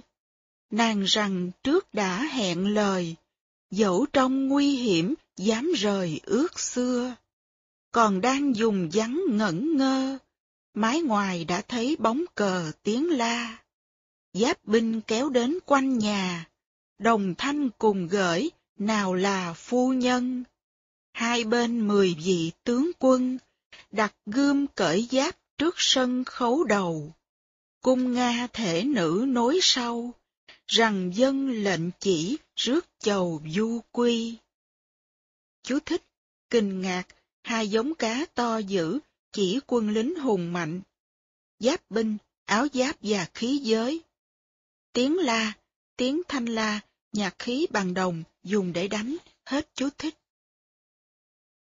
Từ Hải đưa một đạo binh đi đón vợ. Kiều đã xuống chó, bây giờ lên voi.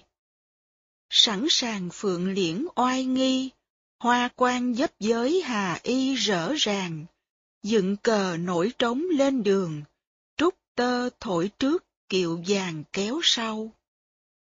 Đây là đám cưới mà Từ Hải mong muốn. Lời hứa đã được thực hiện. Từ Hải đã thành công và trở về đóng binh ở gần đó. Hỏa bài tiền lộ rủi mau, Nam Đình nghe động trống chầu đại doanh, kéo cờ lũy phát súng thành, từ công ra ngựa thân nghênh cửa ngoài. Lửa mình là vẻ cân đai, hãy còn hàm én mày ngài như xưa. Từ hải thân hành ra ngoài cửa đón, vẫn còn dáng dấp của người anh hùng đã gặp Kiều ngày xưa ở Thanh Lâu. Chú thích, Phượng Liễn Loan Nghi, kiệu và các đồ nghi trượng có chạm theo hình loan chim phượng. Hoa quan, mũ có đính vàng ngọc, kim cương đẹp đẽ, chấp chới, sáng lóng lánh. Hà y, áo đỏ tía như sắc ráng trời. Trúc tơ, sáo và đàn, âm nhạc. Bài, miếng gỗ vuông để viết chữ. Hỏa, ý việc khẩn cấp, nóng như lửa. Hỏa bài tiền lộ, thẻ bài hỏa tốc cầm đi trước để báo tin cho nhân dân biết mà lo liệu phục dịch hay dẹp đường cho quan quân đi. Nam Đình, triều đình phương Nam do Từ Hải lập ra. Đại doanh, doanh trại lớn, chỗ đóng quân của Từ Hải. Hết chú thích. Cười rằng cá nước duyên ưa, nhớ lời nói những bao giờ hay không? Anh hùng mới biết anh hùng, rầy xem phỏng đã cam lòng ấy chưa? Nàng rằng chút phận ngây thơ, cũng may dây cát được nhờ bóng cây. Em chẳng qua chỉ là một loại dây leo nương nhờ vào được một cây tùng mạnh khỏe mà leo lên cao. Cát là dây leo, thường gọi là cát đằng. Có một bộ lục tên là Cát Đằng Lục do một thiền sư sáng tác. Tác phẩm Quy Sơn Đại Viên Thiền Sư Cảnh Sách trong bộ luật Sa Di và Sa Di Ni có câu Khởi bất kiến ỷ tùng chi cát, thượng tủng thiên tầm, phụ thắc thắng nhân, phương năng hữu ích. Nghĩa là, há không thấy những dây leo nương vào cây tùng mà lên cao được cả ngàn tầm. Nương tựa vào những người lớn thì mới có ích lợi trong sự tu tập. Đến bây giờ mới thấy đây, mà lòng đã chắc những ngày một hai. Bây giờ thì sự vinh quang đã rõ ràng, nhưng em đã thấy được nó từ ngày mới gặp nhau. Chứng tỏ em là tri kỷ duy nhất của anh. Em có con mắt rất tinh. Trong lòng nói vậy, nhưng bên ngoài thì vẫn có vẻ khiêm nhường lắm. Em đâu có giá trị gì đâu. Cùng nhau trong mặt cả cười, giang tay về chốn trướng mai tự tình. Tiệc bày thưởng tướng khao binh, om thòm trống trận, rập rình nhạc quân. Dinh hoa bỏ lúc phong trần, chữ tình ngày lại thêm xuân một ngày. Đó là những ngày kiều có danh, có lợi, có tình, có hạnh phúc. Nhưng than ôi, tình trạng này lại không được lâu dài. Ân oán rạch ròi Trong quân có lúc vui vầy, thông dong mới kể sự ngày hàng di. Khi vô tích, khi lâm truy, nơi thì lừa đảo, nơi thì xót thương. Tấm thân rầy đã nhẹ nhàng, chút còn ân oán đôi đường chưa xong. Kiều muốn đền ơn và báo oán, những hạt giống đó cũng có mặt trong ta. Chúng ta không muốn giết hay bỏ tù người làm ta khổ, nhưng khi thấy người đó bây giờ khổ, thì trong lòng ta cũng thấy hơi đã. Đó là hạt giống của sự báo oán. tất cả chúng ta đều có hạt giống đó. Phải công nhận như vậy. Học từ bi hỷ xã, chúng ta có thể chuyển hóa hạt giống đó. Tôi đã thực tập. Có những người làm khổ tôi rất nhiều trong quá khứ. Đôi khi thấy những người đó khổ, thì ban đầu mình nói thầm thầm, cho đáng. Ngày xưa thì có lúc như thế, nhưng bây giờ thì khác. Tôi đã chuyển hóa, tôi không muốn những người làm khổ mình ngày xưa khổ. Điều này được bộc lộ rất rõ, đúng theo tinh thần đại xã của tứ vô lượng tâm. Đọc truyện Kiều, chỗ nào chúng ta cũng thấy thương xót Kiều, nhưng tới chỗ Thúy Kiều trả thù, thì ta thấy Kiều chưa giỏi. Đã khổ nhiều như vậy mà chưa hiểu được những người kia. Tuy ác độc, gian manh, nhưng họ cũng là nạn nhân của gia đình, xã hội và giáo dục của họ. Kiều chưa thấy được điều đó. Cùng tu học với nhau bây giờ, chúng ta có cơ hội làm được chuyện mà ngày xưa Thúy Kiều đã không làm được. Tức là thương xót được những người đã làm khổ mình, bởi vì họ cũng khổ. Ý định đền ơn thì tốt, nhưng ý muốn trả thù thì không xứng đáng, nhất là mình đã từng được đi tu rồi. Từ công nghe nói thủy chung, bất bình nổi trận đùng đùng sấm giang. Anh chàng nghe nói giận lắm, muốn trừng phạt tất cả những người đã làm cho người yêu của mình đau khổ da diết ngày xưa. Ăn thua là do người đàn bà cả. Người đàn bà cứ tỉ tê, nói ra nói vào một hồi, là người đàn ông siêu lòng. Anh hùng vậy đó, nhưng nếu có một người đàn bà yếu đuối hờn ganh bên cạnh, thì có thể những hạt giống vô minh sẽ nổi lên. Đó cũng là thương, nhưng tình thương ở đây chưa phải là tình thương của từ bi hỷ xã. Tình thương này còn có chất liệu của vô minh, phân biệt, kỳ thị, chưa có chất liệu xã. Nghiêm quân tuyển tướng sẵn sàng, dưới cờ một lệnh dội vàng rủi sao. Ba quân chỉ ngọn cờ đào, đạo ra vô tích, đạo vào lâm truy. Chú thích, nghiêm quân, chỉnh đốn hàng ngũ quân lính, tuyển tướng, lựa chọn, sắp đặt các tướng, hết chú thích. Đi bắt hết những người làm khổ Kiều và mời tất cả những người ân của Kiều về. Vô tích và Lâm Truy là hai nơi mà Kiều đã chịu khổ rất nhiều. Lâm Truy là nơi Kiều vào thanh lâu lần đầu. Vô tích là chỗ Kiều bị bắt làm đầy tớ. Các tướng cũng được lệnh bảo vệ cho gia đình họ thúc thúc ông và người nhà, không cho quân lính và dân chúng vào phá. Như vậy có nghĩa là quân lính của Từ Hải có thể phạm vào những nhà khác. Đó là cảnh chiến tranh, thật nguy hiểm. Mấy người phụ bạc xưa kia, chiếu danh tầm nã bắt về hỏi tra, lại sai lệnh tiễn truyền qua, giữ vàng họ thúc một nhà cho yên mụ quản gia giải giác duyên, cũng sai lệnh tiễn đem tin rước mời. Thệ sư kể hết mọi lời, lòng lòng cùng giận, người người chấp uy. Thệ sư là lễ tế cáo trời đất và quỷ thần và hiểu dụ tướng sĩ trước lúc xuất quân. Lễ này có mục đích nêu ra rằng đây là một cuộc hành quân có chính nghĩa, không phải là việc đi cướp bóc, tàn hại nhân dân. Đó là đạo đức chính trị và quân sự ngày xưa. Con người làm chiến tranh, nhưng phải biết rằng ngoài con người còn có trời, đất, quỷ, thần. Không nên nghĩ rằng ngoài con người ra không có cái gì cả. Đó là một nét thuộc về văn minh Đông Phương. Hy vọng trong tương lai, những nước Tây Phương mỗi khi muốn đem quân đi đánh ở đâu, cũng sẽ làm lễ thệ sư, nói cho quần chúng, quỷ thần, trời đất biết lý do. Sau khi tướng sĩ và quân lính nghe những chuyện Kiều kể, thì ai nấy đều giận. Ai cũng muốn chấp hành và thực hiện cho được mục đích của cuộc ra quân. Đạo trời báo phục chỉnh ghê, khéo thay một mẻ tóm về đầy nơi.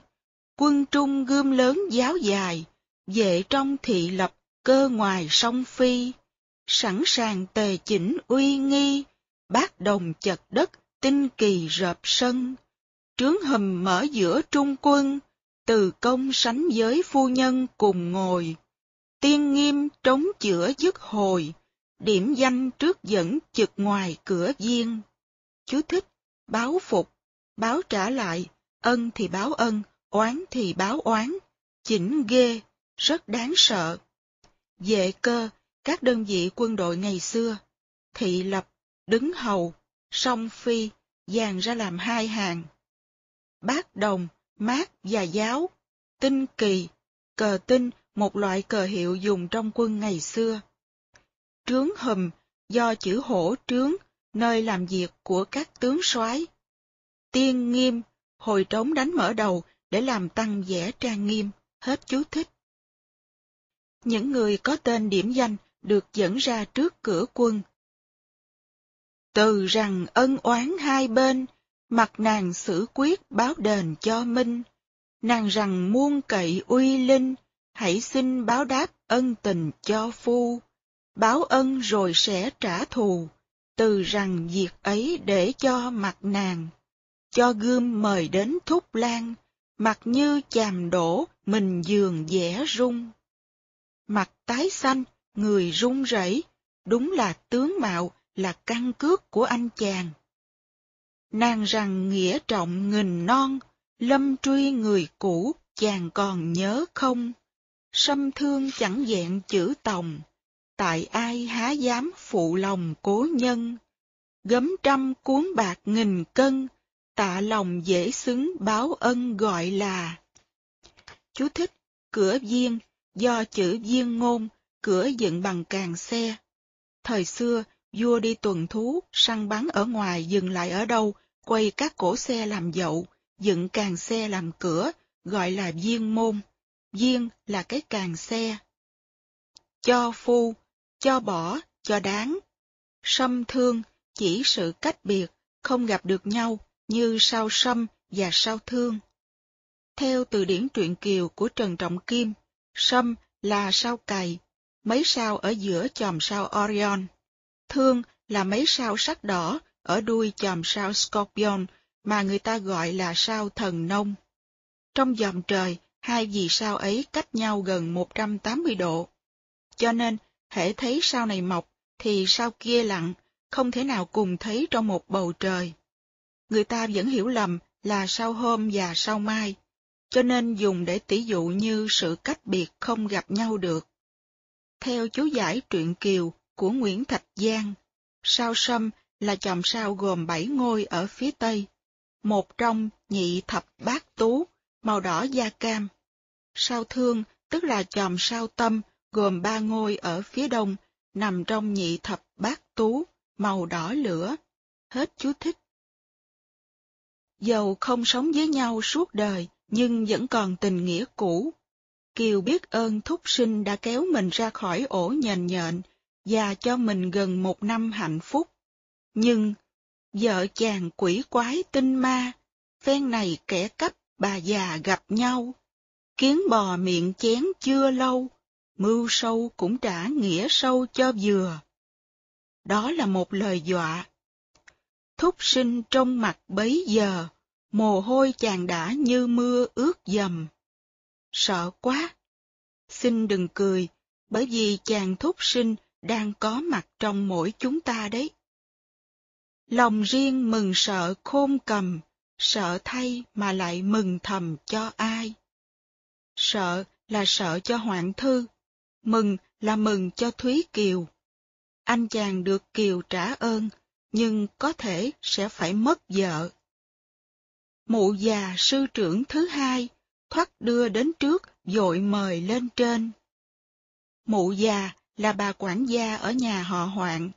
Sư trưởng là sư chị Giác Duyên. Hai người vừa đến thì được Kiều mời lên trướng liền. Dắt tay mở mặt cho nhìn, hoa nô kia với trạc tuyền cũng tôi. Nhớ khi lỡ bước sảy dời, non vàng chưa dễ đền bồi tấm thương. Kiều có hạt giống của sự biết ơn rất lớn, nhớ mãi những điều người ta đã giúp mình. Chúng ta nên biết, bất cứ một hạt giống nào mình gieo, một cử chỉ thương yêu lân mẫn nào mình làm, đều có kết quả.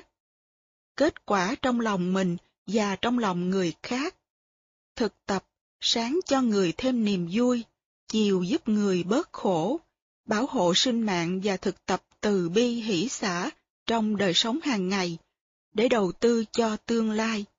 Làm như thế không phải chỉ cho riêng mình mà cho tất cả mọi người. Nghìn vàng gọi chút lễ thường, mà lòng phiếu mẫu mấy vàng cho cân. Cúng dường sư chị Giác Duyên và bà quản gia mỗi người một nghìn lạng vàng. Không biết sư chị dùng vàng này để làm gì, nhưng bà quản gia thì chắc chắn sẽ biết cách xài. Bà sẽ tìm cách thoát khỏi thân phận làm việc cho người ta và ra sống riêng. Ngày xưa, hàng tính bên tàu trong thời đói khổ, gặp một bà già tên là Phiếu Mẫu cho ăn cơm. Sau này làm nên, hàng tính trả ơn bà một nghìn lạng vàng. Những khi người ta đau khổ hoặc lỡ bước mà giúp người ta là rất quan trọng. Một bát cơm thôi, nhưng đáng giá ngàn vàng. Không thể nói một bát cơm ngoài chợ chỉ bán có ba hay mười francs. Một bát cơm có khi là ba francs, nhưng có khi là một ngàn lạng vàng, có khi lại không có giá trị gì hết. Đưa một bát cơm mà nói nặng nói nhẹ, thì bát cơm đó không có giá trị gì. Với tấm lòng thương yêu, săn sóc, nhường cơm xẻ áo cho người, thì bát cơm đó đáng giá ngàn vàng. Có những người Việt Nam trong những trường hợp khổ cực, bên này chúng ta nhường cơm xẻ áo gửi về giúp họ. Sau này, mỗi khi nhớ tới, họ rất cảm ơn mình. Nhưng có người sau khi qua được bên này lại nói, gửi cho mấy chục đô la, nhằm nhò gì? Họ không nhớ rằng trong trường hợp khó khăn mà nhận được sự giúp đỡ mới là quý. Đó là họ không biết giá trị của bát cơm phiếu mẫu. Họ nghĩ rằng bên này tiền do mình tự đúc ra, cứ việc bỏ vào bì thơ để gửi về. Họ không biết rằng mình cũng phải nhịn ăn, nhịn mặc, nhịn tiêu mới có thể có để gửi về được. Nên biết rằng trong ta có thể có những hạt giống như vậy. Chúng ta có thể có hạt giống của hàng tính, Thúy Kiều, và cũng có thể có hạt giống của những người không phải hàng tính, Thúy Kiều. Ghê quá, mình là thầy tu, mình là mụ quản gia, mà bây giờ phải lên tới chỗ này, toàn là quân lính và giáo dựng gươm trần. Bà này làm lớn quá, họ không biết nói gì cả. Nàng rằng xin hãy rốn ngồi, xem cho rõ mặt, biết tôi báo thù.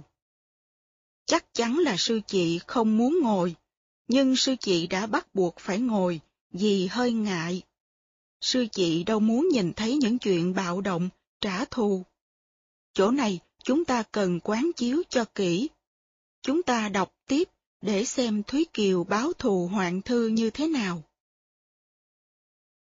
Kiếp truyền chư tướng hiến phù, lại đem các tích phạm tù hậu tra. Dưới cờ gươm tuốt nắp ra, chính danh thủ phạm tên là Hoạn Thư. Thoát trông nàng đã chào thưa, tiểu thư cũng có bây giờ ở đây. Tiểu thư mà cũng tới đây nữa hả? Đó là lời nói mỉa mai. Hạt giống này cũng có trong ta. Thỉnh thoảng, chúng ta cũng biết nói lời mỉa mai. Đàn bà dễ có mấy tay, đời xưa mấy mặt, đời này mấy gan. Dễ dàng là thói hồng nhan, càng cay nghiệt lắm, càng oan trái nhiều. Từ xưa đến giờ, tìm ra được một người như tiểu thư là hiếm lắm, càng cay nghiệt lắm thì càng gặp nhiều oan trái. Chú thích, hiến phù là dân nộp những người tù binh bắt được, đây ý nói giải những người có tội tới. Các tích, án tích kể những tội lỗi của người tù phạm. Phạm tù, người bắt làm tù vì phạm tội. Hậu tra, đợi để tra hỏi, hết chú thích. Hoạn thư hồn lạc phách siêu, khấu đầu dưới trướng dở điều kêu ca. Rằng tôi chúc phận đàn bà, ghen tuông thì cũng người ta thường tình. Đàn bà ai mà lại không ghen tuông thưa phu nhân? Điều này có thật. Nói như vậy không có nghĩa là đàn ông không ghen. Đàn ông cũng ghen, nhưng đây là nói chuyện đàn bà với nhau. Ghen tuông thì cũng người ta thường tình. Nói ra một sự thật. Bà này khôn lắm. Tôi là đàn bà, mà hễ là đàn bà thì ai mà không ghen. Nghĩ cho khi cát viết kinh, với khi khỏi cửa dứt tình chẳng theo. Nhắc lại những công đức của mình, rất khéo. Bà này mà đi học trường luật thì chắc cũng sẽ tốt nghiệp hạng cao. Không nói đi trốn, mà chỉ nói khỏi cửa thôi. Người ta làm phu nhân, người ta đâu có đi trốn. Lòng riêng riêng những kính yêu, chồng chung chưa dễ ai chiều cho ai. Khi chồng mình bị một người đàn bà khác tới chiếm, thì tâm niệm muốn giật chồng lại là một tâm niệm phổ biến. Đó là tính người. Tự mình làm luật sư bào chữa, rất hay. Nhưng cái hay này, một phần lớn là của thi sĩ. Trót lòng gây việc chông gai, còn nhờ lượng bể thương bài nào chăng? Lượng phu nhân lớn như biển, bây giờ phu nhân thương được chút nào thì con nhờ chút đó. Thương ít ít cũng được, miễn có thương là đã quý rồi. Rất khéo. Rằng tôi chúc phận đàn bà, ghen tuông thì cũng người ta thường tình. Nghĩ cho khi cát viết kinh, với khi khỏi cửa dứt tình chẳng theo. Lòng riêng riêng những kính yêu, chồng chung chưa dễ ai chiều cho ai trót lòng gây việc chông gai, còn nhờ lượng bể thương bài nào chăng? Rất gọn mà rất đủ, ghen thì ghen ghê gớm, mà nói thì cũng rất khéo. Và quý hơn hết là vẫn có vài hạt giống của lòng từ bi trong tâm. Kiều đáp lại, khen cho thật đã nên rằng, khôn ngoan đến mực nói năng phải lời. Tha ra thì cũng may đời, làm ra thì cũng ra người nhỏ nhen. Đã lòng tri quá thì nên, truyền quân lệnh xuống trướng liền tha ngay. Kiều tha bổng cho một người đã từng làm cho mình đau khổ cùng cực. Đêm Hoàng Thư tổ chức tiệc rượu tẩy trần, đón thúc sinh trở về, bắt Kiều hầu rượu là đêm đau khổ nhất của Kiều. Thúc sinh và Thúy Kiều càng đau khổ bao nhiêu thì Hoàng Thư càng đã bấy nhiêu. Nhưng bây giờ, chính Kiều lại ra lệnh tha cho Hoàng Thư. Chuyện này sở dĩ xảy ra, một phần là nhờ Hoàng Thư khôn khéo, và một phần khác cũng nhờ trong tâm bà ta có hạt giống từ bi. Ngày xưa, bà đã làm được hai việc quan trọng. Một là cho Kiều đi tu để thoát khỏi thân phận đầy tớ. Hai là để Kiều trốn mà không tầm nã. Nếu không có hai điều đó, thì bây giờ chắc chết. Trong nguyên lục, Hoàng Thư bị đánh một trăm roi trước khi tha bổng. Cụ Nguyễn Du của chúng ta không cho đánh Hoàng Thư. Nàng Kiều của cụ Nguyễn Du có lòng từ bi hơn nàng Kiều trong nguyên lục. Tạ lòng lạy trước sân mây, cửa viên lại dắt một dây dẫn vào. Những người còn lại đều bị phạt nặng. Nàng rằng lồng lộng trời cao, hại nhân nhân hại, sự nào tại ta. Thiên võng khôi khôi, sơ nhi bất lậu, lưới trời lồng lộng, thưa mà không lọt, làm ác thì bị quả báo ác. Hại nhân, nhân hại là luật quả báo. Sự nào hại ta? Vì các người ác nên bị quả báo, chứ không phải tại tôi ác. Nói như vậy, đứng về phương diện pháp lý thì rất đúng, nhưng đứng về phương diện đạo lý thì không đúng. Có hai phương pháp xử trị, đức trị và pháp trị. Pháp trị là lấy luật mà đối xử. Phạm lỗi đó thì bị trừng phạt, như vậy là pháp trị. Câu nói của Kiều là câu nói về pháp trị. Nhưng là người tu, mình không được nói như Kiều. Mình không phải là pháp gia, mình là đạo gia. Mình phải nói, anh đã gây tội lỗi, đáng lý hôm nay anh bị quả báo, nhưng tại tôi là người tu, thành ra may cho anh. Đó là đức trị, trị bằng đức, bằng tình thương. Thúy Kiều đã được đi tu, học đạo giải thoát, mà vẫn dùng ngôn ngữ của pháp trị, đó là không giỏi. Là người tu, mình không nói bằng ngôn ngữ của pháp trị, mình phải nói bằng ngôn ngữ của đức trị. Mình đừng nói, ráng chịu, ráng chịu, không phải là ngôn ngữ của người tu. Đây là một trong những lỗi lớn của Thúy Kiều. Chúng ta hãy tưởng tượng trong khi Kiều đang nói bằng cái giọng sắt đá và máy móc như vậy, thì sư chị Giác Duyên cũng đang ngồi phía sau lưng. Sư chị nghĩ gì? Trước là bạc hạnh bạc bà, bên là ưng khuyển, bên là sở khanh. Tú bà với mã giám sinh, các tên tội ấy đáng tình còn sao. Lệnh quân truyền xuống nội đao, thề sao thì lại cứ sao gia hình. Những người ngày xưa thề như thế nào thì bây giờ chịu quả như thế đó. Ví dụ như thề, nếu mà tôi có phản bội thì tôi chết liền tức khắc, hay nếu tôi lừa gạt em thì cho người ta băm nát thân tôi thành từng miếng đem làm thực phẩm cho lợn ăn. Thì bây giờ Kiều cũng cho làm y như vậy. Như vậy, thời gian Kiều ở chùa chiêu ẩn không ít lợi gì.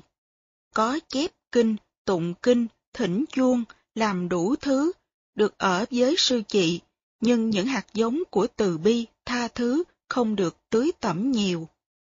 Kiều có tha cho Hoàng Thư vì thấy được hoàn cảnh và lòng tốt của Hoàng Thư. Trong Kiều cũng có cái thấy, cái hiểu và cái thương. Nhưng với những người này, Kiều hoàn toàn không thấy được rằng sở dĩ họ ác như vậy là vì họ đã được nuôi dưỡng và sống trong những môi trường mà ai ở trong đó cũng có thể trở thành như vậy. Vì không thấy điều đó, nên Thúy Kiều đành lòng để họ bị trừng phạt. Sư chị ngồi phía sau, chắc cũng đau xót vô cùng, nhưng không làm gì được. Không thể ngăn cản được nữa, vì đây không phải là thiền môn. Đây là quân trường, đây là tòa án, đây không còn là sư em của mình nữa, mà là một vị chỉ huy trưởng quân đội toàn quyền sinh sát. Từ rằng việc ấy để cho mặt nàng. Hai người ơn của Kiều, bà quản gia và sư chị Giác Duyên ngồi phía sau mà khiếp đảm, thấy trái tim của Thúy Kiều là sắt đá. Chắc sư chị đau khổ vô cùng. Lỗi một phần là của sư chị. Trong thời gian em nó ở với mình, mình đã không dạy. Sư chị có thể là người tốt, nhưng sư chị đã không thực tập dạy em. Vì vậy, tuy thương em, nhưng sư chị không làm tròn bổn phận của một người chị. Tất cả những sư chị tương lai phải học bài học này. Em mình không thể nói, hại nhân nhân hại, ai biểu ráng chịu. Nếu sư em mình làm và nói như vậy, là mình chịu trách nhiệm hoàn toàn. Tôi đã nói mà nó không chịu nghe. Nhưng tôi đã nói làm sao để nó không chịu nghe? Hay là vì tôi nói cái giọng chị hai, thành ra sư em tôi không thèm nghe? Tôi phải nói bằng thứ ngôn ngữ rất ngọt ngào và thương yêu, thì em tôi mới dễ dàng tiếp nhận. Còn nếu tôi nói theo kiểu mẹ chồng hay chị hai, thì em tôi sẽ ghét tôi, không chịu nghe, không chịu học với tôi. Dù có nói đúng cách mấy đi nữa, mà nói với cái giọng sẵn đó, thì ta sẽ không thành công và không làm được trách vụ sư chị.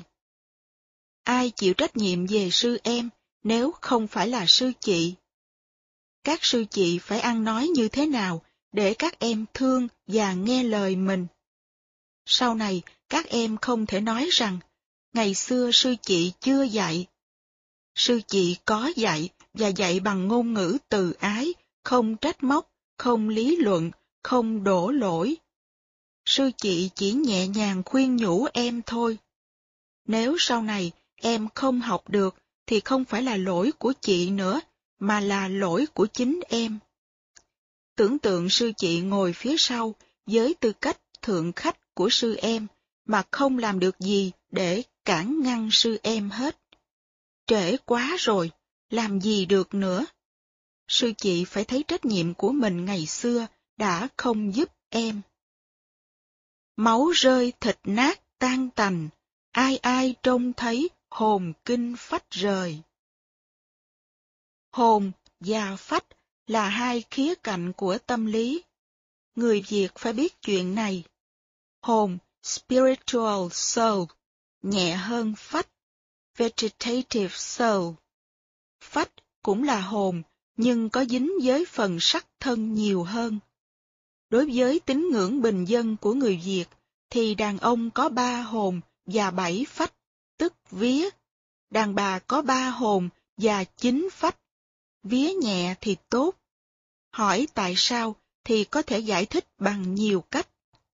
Chín vía có thể gọi là nặng hơn bảy vía, nhưng nhờ có chín vía nên mới có thể thấy, cảm được những điều mà người đàn ông không cảm được. Đứng về phương diện chi tiết, người đàn bà tiếp xúc được nhiều hơn người đàn ông. Ví dụ như, gửi quà về nhà, đàn ông thường làm đại khái, còn đàn bà thì nghĩ tới từng chi tiết một, nghĩ đến từng đứa cháu, từng đứa chắc. Có những người đi máy bay xe lửa, không muốn đem theo nhiều món, đến khi thiếu thì than. Hành lý của người đàn bà tuy nhiều một chút, nhưng rất cần thiết, đủ từng chi tiết. Đến khi cần cái gì, họ nói, có đem theo đây. Người đàn ông rất hoan hỷ. Đứng về phương diện cơ thể học, con người có hai hệ thần kinh. Hệ gần với thân thể gọi là phách. Theo tín ngưỡng bình dân Việt Nam, khi thân thể đã chết, phách vẫn còn và từ từ tan biến, hồn thì còn nguyên. Câu 115, khi thăm mộ đạm tiên, Kiều nói, thác là thể phách, còn là tinh anh. Tinh anh thuộc về hồn. Hồn kinh phách rời là khi sợ quá, phách lìa khỏi thân thể. Cho hay muôn sự tại trời, phụ người chẳng bỏ khi người phụ ta. Hai câu này cần phải xét lại. Đây là lời luân lý để cảnh cáo người ta. Trời ở đây không phải là một đấng tạo hóa, mà là luật của thiên nhiên. Muôn sự tại trời nghĩa là mọi việc đều xoay quanh luật thiên nhiên, trong đó có luật nhân quả. Trồng bắp thì được ăn bắp, trồng đậu thì được ăn đậu, gieo gió thì gặt bão.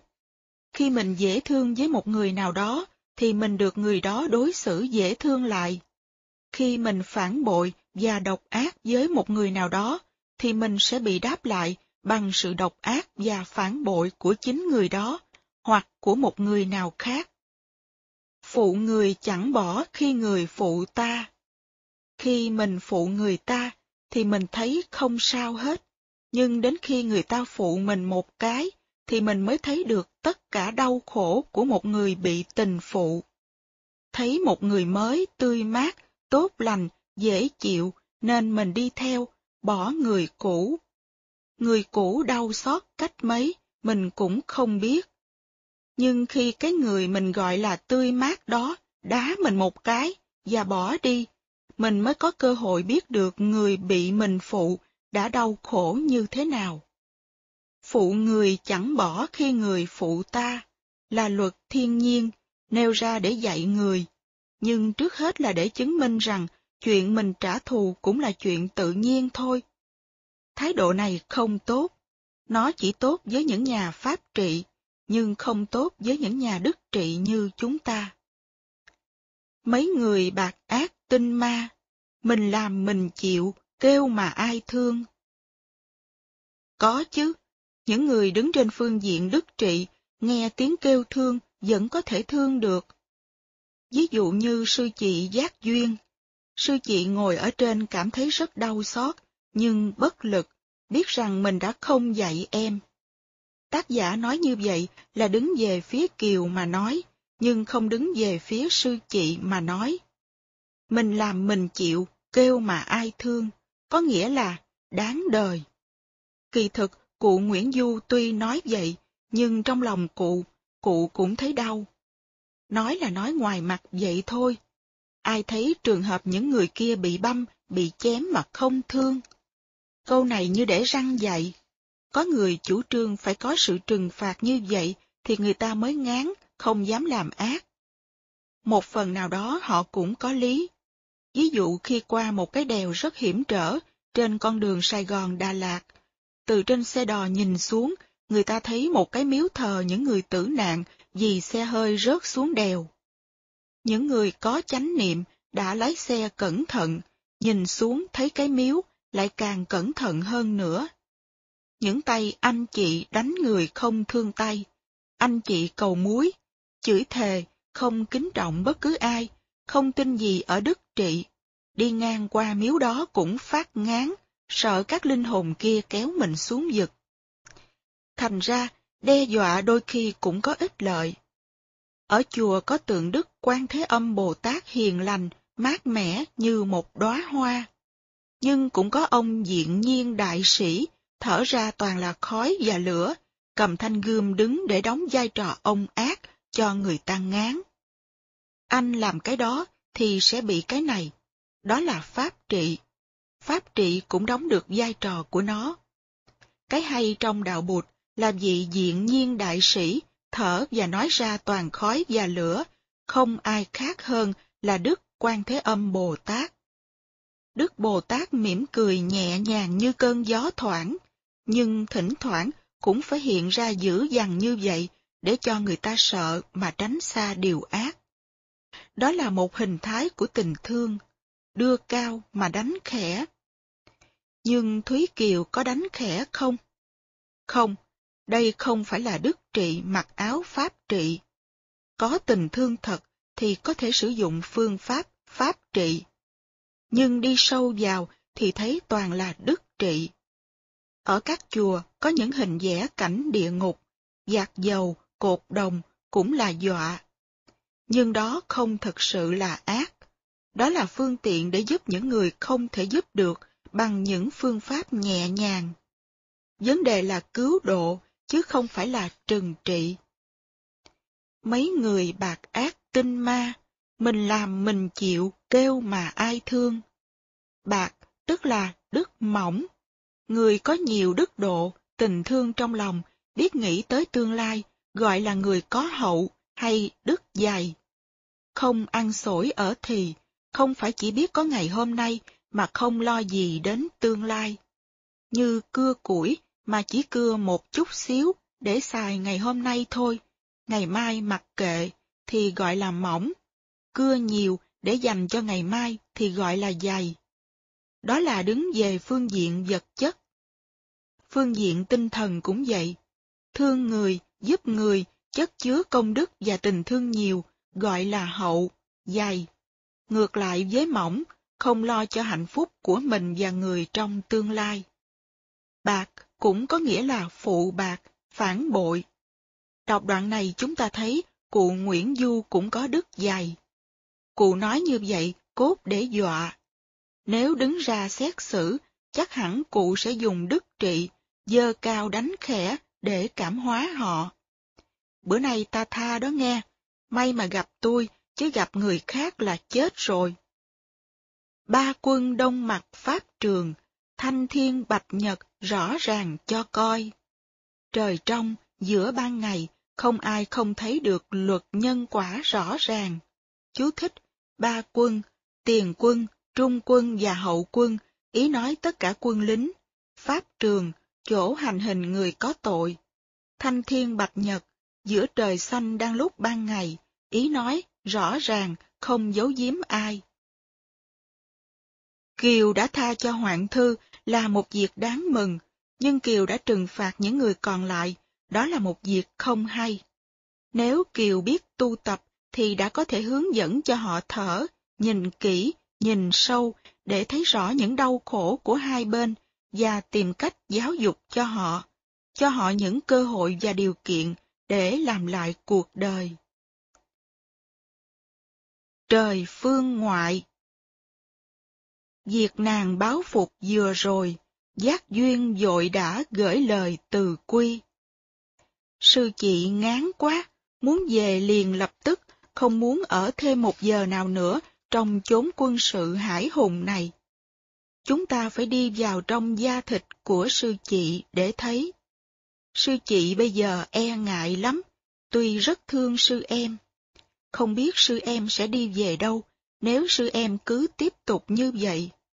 Nó đã rất đau khổ trong quá khứ, bây giờ báo thù được thì nó thấy nhẹ trong lòng. Đó là cái thấy của người đời, nhưng người tu thì phải khác. Bây giờ sư chị đi, phải khiêng theo một ngàn lạng vàng và tất cả những tâm tư nặng nề tạo ra vì khung cảnh vừa rồi. Sư chị là người tu, dùng vàng để làm gì? Tu chỉnh chiêu ẩn am ư? Một ngàn lạng vàng nặng lắm. Rồi thì ăn cướp, ăn trộm làm sao? Khiêng một ngàn lạng vàng đi cũng khổ lắm. Không biết mình sẽ làm gì với số vàng này. Và sư chị cảm thấy mất hết tất cả những an ninh của mình. Và nhất là lại mang theo niềm hoảng sợ và xót thương cho đứa em đồng đạo ngày xưa. Hãy để cho trí tưởng tượng của chúng ta đi theo để thấy sư chị rời khỏi trung tâm quân sự đó với tâm sự nào. Nàng rằng thiên tải nhất thì, cố nhân đã dễ mấy khi bàn hoàng, rồi đây bèo hợp mây tan, biết đâu hạt nội mây ngàn là đâu. Đây là những câu thơ rất hay, bèo hợp mây tan là lý vô thường. Ngày hôm nay mình sống chung với nhau là bèo hợp, biết đâu mai này mỗi người đi một ngã là mây tan. Vì vậy, phải biết trân trọng những giờ phút của ngày hôm nay, phải có hạnh phúc trong giờ phút này. Hai chị em gặp được nhau là điều hiếm có. Xa nhau rồi thì không biết bao giờ mới được gặp lại, ngồi chung, uống trà đàm đạo với nhau. Thúy Kiều thấy được điều đó. Sư rằng cũng chẳng mấy lâu, trong năm năm lại gặp nhau đó mà. Không lâu đâu, trong năm năm nữa, chị em mình sẽ được gặp nhau lại. Giống như là sư chị đã biết trước. Biết trước không phải do sư chị có tài bấm quẻ, mà vì sư chị có quen với một đạo cô, tu theo đạo lão, tiên đoán sự hội ngộ của hai chị em trong năm nay và trong năm năm nữa. Và vì đã gặp Thúy Kiều lần này đúng theo tiên đoán của đạo cô Tam Hợp, nên sư chị tin rằng tiên đoán về lần hội ngộ thứ hai cũng sẽ đúng. Nhớ ngày hành cước phương xa, gặp sư Tam Hợp vốn là tiên tri, bảo cho hội ngộ chi kỳ, năm nay là một, nửa thì năm năm. Mới hay tiền định chẳng lầm, đã tin điều trước, ác nhầm diệt sau, còn nhiều ân ái với nhau, cơ duyên nào đã hết đâu dội gì. Chú thích, thiên tải nhất thì, nghìn năm mới có một lần, dịp hiếm có. Bàn hoàng, quanh quẩn, quấn quýt, vui vẻ với nhau, hết chú thích. Hành cước, đi bộ là sự thực tập của nhà tu. Nếu cái học của mình chưa tới, thì mình phải đi tìm thầy học đạo. Hành cước có khi gọi là đi dân thủy. Dân là mây, thủy là nước. Mây, nước luôn luôn đi. Người tu hành nếu chưa tìm được thầy, được pháp môn, thì phải làm phận sự của mây và nước. Phải đi và đi bằng hai chân, hành cước của mình, chứ không đi ngựa, đi xe. Những câu thơ này chứng tỏ sư chị Giác Duyên thương sư em Trạc Tuyền rất sâu sắc.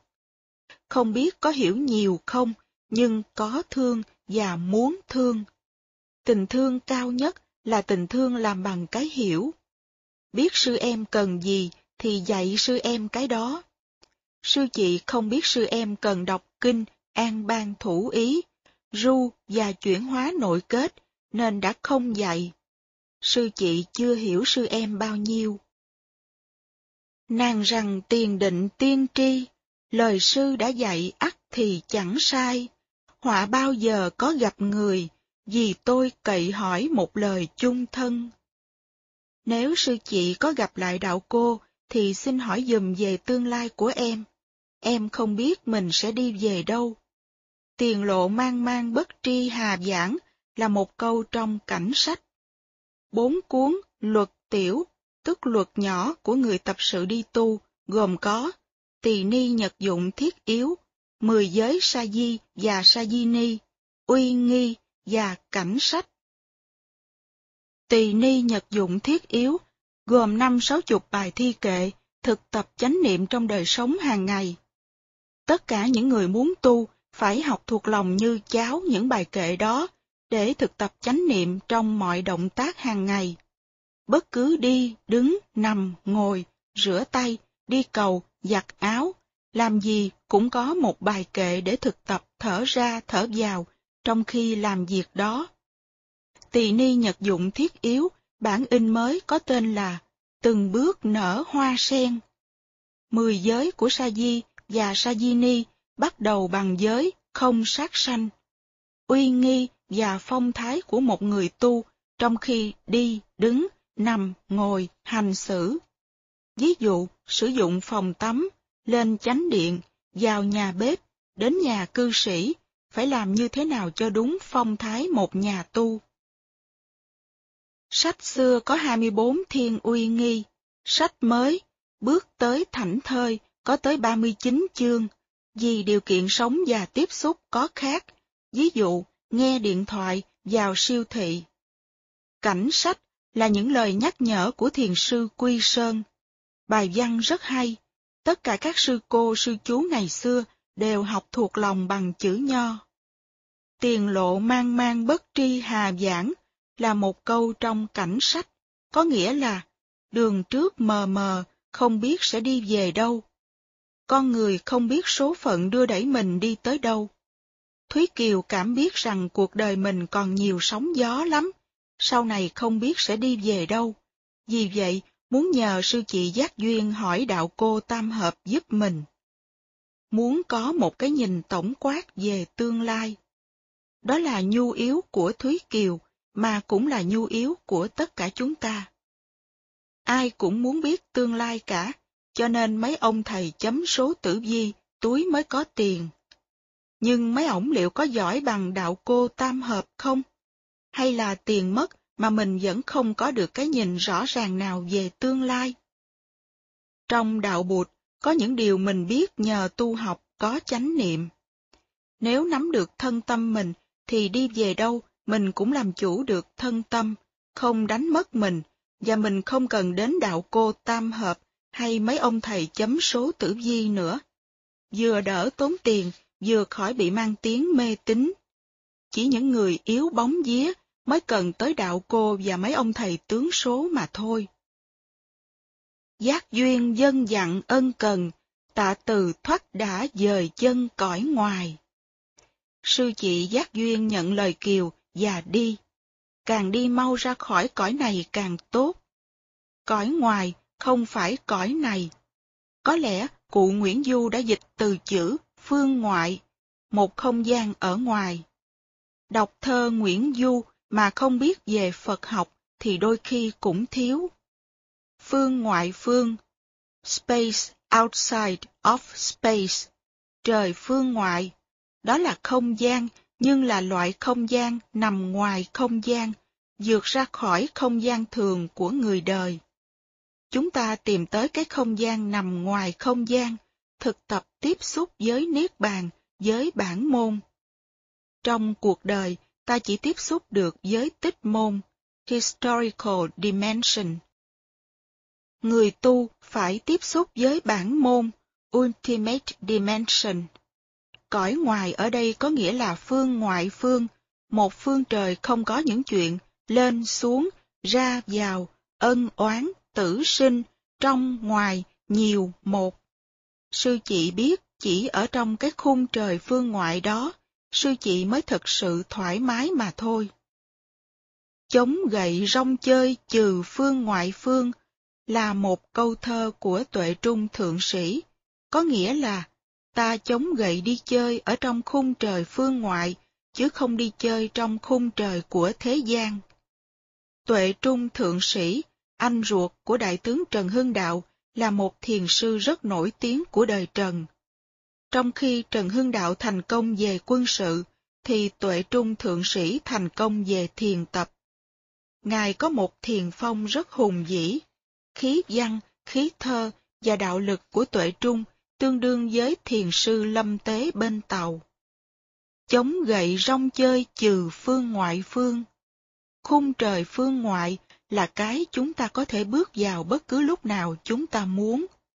Đó là khung trời thoải mái của giải thoát, của niết bàn. Phải đi trong không gian của phương ngoại thì mới thực sự có hạnh phúc.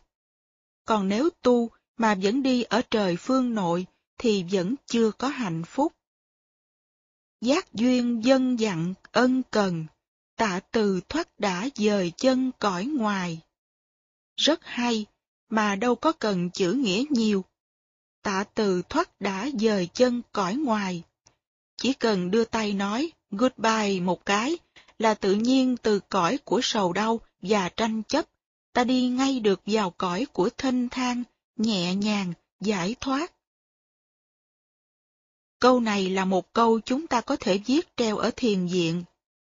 Tạ từ, thôi, không ăn thua nữa trong cuộc đời. Thoát đã dời chân cõi ngoài. Giải thoát có thể thực hiện được trong một cái búng tay. Giả biệt tất cả những phiền não, tranh chấp trong cuộc đời để được có tự do. Và chỉ khi nào mình giải thoát tự do, mình mới giúp được người mà thôi.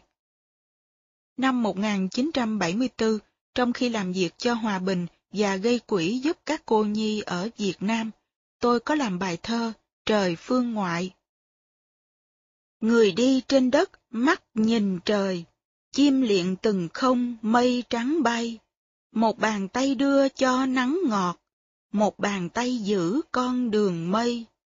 Lá xanh tháng tư mặt trời lọc, đi qua rừng cây mà không hay. Búp tay hoa sen vừa hé mở, vũ trụ sáng nay đã ngất ngây. Trà khuya bay khói thơ không chữ, thơ chở trà lên tận đỉnh mây. Núi cao mưa tạnh dùng biên ải, di dút sau đèo gió gọi cây. Đỉnh tuyết trời quang bừng cõi mộng, giác ngộ tung về đóa mãn khai. Đất xa màu nhiệm thơm tình mẹ, hoa nở trần gian ước kịp ngày. Thương bé bơ vơ, mùa loạn lạc, sen vàng bướm gửi khắp trời Tây.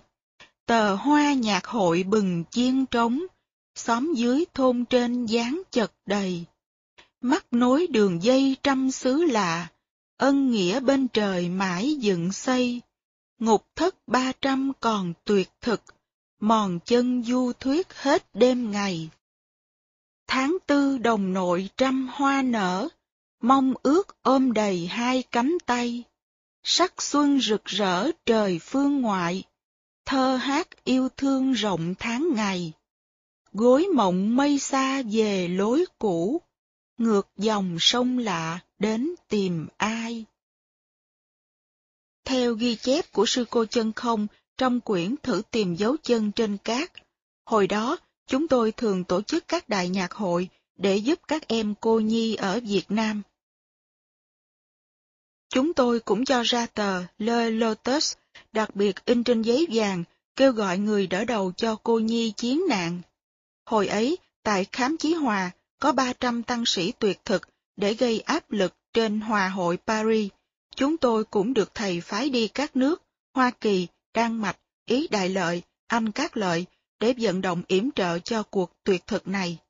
Tôi còn nhớ, tại Rome có 300 linh mục đi diễu hành, mỗi vị đeo trên ngực bản tên của một tăng sĩ Việt Nam tại Khám Chí Hòa. Tinh thần liên đới quả thật đẹp. Hedy Vaccaro và mấy người bạn Ý của phái đoàn đã rất vất vả trong lần tổ chức cuộc diễu hành này. Hết chú thích. Tẩy oan và giải oan Nàng từ ân oán rạch ròi, bể oan giường đã dơi dơi cạnh lòng. không những đã không sót, mà còn thấy khỏe trong người vì đã trả thù được. Ân oán rạch ròi là phải phân biệt ai là bạn, ai là thù. Đó là một đường lối chính trị. Người có tinh thần phe đảng nói, ta phải phân biệt, người nào nói và làm có lợi cho đường lối và chủ nghĩa của ta, thì ta nhận làm bạn. Những người mà tư tưởng, hành động hoặc văn chương không có lợi cho chủ nghĩa của ta, dù họ không nói động tới ta, ta cũng phải liệt họ vào hàng kẻ thù. Nghĩa là phải rõ ràng, rạch ròi, ai là bạn, ai là thù. Trong khi đó, nhận thức của người tu học đạo bụt là không có kẻ thù. Tất cả đều là những người mình phải thương, phải chuyển hóa, giúp đỡ. Thái độ đó, người có tinh thần phe đảng không chấp nhận được. Họ nói, những ai không phân biệt bạn thù, không có lập trường, là họ không bao giờ chơi với được. Lập trường của chúng ta là không có thù. Chỉ có bạn thôi, bạn thân hoặc bạn chưa thân, và phải làm cho tất cả mọi người đều thành bạn cả. Đó cũng là một thứ lập trường, không thể nói là không phải lập trường. Kẻ thù chúng ta không phải là con người. Kẻ thù của ta là tham, sân, si, mạng, nghi, kiến. Mà kỳ thực, tham, sân, si, mạng, nghi, kiến cũng không phải là kẻ thù ta, bởi vì đó là rác mà chúng ta cần để chuyển thành hoa. Cái nhìn của đạo Bụt là như vậy. Những người theo một chủ thuyết, một ý thức hệ không thể đồng ý được với chúng ta. Họ nói, ân oán phải rạch ròi, thù bạn phải phân minh. Thúy Kiều, cựu ni cô trạc tuyền, cũng đang suy nghĩ theo kiểu đó. Nàng từ ân oán rạch ròi, bể oan giường đã dơi dơi cạnh lòng. Những oan ức dường như nhẹ đi sau khi đã trả thù được. Mà chưa chắc đã nhẹ, bởi vì Kiều vừa giết hoặc hành hạ một số người. Giai đoạn này là một vết đen trong đời Kiều. Kiều đã không có được con mắt của người tu. Chúng ta gọi là mắt thương, từ nhãn. Không có con mắt đó, nên Kiều không thương được người đã làm cho mình đau khổ. Kiều vẫn áp dụng đường lối của Pháp trị. Trước khi từ biệt, sư chị đã không nói với em điều đó. Sư chị muốn thoát ra khỏi một cách mau chóng, nói bye bye càng sớm càng tốt. Đó là một cái lỗi của sư chị. Đáng lý, sư chị phải ngồi lại và nói, em đã giải quyết xong chuyện ân oán rồi, bây giờ em không còn là em trong giới xuất gia của chị nữa, nhưng chị có thể nói cho em như thế này. Sư chị đã không làm điều đó. Chúng ta phải học được bài học này. Đừng hấp tấp như sư chị giác duyên, muốn cho khỏe, muốn thoát ra cho mau, mà không làm tròn bổn phận của một người thương. Sư chị nói, còn nhiều ân ái với nhau. Nhưng ân ái đó là nghĩ tới chuyện tương lai thôi. Còn nếu thực tập ân ái, tức thương, thì phải ngồi lại, dạy cho em nó. Cái điều mà em vừa làm, chỉ thấy không xứng đáng với một người đã học đạo từ bi. Đây có thể là lần đầu tiên trong hai trăm mấy chục năm lịch sử truyện Kiều, chúng ta mổ xẻ chuyện này. Thương Kiều, vì Kiều khổ, nhưng chúng ta phải nhìn cho rõ để thấy những gốc rễ khổ đau của Kiều. Không phải chỉ thương, chỉ tội nghiệp thôi là đủ. Phải thấy được những lầm lỗi của Kiều để chúng ta và các sư em của chúng ta đừng tiếp tục làm thêm những lầm lỗi đó. Nàng từ ân oán rạch ròi, bể oan giường đã dơi dơi cạnh lòng. Tạ ân lạy trước từ công, chút thân bồ liễu nào mong có rày. Trộm nhờ sấm sét ra tay, tất riêng như cất gánh đầy đổ đi. Chạm xương chép dạ xiết chi, dễ đem gan ốc đền nghì trời mây. Kiều cảm ơn Từ Hải đã giúp mình làm được việc trả thù. Không trả thù mà hay hơn, chắc chắn là như vậy. Nhưng có cơ hội bắt những người gây chuyện ác tới, nói cho họ biết rằng họ ác độc và họ cần phải thay đổi. Bắt họ phải phục vụ cho những người đau khổ dưới quyền kiểm soát của mình cũng có thể là một hình thái học hỏi để giúp họ sáng mắt ra. Lấy công chuộc tội là việc các nhà chính trị ngày xưa đã làm. Thay vì giết, phạt, bỏ tù những người có tội, thì yêu cầu họ lo cho những cô nhi viện, đắp cầu, làm đường và làm một số việc cụ thể để chuộc lại lỗi lầm. Ngày xưa ở Việt Nam, chuyện này đã được thực hiện tương đối phổ biến. Các thầy có liên hệ tốt với triều đình thường xin lãnh các tù phạm ra để làm việc cho chùa, bảo đảm trong thời gian phục vụ tại chùa, họ sẽ không ăn trộm, giết người. Trong vòng 10, 12 năm, nếu họ chứng tỏ đã hoàn lương, thì nhà chùa xin cho họ được trở về đời sống bình thường, cho họ ruộng, giúp họ làm nhà và cưới vợ. Ngày xưa, các chùa Việt Nam đã làm như vậy, rất hay. Nàng Kiều, cựu sư cô Trạc Tuyền, đã không học được điều đó và đã trả thù. Những oan ức ngày xưa như một gánh nặng đè lên mình, làm mình đau khổ. Bây giờ trả thù được thì nhẹ đi. Đó là suy nghĩ của người đời, không phải của người tu. Người tu thì không làm nhẹ bằng cách đó. Làm cách đó không nhẹ được. Những gánh nặng trong tâm mình, nội kết, phải được chuyển hóa thì tâm mình mới thật sự nhẹ nhàng. Từ rằng quốc sĩ xưa nay, chọn người tri kỷ một ngày được chăng? Anh hùng tiếng đã gọi rằng, giữa đường dẫu thấy bất bằng mà tha. Huống chi việc cũng việc nhà, lọ là thâm tạ mới là tri ân. Sau khi được cảm ơn, Từ Hải nói ra những lời rất có tình có nghĩa, rất hay. Từ còn nói thêm rất dễ thương.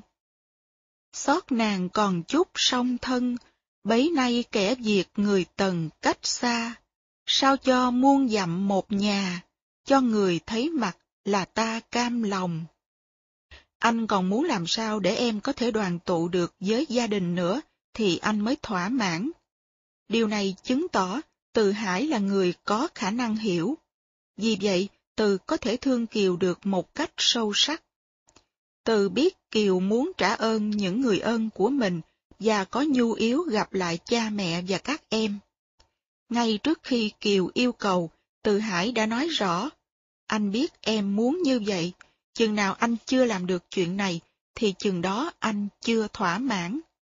Nói như vậy làm cho người thương của mình được an ủi rất nhiều. Thương là phải hiểu nhu yếu của người mình thương. Chú thích, quốc sĩ, người tài của đất nước, kẻ Việt người Tần, kẻ ở nước Việt phía đông nam, người ở nước Tần phía tây bắc, ý nói mỗi người một nơi, cách biệt xa xôi, hết chú thích. Dội truyền sửa tiệc quân trung, muôn binh nghìn tướng hội đồng tẩy oan. Tiệc tẩy oan có mục đích gột rửa tất cả những niềm oan ức được bày ra trong quân ngũ. Ai cũng tham dự vào việc ăn mừng đó. Đây là một chiến dịch tâm lý chiến rất hay. Nhân cơ hội tổ chức ăn tiệc phủ phê gọi là ăn mừng việc mình đã có thể thiết lập công bình xã hội và giải quyết những oan ức trong đời mình, khiến mọi người đều thấy rằng mình cũng đang được tẩy oan, chứ không chỉ có riêng Kiều. Một chiến dịch tâm lý trong khung cảnh quân sự. Anh chàng này giỏi lắm. Trong đạo bụt, chúng ta không dùng chữ tẩy oan, mà dùng chữ giải oan. Người đời, người ta tẩy oan bằng rượu. Trong chùa, chúng ta biết rượu đã không những tẩy oan không được, mà còn gây thêm những oan ức khác. Uống rượu rất nguy hại. Rượu gây oan ức cho lá gan của mình rất nhiều. Hơn nữa, muốn làm một lít rượu thì phải có cả một thùng lúa nếp. Lấy một thùng lúa nếp để làm một chai rượu thì tội nghiệp cho những người đói lắm. Người ta đói, không có gạo ăn, mà mình lại lấy gạo làm rượu. Tẩy oan như vậy thì lại càng gây oan thêm. Phương pháp của người tu là giải oan, chứ không phải tẩy oan. Giải là mở ra, không buộc lại. Tẩy oan theo kiểu người đời thì lại cột thêm. Ví dụ, giết những người đã làm mình khổ là tạo ra oán hờn trong giới con cháu những người đó. Họ sẽ tìm cách trả thù. Không giải được oan mà lại kết oán. Sau này, Từ Hải và Thúy Kiều sẽ chết vì cái đó. Phương pháp là giải, tức mở, chứ không phải là kết, buộc vào. Nhân cơ hội binh sĩ đang nức lòng như vậy, Từ Hải tổ chức những cuộc hành quân lớn, đánh đầu thắng đó và thiết lập một triều đình độc lập ở phương Nam. Thừa cơ trúc chẻ ngói tan, binh uy từ ấy sấm rang trong ngoài, triều đình riêng một góc trời, gồm hai văn võ rạch đôi sơn hà, đòi cơn gió quét mưa xa, huyện thành đạp đổ năm tòa cõi nam, phong trần mài một lưỡi gươm, những phường giá áo túi cơm xá gì, nghênh ngang một cõi biên thùy, kém gì cô quả, kém gì bá dương. Trước cờ ai dám tranh cường, năm năm hùng cứ một phương hải tần Chú thích, giá áo túi cơm do chữ y giá phạn nan, cái giá mắc áo, cái túi đựng cơm, chỉ người vô dụng, không có chí hướng. Ý cả hai câu, gặp buổi loạn lạc thì mài gươm mà kiến tạo sự nghiệp, còn những hạng người tầm thường chỉ biết có ăn có mặc thì kể làm gì. Cô quả, tiếng khiêm cung của các vua chúa nước nhỏ thời xưa, như người tu xưng là bần đạo, tôi tu đạo còn nghèo lắm. Cô, như con mồ côi, không ai dạy bảo, giúp sức cho. Quả, tức quả nhân, ý nói khiêm là người ít đức, nhờ quần thần giúp đỡ. Bá dương chỉ chung cái thế lực hùng mạnh của người đứng đầu các nước chư hầu. Hết chú thích. Đoạn văn rất mạnh, tuy là thơ lục bát, nhưng hơi văn đi như gió, nói lên được khí thế của quân lực từ hải. Liên tiếp thắng hết trận này đến trận khác, như trúc chẻ ngói tan. Quý vị đã từng chẻ tre chưa? Khi chẻ tre, người ta đặt cây tre nằm ngang, để mũi rựa giữa thân tre và dùng dùi cui đánh vào cán rựa. Rựa đi vào thân tre, làm thành những đường nứt rất mau. Cái nứt của mắt tre này đem tới cái nứt của mắt tre khác rất tự nhiên. Dễ như chẻ tre. Ngói tan cũng vậy, khi những viên gạch ở lớp dưới của mái ngói rớt ra, rơi xuống, thì những lớp ngói phía trên tiếp tục rơi, rơi cho đến hết mái ngói thì thôi. Chiến thắng này dễ dẫn đến những chiến thắng khác. Thua một trận rồi thì có thể thua những trận kế tiếp rất mau. Trong mấy ngày thôi, quân binh của Từ Hải đã chiếm được năm quận huyện thuộc vùng biển Hải Tần của nước Minh. Cố nhiên, vùng này có rất nhiều dân đánh cá. Nghe nói Từ Hải cũng xuất thân từ giới anh chị của làng đánh cá. Từ thiết lập một quốc gia độc lập trong suốt năm năm, quan quân của nhà Minh không làm gì nổi. Thúy Kiều, như vậy, được Từ Hải che chở, sống với chức vị hoàng hậu trong năm năm. Khổ thì khổ, nhưng cũng có những giai đoạn được che chở và có quyền hành. Tuy vậy, Từ Hải không gọi Kiều là hoàng hậu, mà luôn gọi là phu nhân. Kiều thì gọi Từ Hải là đại vương. Họ không hành quân thêm, chỉ giữ vững vùng đất này trong suốt năm năm. Trong năm năm đó, cô nàng có hạnh phúc không?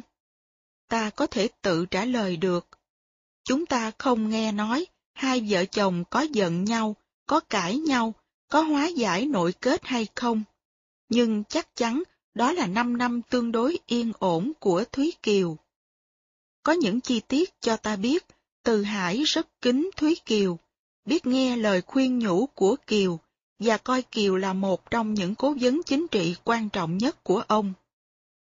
Trong những cuộc luận đàm về phương diện quân sự và chính trị với các tướng, dù là đàn bà, Kiều vẫn được tham dự. Tiếng nói của Kiều luôn luôn là một tiếng nói rất quan trọng.